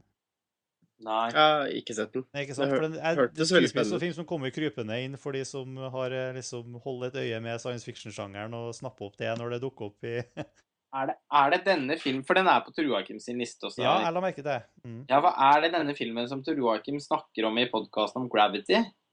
Jo, det kan være. Jeg hørte ikke hele den podkasten. Jeg hørte bare For jeg, da hadde jeg ikke sett Gravity ennå. Da, da dere la ut den podkasten, så jeg bare Ja, jeg tror han snakker om den der, så da Ja. må jeg jo kunne si at jeg har hørt om den. Ja. Mm. øh, Men, øh, men har ikke vært i nærheten av å Og ikke hørt om den fra noen, fra noen, fra noen andre. Det kommer i hvert fall som en veldig varm anbefaling, hvis, eh, for, egentlig for alle. For det er en kjempegod film. Ja. Og det, som sagt, det den ikke vinner på i originalitet, det tar den igjen på i gjennomføring. Og, og den er ikke overhodet ikke cheesy i måten den er, den er satt sammen på. eh, Selv om eh, den har litt, går i noen sånne klisjéfeller på rent sånn plott, plottmessig. Ja. Men det kan man ikke holde imot den. Det, den heter altså Europa Report, og den er tilgjengelig Den finner du på Netflix, i hvert fall på amerikansk Netflix. Jeg husker ikke om jeg så den på norsk eller amerikansk. Den er i hvert fall tilgjengelig. Så det, Ja. Men da Det noteres som en anbefaling, fordi science Mm. fiction mm. er veldig glad Selv om jeg ikke er eh, inne i science fiction på samme måte som deg og Tor Joakim, det skal også litt til. så, så er jeg veldig begeistret for science fiction. Så, og det er sjelden det kommer spennende filmer i den sjangeren, så der tas et virkelig tips imot med takk. Så det noterer jeg meg. Og så er altså, er den såpass nær i Den er såpass lite fiction at den, eh, så den, den er liksom ikke science fiction av av typen Star Trek. Den er mer eh, Nei. Det er mer rom, en slags sånn uh, naturlig forlengelse av uh, der vi er i dag, eh, liksom i 2014, med romferd og rom... uh, exploration. Ja. Yes. Um, men da beveges inn mot de magiske topp tre-plasseringene våre. Uh, og da er det vel din tur igjen, Lars Ole? Ja, den har vi jo snakket om, da. Den har vi snakket om. Francesa. Den dukker opp igjen. Da har vi vært gjennom den mange nok ganger til at uh, Truls, du har ikke Francesa på tredjeplass, i hvert fall. Nei, der er også, der er også delt plass. Den er delt mellom uh, Den store skjønnheten, som vi har snakka om akkurat, og Passion av Brian De Palma. Ja. Uh, linken er vel sikkert ikke den er, den er ikke en åpenlys link mellom de to, men begge filmene representerer for meg veldig mye av hva jeg syns er flott ved film, og en stor glede ved å lage film. Eh, der Den store skjønnheten er jo en typ stor hyllest til gammel italiensk film, og en massiv film, så er jo passionet mer renskåret Brian De Palma, Hitchcock-aktig thriller. Og ja, det er vel på en måte jeg, jeg føler jo litt Det blir litt sånn teit å si, men jeg føler at det er et slags uh, høykultur versus lavkultur her. Brian De Palma er ikke akkurat en person som ses på som en ses på som høykultur. Det er i hvert fall litt opp og ned. Ja. Eh, Men noen føler han har en viss autoritet likevel. ja, det har han absolutt. Og det føles, det føles veldig godt i persen. Det var en strålende filmopplevelse. Og jeg føler egentlig at det blir sånn feil å ta ordet på den. For det, jeg veit jo at Lars Ole er litt Kanskje en av verdens største De Palma-fans. ja, føler kanskje at du skal få lov til å prate om den, for jeg synes, tror kanskje det kommer til å fylle ut litt bedre. Den er vel på lista di òg, Lars Ole? Ja, den er på andreplass. Eh, og dette er også en film jeg har, i likhet med egentlig ganske mange av filmene på lista, men nå har jeg sagt det så mange ganger på hver, dag, denne har jeg jo skrevet om, så jeg trenger ikke å snakke så mye, men så ender jeg med å snakke masse likevel. Men eh, eh, Passion er eh, Ja, det er en skrue, og, og jeg forstår at, at noen sikkert vil stille seg hoderystende, uforstående til at jeg kan hevde at dette virkelig er liksom årets nest beste film. Eh, Men det syns jeg, og det, og, det, og det står jeg ved.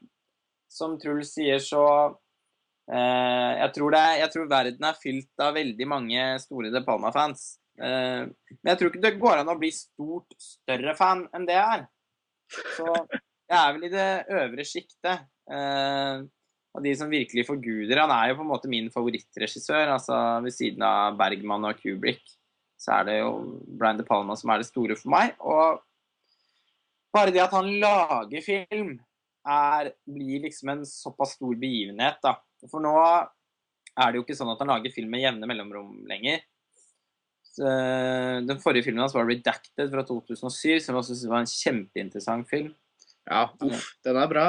Ja, veldig bra. Han vant uh, Sølvløven i Venezia for beste regi. Så den be- og fikk uh, toppkarakter av Roger Ebert. sånn, Så den, den filmens reise begynte veldig flott, og stupte rett ned i dass, da, for det var ingen andre som likte den. Jeg likte ikke Absolutt. Redacted. Nei, for eksempel. Du husker at du til og med ga den i DVD. Ja, jeg tror, du, tror du fikk den av meg. Ja, Karsten hadde låta Du, du må få tilbake den Redacted. Jeg har ikke fått sett den. Ja, eh, den kan du bare Du kan beholde den. det er en veldig ufyselig film. Ja, da gikk det kaldt nedover ryggen på meg, Martin. Ja, Nei, men altså, ja, altså Min kjærlighet for Brian De Palma er grenseløs. Og og det har noe med måten han lager film på. altså bare, Han er jo mesteren av å lage en bestemt type thriller. Og en thriller, type thriller som vi snakket om i stad i forbindelse med Side Effects og Stoker. Og gjerne den erotiske thrilleren, som er Brian De Palmas liksom sånn virkelig eh, spesialfelt. Og det å se at han går tilbake og lager en sånn erotisk eh, thriller som i gamle dager, det vil si hovedsakelig slutten av 70-80-tallet. Eh, eh, jeg, jeg, jeg, jeg vet nesten ikke hvor jeg skal gjøre av meg av begeistring. Og jo, oppsettet i Passion er basert på en fransk film som heter Love Crime, var det vel den gikk under på norsk, som er distribuert rett på video i Norge. Kjempebra film. Eh, Alain Corneux, en gammel, fra, nå avdød fransk filmskaper. Det var vel hans siste film. Eh, kjempebra film, sånn rivaliseringsdrama mellom to eh, kvinner som jobber i et eh, reklame, reklamebyrå. Og, men den, den filmen lyktes på en måte med å være, med å være et, et, et, eh, et engasjerende karakterdrama med noen thriller-undertoner, og etter hvert noen overtoner også. Eh, men liksom først og fremst en neddrivende fortelling og, og, en, og god underholdning, og ikke stort mer enn det. Passion, som da er en remake av den, så tar De Palma det samme materialet og liksom vrenger innsiden ut. Han, han skjemmer seg ikke for å liksom være ærlig med hvor dårlig det egentlig er, for det er jo egentlig veldig sånn pulp-aktig kioskfilm, eh, TV Norge-filmaktig materiale, som han tar og, og liksom viser fram eh, i all Men, men han tar han tar liksom han, han tar utgangspunktet og utforsker det gjennom å fil, filtrere den fortellingen gjennom veldig mange forskjellige tilnærmingsmåter underveis. I begynnelsen så virker filmen som en sånn, melodrama. Så går den plutselig over til å bli en sånn helt vanvittig film noir. Nesten sånn, eh, med noe innslag av nesten sånn ekspresjonistisk stumfilm i måten det er lyssatt på. Eh, på et eller annet i, ti minutter inni der, så de ti svakeste minuttene til filmen, vel å merke, så minner det om en sånn der europeisk TV-krim. Eh, og da husker jeg jeg ble livredd der jeg satt i salen og tenkte å nei, skal du ødelegge det? Men eh, før han så bare vender fullstendig om og lager en, eh, en sånn helt sånn eh, insane pastisj på sin egen hit Hitchcock, sine egne Hitchcock-pastisjer, som han er så berømt skråstrek beryktet for.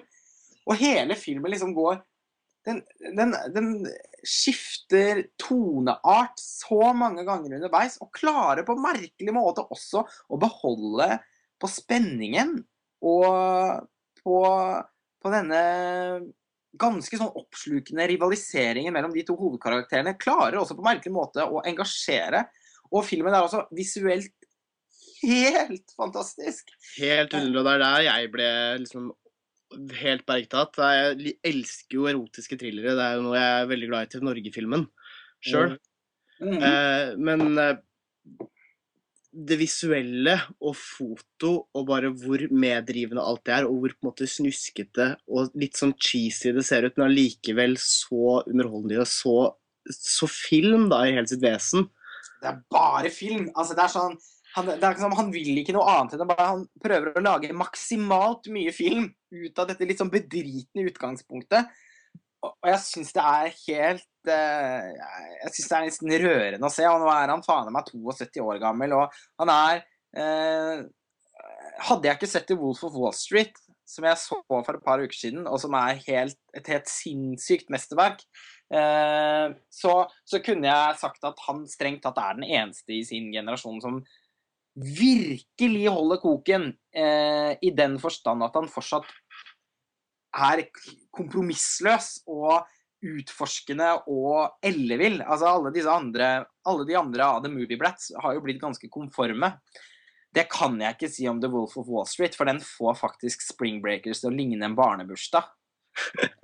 Så drøy som den er. Eh, Men det er det som er også litt sånn trist nå, men også litt sånn flott, at Martin Scorsese og Brian De Palma fortsetter å lage og eksperimentere og være så ivrig og ha så mye energi til å lage film. Og det er det som er så deilig med Passion. Det kommer så godt igjennom. ja, og Og De er jo på vei ut nå. Det er litt trist. Eller de er ikke på vei ut, men de, de, de dør jo snart. Ja, de dør snart, liksom. Hva er det for noen filmer Brian De Palma har laget de siste årene? Liksom Redacted. Kjempe ulikelig, vanskelig, problematisk film. Femme Fatale, en av mine favorittfilmer.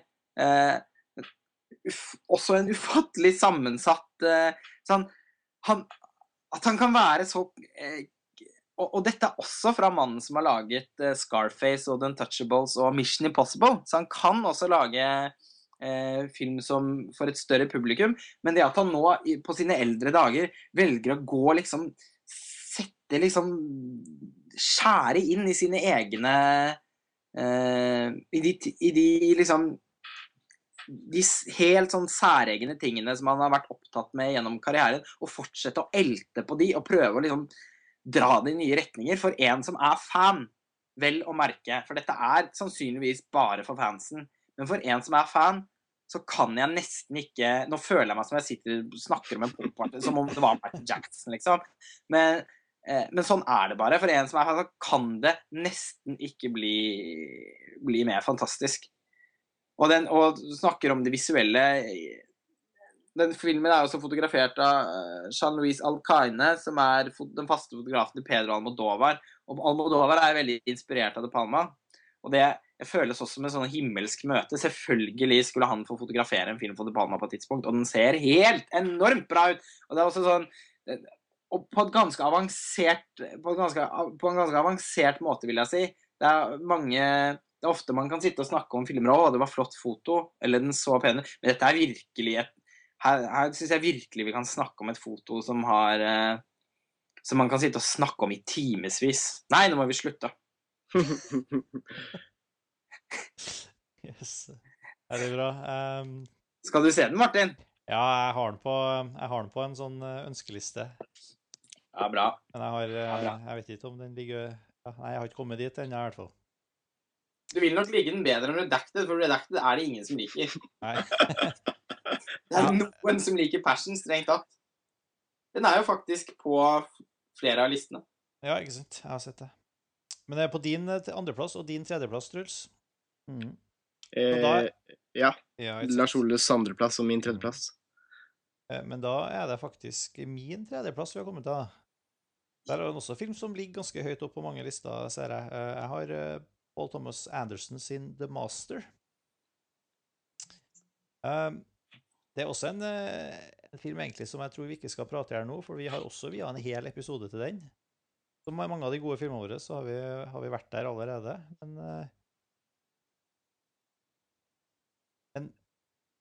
her er det mange fin Her er også en film som er såpass rik, syns jeg, at det virker som alle som jeg snakker om eller leser artikler om den filmen, eller er opp, har også henter ut veldig ganske forskjellige ting fra filmen. da. Um, og liksom Mye av press, presseomtalen rundt Master gikk på det dette scientologirøttene i selve historien og, og, og litt ut der. For meg så ligger liksom kjernen For meg er det rett og slett den uh, dynamikken mellom de to ho- hovedfigurene. Uh, uh, Philip Seymour Hoffman som The Master og Joaquin Phoenix som den driftstyrte på en måte hovedpersonen. Eh, Altså det utrolig gnistrende motpolene mellom de to nesten erketypene som river i hver sin retning, og som både er på en måte i sånt, en sånn kamp med hverandre, samtidig som de trenger hverandre for å, i livene sine. Eh, Der ligger selve gløden i den filmen for meg. Da. Samtidig som at Paul Thomas Anderson er jo en utrolig dyktig filmskaper, så det er jo så utrolig artig å se på. Um, fordi han lager store, episke, flotte filmer. Så jeg må bare liksom gi meg over og det var The Master i et mesterverk, rett og slett. Et masterpiece. Ja. Uh, ja, altså Jeg har hatt en litt uh, pussig reise med, med The Master. Fordi jeg, når jeg så den Når jeg så den på kino Jeg fikk bare sett den én gang på kino.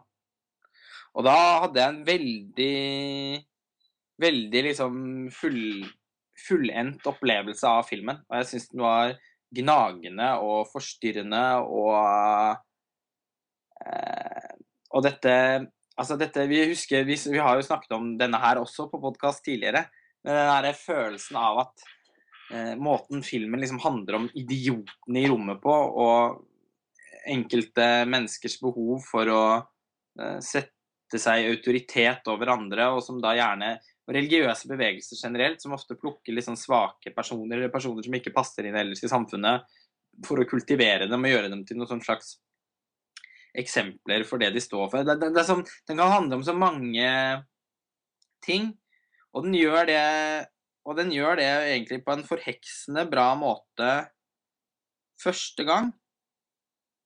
Men i motsetning til veldig mange andre, så må jeg innrømme at jeg hadde et litt hadde hatt et uh, nokså underveldende gjensyn med The Master. For jeg følte faktisk at, jeg, at den filmen ble litt tømt på første visning. Og det er veldig rart å, å, å oppleve. For jeg hadde forventet det stikk motsatte. Men jeg syns faktisk ikke helt at uh, Jeg klarer Jeg, jeg beundrer filmen veldig. Eh, og og syns, eh, syns selvfølgelig det er en strålende film. Og jeg har den jo også på listen min. Eh, Den nådde ikke helt topp ti, men den er like under. Men den Men jeg klar, etter å ha sett den igjen, og liksom så merker jeg at det kommer aldri til å bli noen sterk relasjon mellom meg og den filmen. Og jeg er jo helt Jeg er jo enormt opptatt av There Will Be Blood, f.eks. Eh, som jeg har sett sikkert ti ganger. Og, og som jeg føler at jeg kan se en gang i året resten av livet mitt. Men The Master Den ble Og jeg vet ikke hva jeg hadde forventet. Eller det handler ikke om noen skuffelse. Det er bare at jeg føler ikke at at det kommer til å bli noen veldig nær relasjon mellom oss. Føler nesten så jeg snakker om et menneske. Det er jo en film, men, eh, men man, jeg føler meg så beklagende nesten, fordi at jeg skulle ønske at jeg, at jeg elsket den filmen, og, og fikk lyst til å liksom bare bade i den. Men det gjør jeg ikke. Og jeg, rett, det må jeg bare erkjenne, at uh, gjensynet var uh, var nokså magert. Var en nokså mager opplevelse. Ja, jeg, jeg så den to ganger på veldig kort mellomrom. Jeg så den først eh, Jeg fikk sett den i 70 mm, det var veldig gøy. Uh, syns The Master var veldig veldig flott. Den, den er ikke på topp ti, men den lusker rett bak. Eh, nok, det, den gjorde ikke det største inntrykket. Den gjorde stort inntrykk første gjennomgang, og andre gjennomgang så var det mest det var flott å se den i 70 mm. Men jeg er spent på hvordan det kommer til å bli å vende tilbake til den igjen. For jeg så den såpass tidlig på året at jeg føler på en måte Jeg kan ikke helt snakke om noe fra så lenge siden på et eller annet vis, og det har kommet så mange filmer i veien for det. Ja. Er det Har vi med oss en gjest? Oi, nå kom det plutselig inn en innringer. Ja, hallo. Er dette Filmfrelst? hallo, hallo. Hei. Inn fra Hvor i all verden er du i verden, Karsten Meinick, montasjeredaktør? Eh, jo, jeg gleder meg for så vidt for øvrig jeg må si det med en gang, jeg gleder meg veldig til å høre denne episoden frem til akkurat nå. Hvor jeg fikk lov å være med litt. Jeg er i Sydney i Australia, og det var teknisk eh, ikke mulig å planlegge for at jeg kunne delta i podkasten. Men litt sånn tilfeldig nå så skjønte jeg at det lot seg gjøre å stikke hodet inn. Selv om det er formiddag her og natt hjemme hos dere.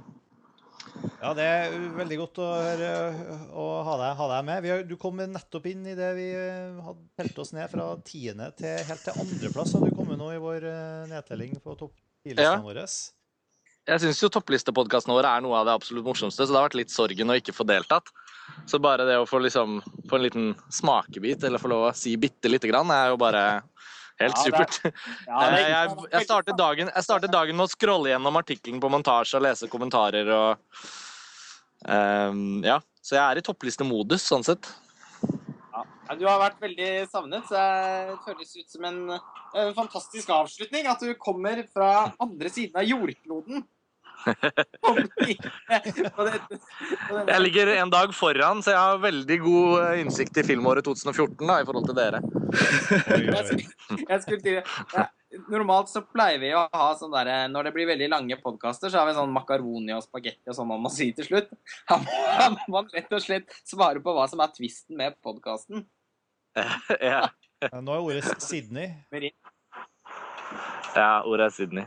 Men, ja. men du, du kommer jo ikke i, Folk vil ikke høre på sånne metareferanser om meg. Jeg tror vi la oss snakke om film. Jeg er klar. Karsten, du kom i grevens tid, for vi er jo vi er faktisk på vei inn på førsteplassen vår. Ja. Vi skal nå gå til hva vi alle sammen har satt på som årets beste film i 2013. Og da er Karsten fra Sydney med lavt batteri på mobilen og diverse sånn. Ja. Eh, hva, hva, hva, har du satt som uh, årets beste film i 2013? Uh, årets beste film for meg var rimelig Det var jo, en, det var jo ingen det var, vært, Jeg syns det har vært et veldig bra filmår. og jeg syns også det var utrolig enkelt å finne førsteplassen. Så det, selv om konkurransen var hard, så var det liksom ikke noen tvil.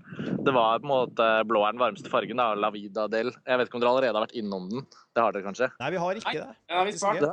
Nei. OK, men da er det jo da er det jo the golden age of the podcast. Uh, altså Abdelatif Keshis, gullpalmevinner, uh, som, uh, som, det ikke har vært noen hemmelighet at i hvert fall Lars Ole og jeg har holdt veldig høyt gjennom året den er en helt opplagt førsteplass for meg. Um, ja. Ja. Det er vel flere som Jeg har jo faktisk ikke rukket å få sett den ennå. Nei, for jeg så det på listene at det, det, virket som at mange av de som har sett den, har den veldig høyt. Og så er den, så er den noen sånne besynderlige 11. og 13. plasser, eller hva det er. Ja. Men uh, men jeg prøvde liksom å gå litt inn, inn, på det i den teksten min på listen. For jeg føler liksom at en av de tingene som har vært litt oppløftende fordi i Cannes så tenkte jeg og det, vel, det hadde vi vel litt til felles, Lars Ole, at denne filmen kommer bare til å hamre i stykker alle, liksom. Men så ja. har den jo vist seg å være litt polariserende, og det har jeg liksom reflektert en del over og tenkt sånn Er ikke det egentlig kanskje en av de virkelige kvalitetene ved filmen? Jo, at den ikke fenger alle? Ja. Jeg, jeg, jeg syns det er ganske deilig å tenke på at det, at det faktisk er en film man kan diskutere om med litt, uh, med litt forskjellige innfallsvinkler ja. og meninger det, altså, også i årene framover. Og artikkel, både da vi hadde den podkasten vår om uh, La Vida del etter Cannes, men også i den artikkelen din, Lars Ole, før jul, så, så syns jeg jo også at man finner utrolig mange interessante innfallsvinkler å diskutere den på, som ikke bare handler om hvor høyt man setter den selv. Altså Subjektivt sett så kan jeg skryte av den filmen i time etter time til de som gidder å høre på. Men det som, liksom vokser, det som vokser mest med filmen, er jo at den, den har måttet stå imot ganske mye forskjellige typer argumentasjon for hvorfor den ikke er en så stor film. Men jeg syns den parerer, og de tingene preller av på en veldig interessant måte. da. Ja, den gjør det. For det, er, det, det, er liksom, det virker som om noen nesten er provosert over at man kan sette den filmen så høyt. Fordi den er bare ditt eller bare datt. Eller. Men for meg, i likhet eh, med deg også, er den jo liksom alt. Eh, den, den, er, den er jo det helt store. Og, men som sagt, det, er grenser for hvor spennende det er å sitte og høre på i time etter time om hvor, om, hvor høyt man setter filmen. Men det var nettopp derfor også Eh, Når jeg da endte opp med å skrive vår artikkel om den, så var det et Det var liksom noe med å Det ble både vanskelig og lett på en gang, fordi filmen åpnet veldig mange nye rom hele veien. Som, Ja. og som ikke handlet om å forklare hvorfor filmen var så bra, men, men også ting som faktisk er litt problematisk med den. eh, Som man kan Som jeg skjønner at man kan ha forskjellige meninger om. Men det er også det som gjør en film rik. Ja. Eh, Ja. For, for både For dere har jo begge satt den på som årets beste film. Og jeg får liksom inntrykk at det er en sånn Det er veldig mange som har sett denne filmen og bare Wow, det det vant Gullpalmen, og det liksom virker som årets uh, Lawrence Anyways. Eh, Ja, eh, uten sammenligning for øvrig. ja, men Ja, uten sånn- sammenligning for øvrig, for Blå er den varmeste fargen har jo fått en umiddelbar anerkjennelse. Ja, Lawrence føler jeg fremdeles står igjen som oppdagelse av de fleste. ja, Jeg føler at den fortsatt er skikkelig underdog. ja, ja, det har du for så vidt. eh. Men, men det var, det var jo en del Det var jo ganske mange som hadde La Vida del på førsteplass, var det ikke det? Eh, Vi, vi hoppa akkurat forbi min andreplass, og det er blå er den varmeste fargen. Jeg vet Ikke at det sant. er. Ja, ja, nettopp, for du hadde Spring Breakers på Å ja, Stemmer. sorry, nå avslører jeg. Ja, Ja. avslører. Ja, Jeg hadde ikke det første. Ja, OK. Eller avsløre, herregud. Artikkelen ligger ute på montasje. Jeg tror ikke Ja. Tror- eh, vi hoppa vel over et par andreplasser når du kom inn her, Karsten, for å Ja. komme oss videre til ja, vi drev egentlig og snakket om The Master. Eh, Ja. Men eh, du kan jo, den er jo også på din liste. Ja, absolutt. Men, ja, nei, men Adele er jo høyt hos deg også, Truls, så jeg, det var vel det som var poenget mitt. Eh, og, og Martin, du Jeg mener, du, du, det var også innlysende for, for noen at uh, for Trond, eksempel, så, så ble dette en film som man istedenfor å bare oppdage, fikk ekstremt høye forventninger til uh, før han så den. Og det handler jo litt om den umiddelbare anerkjennelsen, da. Apropos en sammenligning med Lawrence Anyways. ja, Så liksom når, når, når, Steven Spielberg klinker til med gullpalmen til en tre timer langt eh, erotisk, lesbisk, eh, medmenneskelig opp, oppvekstdrama, whatever, hva vi skal kalle Adele, eh, så blir jo alle bare sånn wow, den filmen må være liksom helt i en egen klasse. Så det har jo sikkert vært Forventninger har sikkert også spilt inn. da. Så Lars Ole, du og jeg, vi så den jo nesten uten å vite, egentlig. Vi håpet at det skulle være en av høydepunktene i Cannes, fordi vi liksom tenkte denne er kanskje For Kanskje det blir hadde denne. vært så få høydepunkter. Men, uh, men vi visste hva, vi visste jo ikke helt hva vi gikk til, hvor, hvor, på hvor på en måte kompleks og rik filmen var, i tillegg til Selvfølgelig, den har jo den derre overflateattraksjonseffekten som Spring Breakers også har. Du får på en måte lyst til å se filmen når du ser de to jentene og skjønner at de skal bare bli komplett forelsket i hverandre og utforske hverandres kropper og sånn. Det ikke, høres ikke ut som verdens mest uinteressante film. Eh, men, men, de, men de tingene som er bra med den, men de, de, de, tingene som er både bra med den, og det som kommer til å gjøre at den varer evig, er jo de tingene som oppstår innimellom alt. Det er liksom portretteringen av spagetti bolognese i arbeiderklassefamilien til Adela. Det er liksom alle de tingene der. Ja, den, har, den, er, den har sin egen måte å være ikonisk på. For eksempel så kommer Ja, jeg aldri til, å, aldri til å spise spagetti bolognese igjen uten å tenke på den filmen.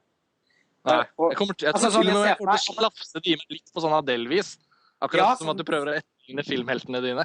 Hvis man sitter for seg selv, liksom. Og sitter, ja, det kunne jeg faen meg liksom, det kunne jeg, Folk kjøpte kjøpte seg sorte frakker og solbriller etter The Matrix. Ja, Etter Adele så spiser de spagetti bolognese på en ny måte. Man tenker sånn, eh, Når cineastene har litt sånn, litt sånn avansert eh, temafest, så er det liksom sånn Ja, det er filmfest, hva serverer dere? Nei, bolognese à la Adele. Jeg, tror du fødte en ny sjanger nå, Lars Ole. Den, den må vi gjøre en dag. Det må vi faktisk gjøre. Eh, Ja. Kjempegod idé. Det er, når du kommer tilbake fra din verdensomseiling, så blir det så blir det Adelfest med bolognese. Veldig bra. Og, men den eh, Men men jeg jeg prøvde å slenge ballen litt over til Truls, tror jeg. Selv om du har den på andreplass, så betyr jo det at du holder den rimelig høyt. Ja, jeg, holder, jeg hadde jo ekstremt høye forventninger pga. selvfølgelig hypen i media og pga. dere. Og fikk til slutt sett den på sånn kickoff-party for et ekkonummer i Danmark. Og det var jo Det gikk jo Det svarte jo til forventningene så det sang. Og det er sjelden jeg liksom har opplevd en film komme så nært et menneske sånn Vi snakka tidligere om To the Wonder da, og menneske og fenomener og forskjellig. Da Drit i det, liksom. Adele for min del kom, Det var nei, så skjørt og flott og vakkert, og så mye tid det brukes til å utforske dette mennesket. Mm. Mm. Det eneste, det som på en måte gjorde at jeg bikka opp på Spring Breakers, er av personlige grunner at jeg bare syns den er så. Skal ikke si stygge ord. eh, Fantastisk kul.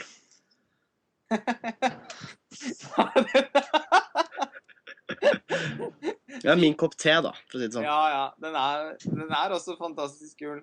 Jeg, eh, jeg tenkte også på en annen ting med det med, vi kommer inn på dette med forventninger og, og alt sånt. For nå er, jeg, nå er det du og jeg, Karsten, som har denne filmen på førsteplass. Ja. Og vi hadde også samme film på førsteplass i fjor, som var da Lawrence Anyways. Det, der, Ja. det var derfor jeg trakk i den, for at jeg satt Ja. og så følte på samme Ja. måten. Og jeg ligger jo litt sånn ett år bak dere, så jeg hadde jo Lawrence Anyways eh, først på andreplassen min i år. fordi, Og jeg hadde jo de forventningene som var bygd opp av dere, ikke av Steven Spielberg, men av dere som trakk fram en tre timers langt eh, transseksuelt hetsdrama og hadde liksom den superopplevelsen med, med, med den eh, filmen. da. For den er jo faktisk på din andreplass. Det har jeg jo. For i år, det hadde jeg liksom Det hadde jeg glemt. Ja, nei, vi håper det, det var jo um, det, Men jeg hadde det hører, altså Mye av de beskrivelsene vi har hatt nå om, eh, om Kanskje ikke om i- på detaljnivå, men om eh, Uten at jeg har sett blå den varmeste fargen ennå, så, så har mye av det samme kunne jeg sagt om Lawrence Anyways, altså. Hvor, eh, hvor forventningene ble ble på en måte ut ifra de forhåndsomtalene og det at eh, folk som har sett den, satt den så utrolig høyt, og, det, og alt ble bare innfridd. da, Men det var bare en, for meg var det en eh, helt sånn fantastisk eh, filmopplevelse. Vi så den jo sammen i Tromsø, husker jeg. Jeg var jo helt, eh, helt skjelven i knærne da jeg kom ut av kinosalen den dagen. Så, Ja, det husker jeg. Nei, det var um, Det var absolutt en av Det har vært en av årets eh, store kinoopplevelser for meg. Selv om det var, for mange var en 2012-film. Ja, Nå mista vi Karsten, faktisk. Gjorde du det? Kan jeg spytte fort inn at det var en av Lawrence Anyways var en av de største frustrasjonene mine i fjor. For det, når den første traileren kom, så gleda jeg meg som en liten unge, og så reiser alle til Cannes og ser den og blir kjempeglad, og så får jeg ikke sett den for en evighet etter. Det var skikkelig vondt, men den svarte til alle forventninger og havna på førsteplass, uten tvil. Uh, ja, nei. Det, det, det var heller ingen tvil da. Og det jeg skulle si i stad Nå er det veldig dumt at Karsten har falt ut her, men det jeg skulle sies da, var at eh, når vi da har endt opp med Og det er ikke det. Vi, tidligere år så har også jeg og Karsten ofte hatt svært forskjellige førsteplasser. Så det er, det er på en måte litt en tilfeldighet, men det er jo heller ikke det. fordi at eh, vi har jo også da hatt gleden av å ha no, noen sånn fullstendig overveldende filmopplevelser som man ikke forventet. Sånn var det, selv om man hadde forventninger til Lawrence Anyways pga. traileren var så kul og sånn, så kunne det jo på ingen måte stålsette dem for hva den filmen var. Og det å se den i Cannes den kvelden var helt, helt, helt utrolig. Eh, og det er det jeg skulle til å si angående Adele i. At fordi, for det er ikke så, altså sånn med forventninger og for det, Jeg skjønner også at noen kanskje hadde tenkt, sett for seg noe større eller noe Jeg, jeg vet ikke helt, jeg. Men den visningen som jeg og Karsten var på i Cannes Jeg kan ikke skjønne noe annet enn at det må på sett og vis ha vært verdens beste visning av den filmen.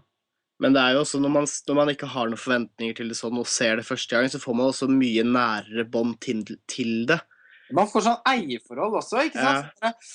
Oh, og, og det var magisk. Man, man hadde sittet i den salen i halvannen uke og nesten utelukkende blitt litt undervelda, på en måte. For det var et svakt hovedkonkurranseprogram.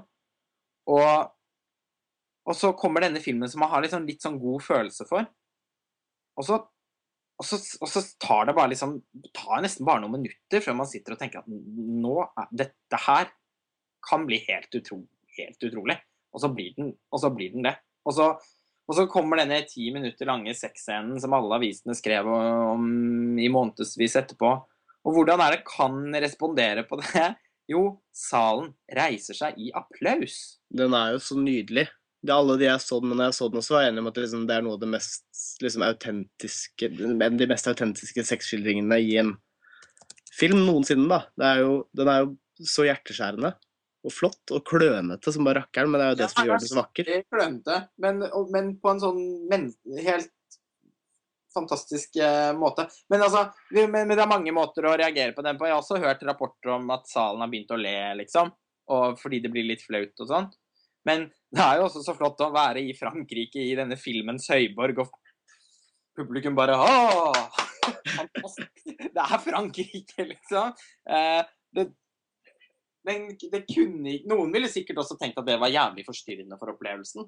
Uh, men det var helt der og da. Det var helt, det var helt perfekt. Og den opplevelsen tror jeg alltid jeg kommer til å huske som en av de virkelig store.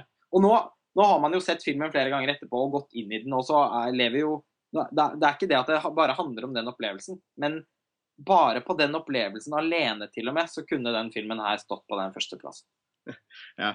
Og det er- Eh, Ja. apropos dette med førsteopplevelsen. Den første opplevelsen med Spring Breakers var jo med masse vulgære dansker, og de ler jo godt av det også, så det boosta den opplevelsen noen hakk. Du har også levd videre, da. Ja. ja. Nå skal du vel også skrive masteroppgave om filmen, så da kommer den vel til å leve med deg en stund framover. Kommer sikkert til å hate den til slutt. da. ja. ja, jeg endte ikke opp med å ha hatt Antichrist, som, som jeg skrev. Så det, er, så det er mulig å få en god relasjon til filmer som man også jobber med i en eh, akademisk sammenheng. Utrolig nok. Og nå eh, er Karsten tilbake, er han ikke? Karsten er på vei. Vi ser om vi får med oss fra Sydney. Er du med oss igjen, Karsten? Jeg er med dere igjen. Jeg beklager. Det, det faller tydeligvis litt ut her. Selv om eh, det er litt fantastisk å sitte på andre siden av kloden og være med, så er vel ikke teknologien alltid helt var, det var ikke noe lettere å sitte Men det kan hende Lars holdt resonnementet sitt om hvorfor vi hadde like førsteplasser hele tiden mens jeg var borte. Nei, nei, altså, eh, jeg har ikke det, men vi har snakket litt om det. fordi eh, I utgangspunktet så er det jo, det er jo egentlig bare nokså tilfeldig, for det har ofte vært stort sprik der tidligere. Men det handler jo veldig mye om at vi, eh, fordi at vi har vært på filmfestivalen i Cannes og fått muligheten til å se noen e- helt enestående filmer på akkurat den måten. Det er nettopp å sitte og snakke om, Jeg tror den visningen som vi var på av Adele, f.eks., det må liksom ha vært verdens beste visning av den filmen. Ja, jeg, jeg, øh, og særlig tror jeg dette gjelder for det, der, det første året en film kommer. Men jeg tror på en måte at når, når noen blir presentert for denne filmen om 14-15 år, bare du må, du må se den filmen, og så setter man seg ned og så blir man presentert for en sånn type film, Ja. så kommer det til å være, det til å være liksom fantastiske visninger av den filmen. Men Ja, ja, poenget er liksom at akkurat, akkurat den førsteårshypen Når en film blir så omtalt, og særlig også for altså Alt dette pratet om sexscenene og mannlige blikk og bla forstyrrer jo folk fra å se filmen uh, for noen av dens kvaliteter, i hvert fall. da. Jeg skal ikke si at liksom, det er umulig å se den i lys av det, men, men jeg tror det der er veldig av mangel på bedre ord, nakne møtet med Adele, som det var å se den på den første visningen. Det er litt vanskelig å slå det. Ja, det var Men se for så nydelig det blir om eh, si 50-60 år, når en ung filmnerd trekker fram den uten Ja, å ja, vite noen ting. Jeg tenker alltid på sånne ting. Det tenkte jeg veldig på med Lawrence Anyways. For da var det jo motsatt. Da var det sånn Hvorfor snakker ingen om denne filmen? Hva er det som har skjedd? Hva er det ingen som har sett den filmen vi har sett? Og så Ja. sakte, men sikkert så viste det seg jo bare liksom at folk hadde vært litt blinde i Cannes. Og så når andre folk begynte å se den, så var det bare sånn Å jo. Og så, men den er jo litt i samme sjanger, da. Eh, at du bare vet at eh, med et visst trenet blikk så skjønner du at sånne filmer kommer til å ha, ha enorm eh, effekt også over lang tid. da. Det er jo litt sånn som nå Det var en film jeg så i år som jeg ikke hadde sett. Den er Charlotte Rampling-filmen. Hva heter den igjen, Lars Ole? eh, Ja, gud. Uh, The Night Stalker. Ja, The Night Porter. Jeg så den i år, og den har jeg ikke sett før. Uh, Kavani, Kaviani, er det ikke det den heter? En film fra 70-tallet med Charlotte din eh, endelig, endelig sett den filmen i år. Og da ble jeg bare he jeg fikk helt hakeslepp. Jeg bare tenkte fy faen, den er jo helt sinnssykt bra! Og da, Noen så jo den første gangen liksom på 70-tallet, og så har den liksom bare ligget i kuvøse. Og så, og så liksom Av og til må man trekke de linjene. Og Derfor blir jeg ofte veldig glad når vi ser nye filmer i år.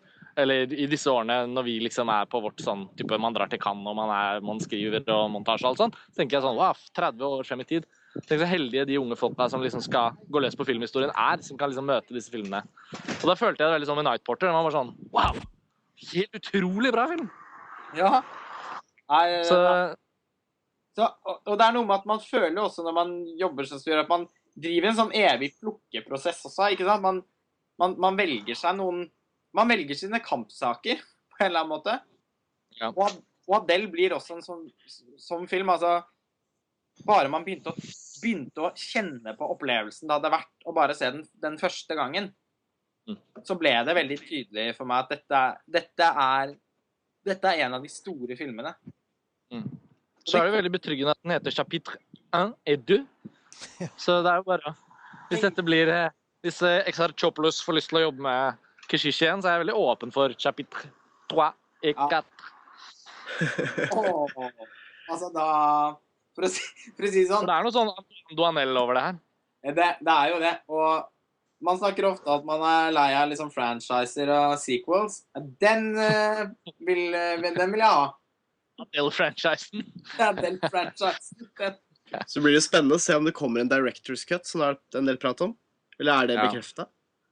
Nei, Jeg, syns han Keshish har jo soset veldig mye i alle disse intervjuene. da. Han hadde jo på et vis gjort godt i å la filmen snakke litt for seg selv. Og det blir litt sånn når han blir så indignert over, uh, over uh, alt pratet, at han liksom sier sånn Nei, nå, nå, nå er filmen tilsmusset, så jeg vil ikke at den skal bli lansert. Så er det sånn Shut the fuck up, liksom. Filmen er større enn deg. Ja, går- Noe nytt, du. Så tar vi hånd om dette, liksom. Og jeg, jeg, jeg, jeg har veldig vanskelig for å se at en director's cut liksom skal bli en sånn ny og Kingdom of Heaven-aktig opplevelse. Jeg tror nok han har naila det på første forsøk. Men hvem vet? ja det, altså, det, det er spennende, fordi filmen blir utgitt på Criterion eh, nå i februar. Ja, men det er en blank utgave. Det er liksom kinoutgaven. Det er en blank utgave. Det står liksom 'Special eh, edition to be announced at a later date'. Men når Ja. de gjør det på den måten altså De gjorde jo ikke det med Frances Ha, liksom. Eller eh, Da mistenker jeg at, eh, at det ligger noe i det. Ja, men jeg tror også det som kan ligge noe i det, er at Criterion vet like mye som vi vet. At det er litt sånn OK, skal vi bare her, det, det er høyst sannsynlig at det kommer til å skje noe, men vi vet ikke hva. Vi får bare Vi kjører ut en utgave som selger eh, bra, for det kommer den jo til å gjøre. Ja, ja. Er, På så mange som kommer til å ha glede av den på hjemmevideo. ja. Så, så en spesialutgave, en spesialutgave er jo er jo på en måte uansett logisk, da. Ja, det Og er det. har dere snakket om Frances Ha? ja, men vi må gjerne snakke litt til om den. Nei, jeg, Kan ikke du si noen ord om den, Karsten? Karsten kunne kanskje ikke det? det er nesten helt utrolig. Akkurat det. Karsten, er du med? Ah, det høres dystert ut. Sydney er vrien. Ok, der mista vi Karsten igjen. Ja. Vel, vi Nei, får men- se om han dukker opp igjen. Vi får se om han dukker opp innen vi rekker å legge på røret, men eh, det begynner å bli lovlig sent. Det og vi har... jeg, må, jeg må snart stå opp, så jeg må legge meg snart. Men eh, vi, vi, er, vi, må jo, vi har jo to på førsteplasser igjen. Eh, Truls, din var vel eh, Det var Spring Spring Breakers. Breakers. Den har vi allerede snakka om. Ja, snakka om. Jeg kan si to år om min førsteplass, da. Som vi foreløpig ikke har vært innom og nevnt i det hele tatt ennå. Det er jo helt utrolig, egentlig. Ja, veldig overraskende. I forbindelse med Europa Report. Jeg har jo Afonso Alfonso Cuarons årets film fra han. Eh, jeg har Gravity på førsteplass. Som eh, dere allerede har tatt opp en podkast om, vet jeg, som jeg ikke har eh, hørt ordentlig. Eh, jeg, vet, jeg tror også Tor Joakim har den filmen veldig høyt på lista si. Førsteplass, han har. Ja, Førsteplass har, det er godt å høre. Sveinung hadde den jo også på Han har den vel på annenplass, tror jeg. Nettopp. Ja, så det er også en av de store um, listeraverne våre. Men Og jeg er ikke overraska over det i det hele tatt. Altså Her har du en Jeg vet ikke, det her er den mest uh, Helt klart den mest oppslukende, bevegende kinoopplevelsen jeg har hatt på ja, så lenge jeg kan, kanskje, kanskje noensinne. Den er den det her som er en eh, i virkelig forstand en slags sånn romfartsopplevelse, nesten mer enn en uh, filmfortelling. Det er en slags uh, Spacewalk the Ride, som du kan kjøpe billetter til på, eh, på fornøyelsespark, nesten. da. Men måten den filmen bare suger meg inn i herre Inn i romdrakten, liksom, til ja, Sandra Bullock eller hvem det nå er som vi havner bak under huden på. Det er jo flere personer med i filmen. som Det er jo først og fremst Det er liksom ikke så farlig hvem det er som er hovedpersonen. sånn. Du, du, du blir bare slengt ut i verdensrommet og får føle alt det de personene går gjennom så veldig på kroppen. Jeg er med, og jeg blir, jeg blir liksom eh, andpusten og griper etter eh, alt det som har klyngt seg fast i det. Ting blir slengt rundt omkring i verdensrommet. Jeg mister helt eh, retningssansen og blir eh, Føler meg utrolig liten i det store verdensrommet og ser romstasjonen langt der borte. Den er en helt sånn utrolig sug i den filmen her som jeg satte vanvittig pris på. da, Og helt fram til siste sekund, når jeg blir, på, blir slengt ned pladask nedi eh, via den her nødromkapsulen som lander plask ned på jorda igjen i eh, et eller annet hav. og liksom, Jeg føler at jeg har vært ute i verdensrommet og tilbake igjen i den filmen der. Og det, det syns jeg bare var et bragd av en film, å bare få til det. Jeg kan bare liksom begynne å forestille meg hvordan den filmen er sydd sammen og produsert rent eh, teknisk. Jeg har jo jeg har, liksom, jeg har sett noen sånne making of-filmer, sånn, men det er fortsatt uh, innsides fatteevne, syns jeg at det går an å det, det, meg, det er en slags sånn attest til hvor hvilke muligheter som fortsatt ligger i å skape rene sånn, ja, nesten tekniske film, film, nye filmopplevelser. Litt, litt av samme typen opplevelse jeg hadde med Gaspar Noé sin 'Enter the Void' for noen år siden, som også var bare hadde så mye nytt i seg, en sånn opplevelses en sånn filmteknisk opplevelsesmessig som jeg ikke har opplevd før. da. Den er jo ekstremt suggererende med kamera som konstant glir rundt. Så jeg skjønner Ja, begge filmene er litt sånn simulatorfilmer. mm. Eh, på, på veldig forskjellig måte, men jeg ser absolutt eh, den sammenligningen også. Det var, det var grunnen til at jeg, ja, det er hovedgrunnen til at jeg satte den så utrolig høyt. Sånn rent sånn, jeg er ganske sikker på at jeg ikke ville satt like pris på det her som en hjemmekinoopplevelse, som en ren sånn filmfortelling eller noe sånt. Som en, eh, som en 3D storskjerm kinosal-opplevelse, så var det her bare helt fantastisk. Jeg jeg syns også det var en veldig eh, Altså en regelrett fantastisk opplevelse å se Gravity, jeg også. Og eh, jeg var vel hakket mer eh, eh, Enda mer begeistret i podkasten som vi tok opp den gangen, enn det jeg er blitt i etterkant. Men det handler nok mest om at eh, det nettopp blir en At den litt bare blir den opplevelsen fordi at jeg Jeg, jeg syns vel kanskje filmen er såpass begrenset eh, på andre områder. At den ikke At jeg liksom Jeg føler nok ikke helt at eh, jeg, jeg, ser for meg liksom å, å se den hjemme på, på video og liksom gå Det blir liksom den det er vanskelig, Jeg har problemer med å se for meg at jeg kommer til å bli så interessert i filmen. Uh, så derfor uh, kom den ikke enda høyere. Den er på listen min nå, men uh, ikke på topp ti, da. Er samme her. Jeg synes det er, det er en definitiv kinoopplevelse. Jeg, For min del så ble jeg litt forstyrra av dette forsøket på å knytte det til noe dypere mening eller et, eh, et tidligere drama som har skjedd. Jeg syns den kunne stått helt alene, som en romfilm. Jeg, Det gjør den jo på Jeg sett og vis også. syns vis det er veldig mye dyp mening i denne filmen, men det ligger ikke Jeg klarer ikke å knytte det så veldig opp mot denne bakgrunnshistorien til hovedpersonen, da. Nei, for det er mye, jeg syns det er mye symbolikk ute og går der, sånn som jeg syns er veldig flott. Denne eh, sånn, måten de bruker alle disse trådene og tauene på sånn, sånn Nesten som sånn navlestrenger. Og eh, skipet som en sånn livmor og det er, noen, det er noen veldig flotte ting der. Sånn, og det kan jeg tenke meg i og for seg også. Det kan være morsomt å, å studere litt nærmere. Men, men ja, men det- dette slags drama der syns jeg jo er platt. Uten at det gjør så veldig mye. Og, Det tar ikke så stor plass, liksom. Det gjør det ikke i det hele tatt. Nei, og, og herregud, eh, man må jo være eh, i redelighetens navn. Vi har, snakket, vi har snakket veldig mye om fantastisk filmskaping i mange av filmene vi har snakket om. Og det er vel noe helt drøyt fantastisk filmskapning i Gravity også. Eh, Alfonso Cuarón er jo, jeg har jo tidligere vært veldig begeistret for, for han. Eh, ikke minst for Harry Potter-filmen hans, 'Harry Potter og fanger fra Skaban', som jeg fortsatt syns er den beste Harry Potter-filmen. Og 'Children of Men' også, som jeg er veldig begeistret for. Den, og han, ah, han er jo i De Palmas ånd eh, blitt en eh, skikkelig rakker på å lage one-takes. Eh, og imponerte med et par helt vanvittig drøye i 'The Children of Men'.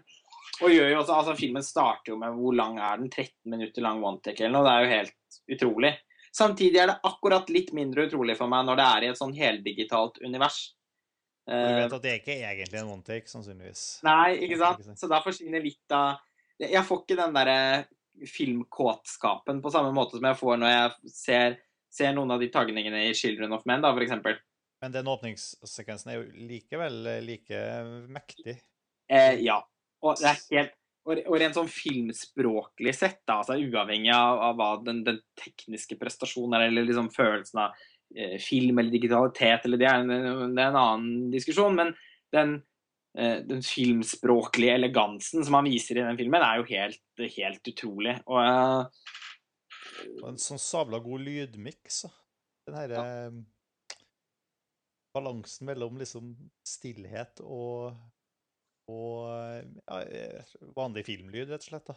Lydeffekter. Eh, Det er så mye godt samspill her mellom så Den vet nøyaktig når filmen skal være helt stille, da, og når den ikke skal være det. ja. ja det, og veldig bra musikk også, som jeg har hørt ganske mye på. Dette liksom pulserende soundtracket som Nei, det Jeg må jo også si at jeg skulle virkelig ønske at jeg hadde fått sett den en gang til på kino. Men det Det Det, det, det, ble bare ikke sånn. Jeg grugleder meg til å se den på hjem. hjem, hjem. Det er, det er filmen som får deg til å ønske at du hadde en svær kino i kjelleren. Ja, det er det. Og, og jeg er ne- ne- nettopp i frykt for den hjemmekinoopplevelsen også, så har vel også det bidratt til at jeg har eh, eh, kanskje jekket den litt urimelig lavt ned i forhold til eh, hvor eh, stor opplevelse jeg egentlig hadde av den der og da. Men sånn eh, blir det noen ganger. Man må velge sine kampsaker, som jeg sa i stad. Min kampsak ble vel Man of Steel, da. isteden. Men da har vi sannelig gjort det, karer. Da har vi telt oss ned til Ja, og førsteplass. ja, eh, Karsten har sendt en SMS her og skal hilse både dere og lytterne. Vi må si tusen takk til Karsten, som hoppa innom på tampen. Ja, det var veldig morsomt. Det har veldig vært morsomt. eh, tidenes rareste podkast. Sveinung forsvinner sporløst. Sivert mister stemmen. Karsten kommer inn helt ut av det blå fra Sydney, hvor det er morgen og her er det natt, og Men, snakker Adel Adele nok en gang. Det er jo Veldig gøy at så mange kunne komme. Ja. Og eh, Det er så sent at vi må bare runde av. Men tusen takk til dere som har eh, holdt hørt på oss de siste fire-fem fire, fem timene. Ja. Um, Ja. Og ikke minst alle listene finner dere, og våre lister og flere, eh, og samla på montasj.no. Så vi setter veldig pris på alle kommentarer, enten under den store listesaken vår, eller på mail til filmfrelst.montasj.no, eller under, i kommentarfeltet under saken som hører til episoden her. og legg for guds skyld ut listene deres Ja. i kommentarfeltene. for det er veldig gøy for oss å se hva andre har, har tenkt. Det er noe av halve moroa med å lage de listene, er å få list, andres lister i kommentarfeltet. Så eh, vær så snill å gi oss det. Det har allerede kommet mange, men vi kan eh, gjerne få mange flere. Lista er gøy. Lister er veldig gøy. Men takk for laget, Truls og Lars Ole. Takk for laget. Takk Takk for laget. Veldig langt lag. Nå har vi bikka fire timer. Det har vi.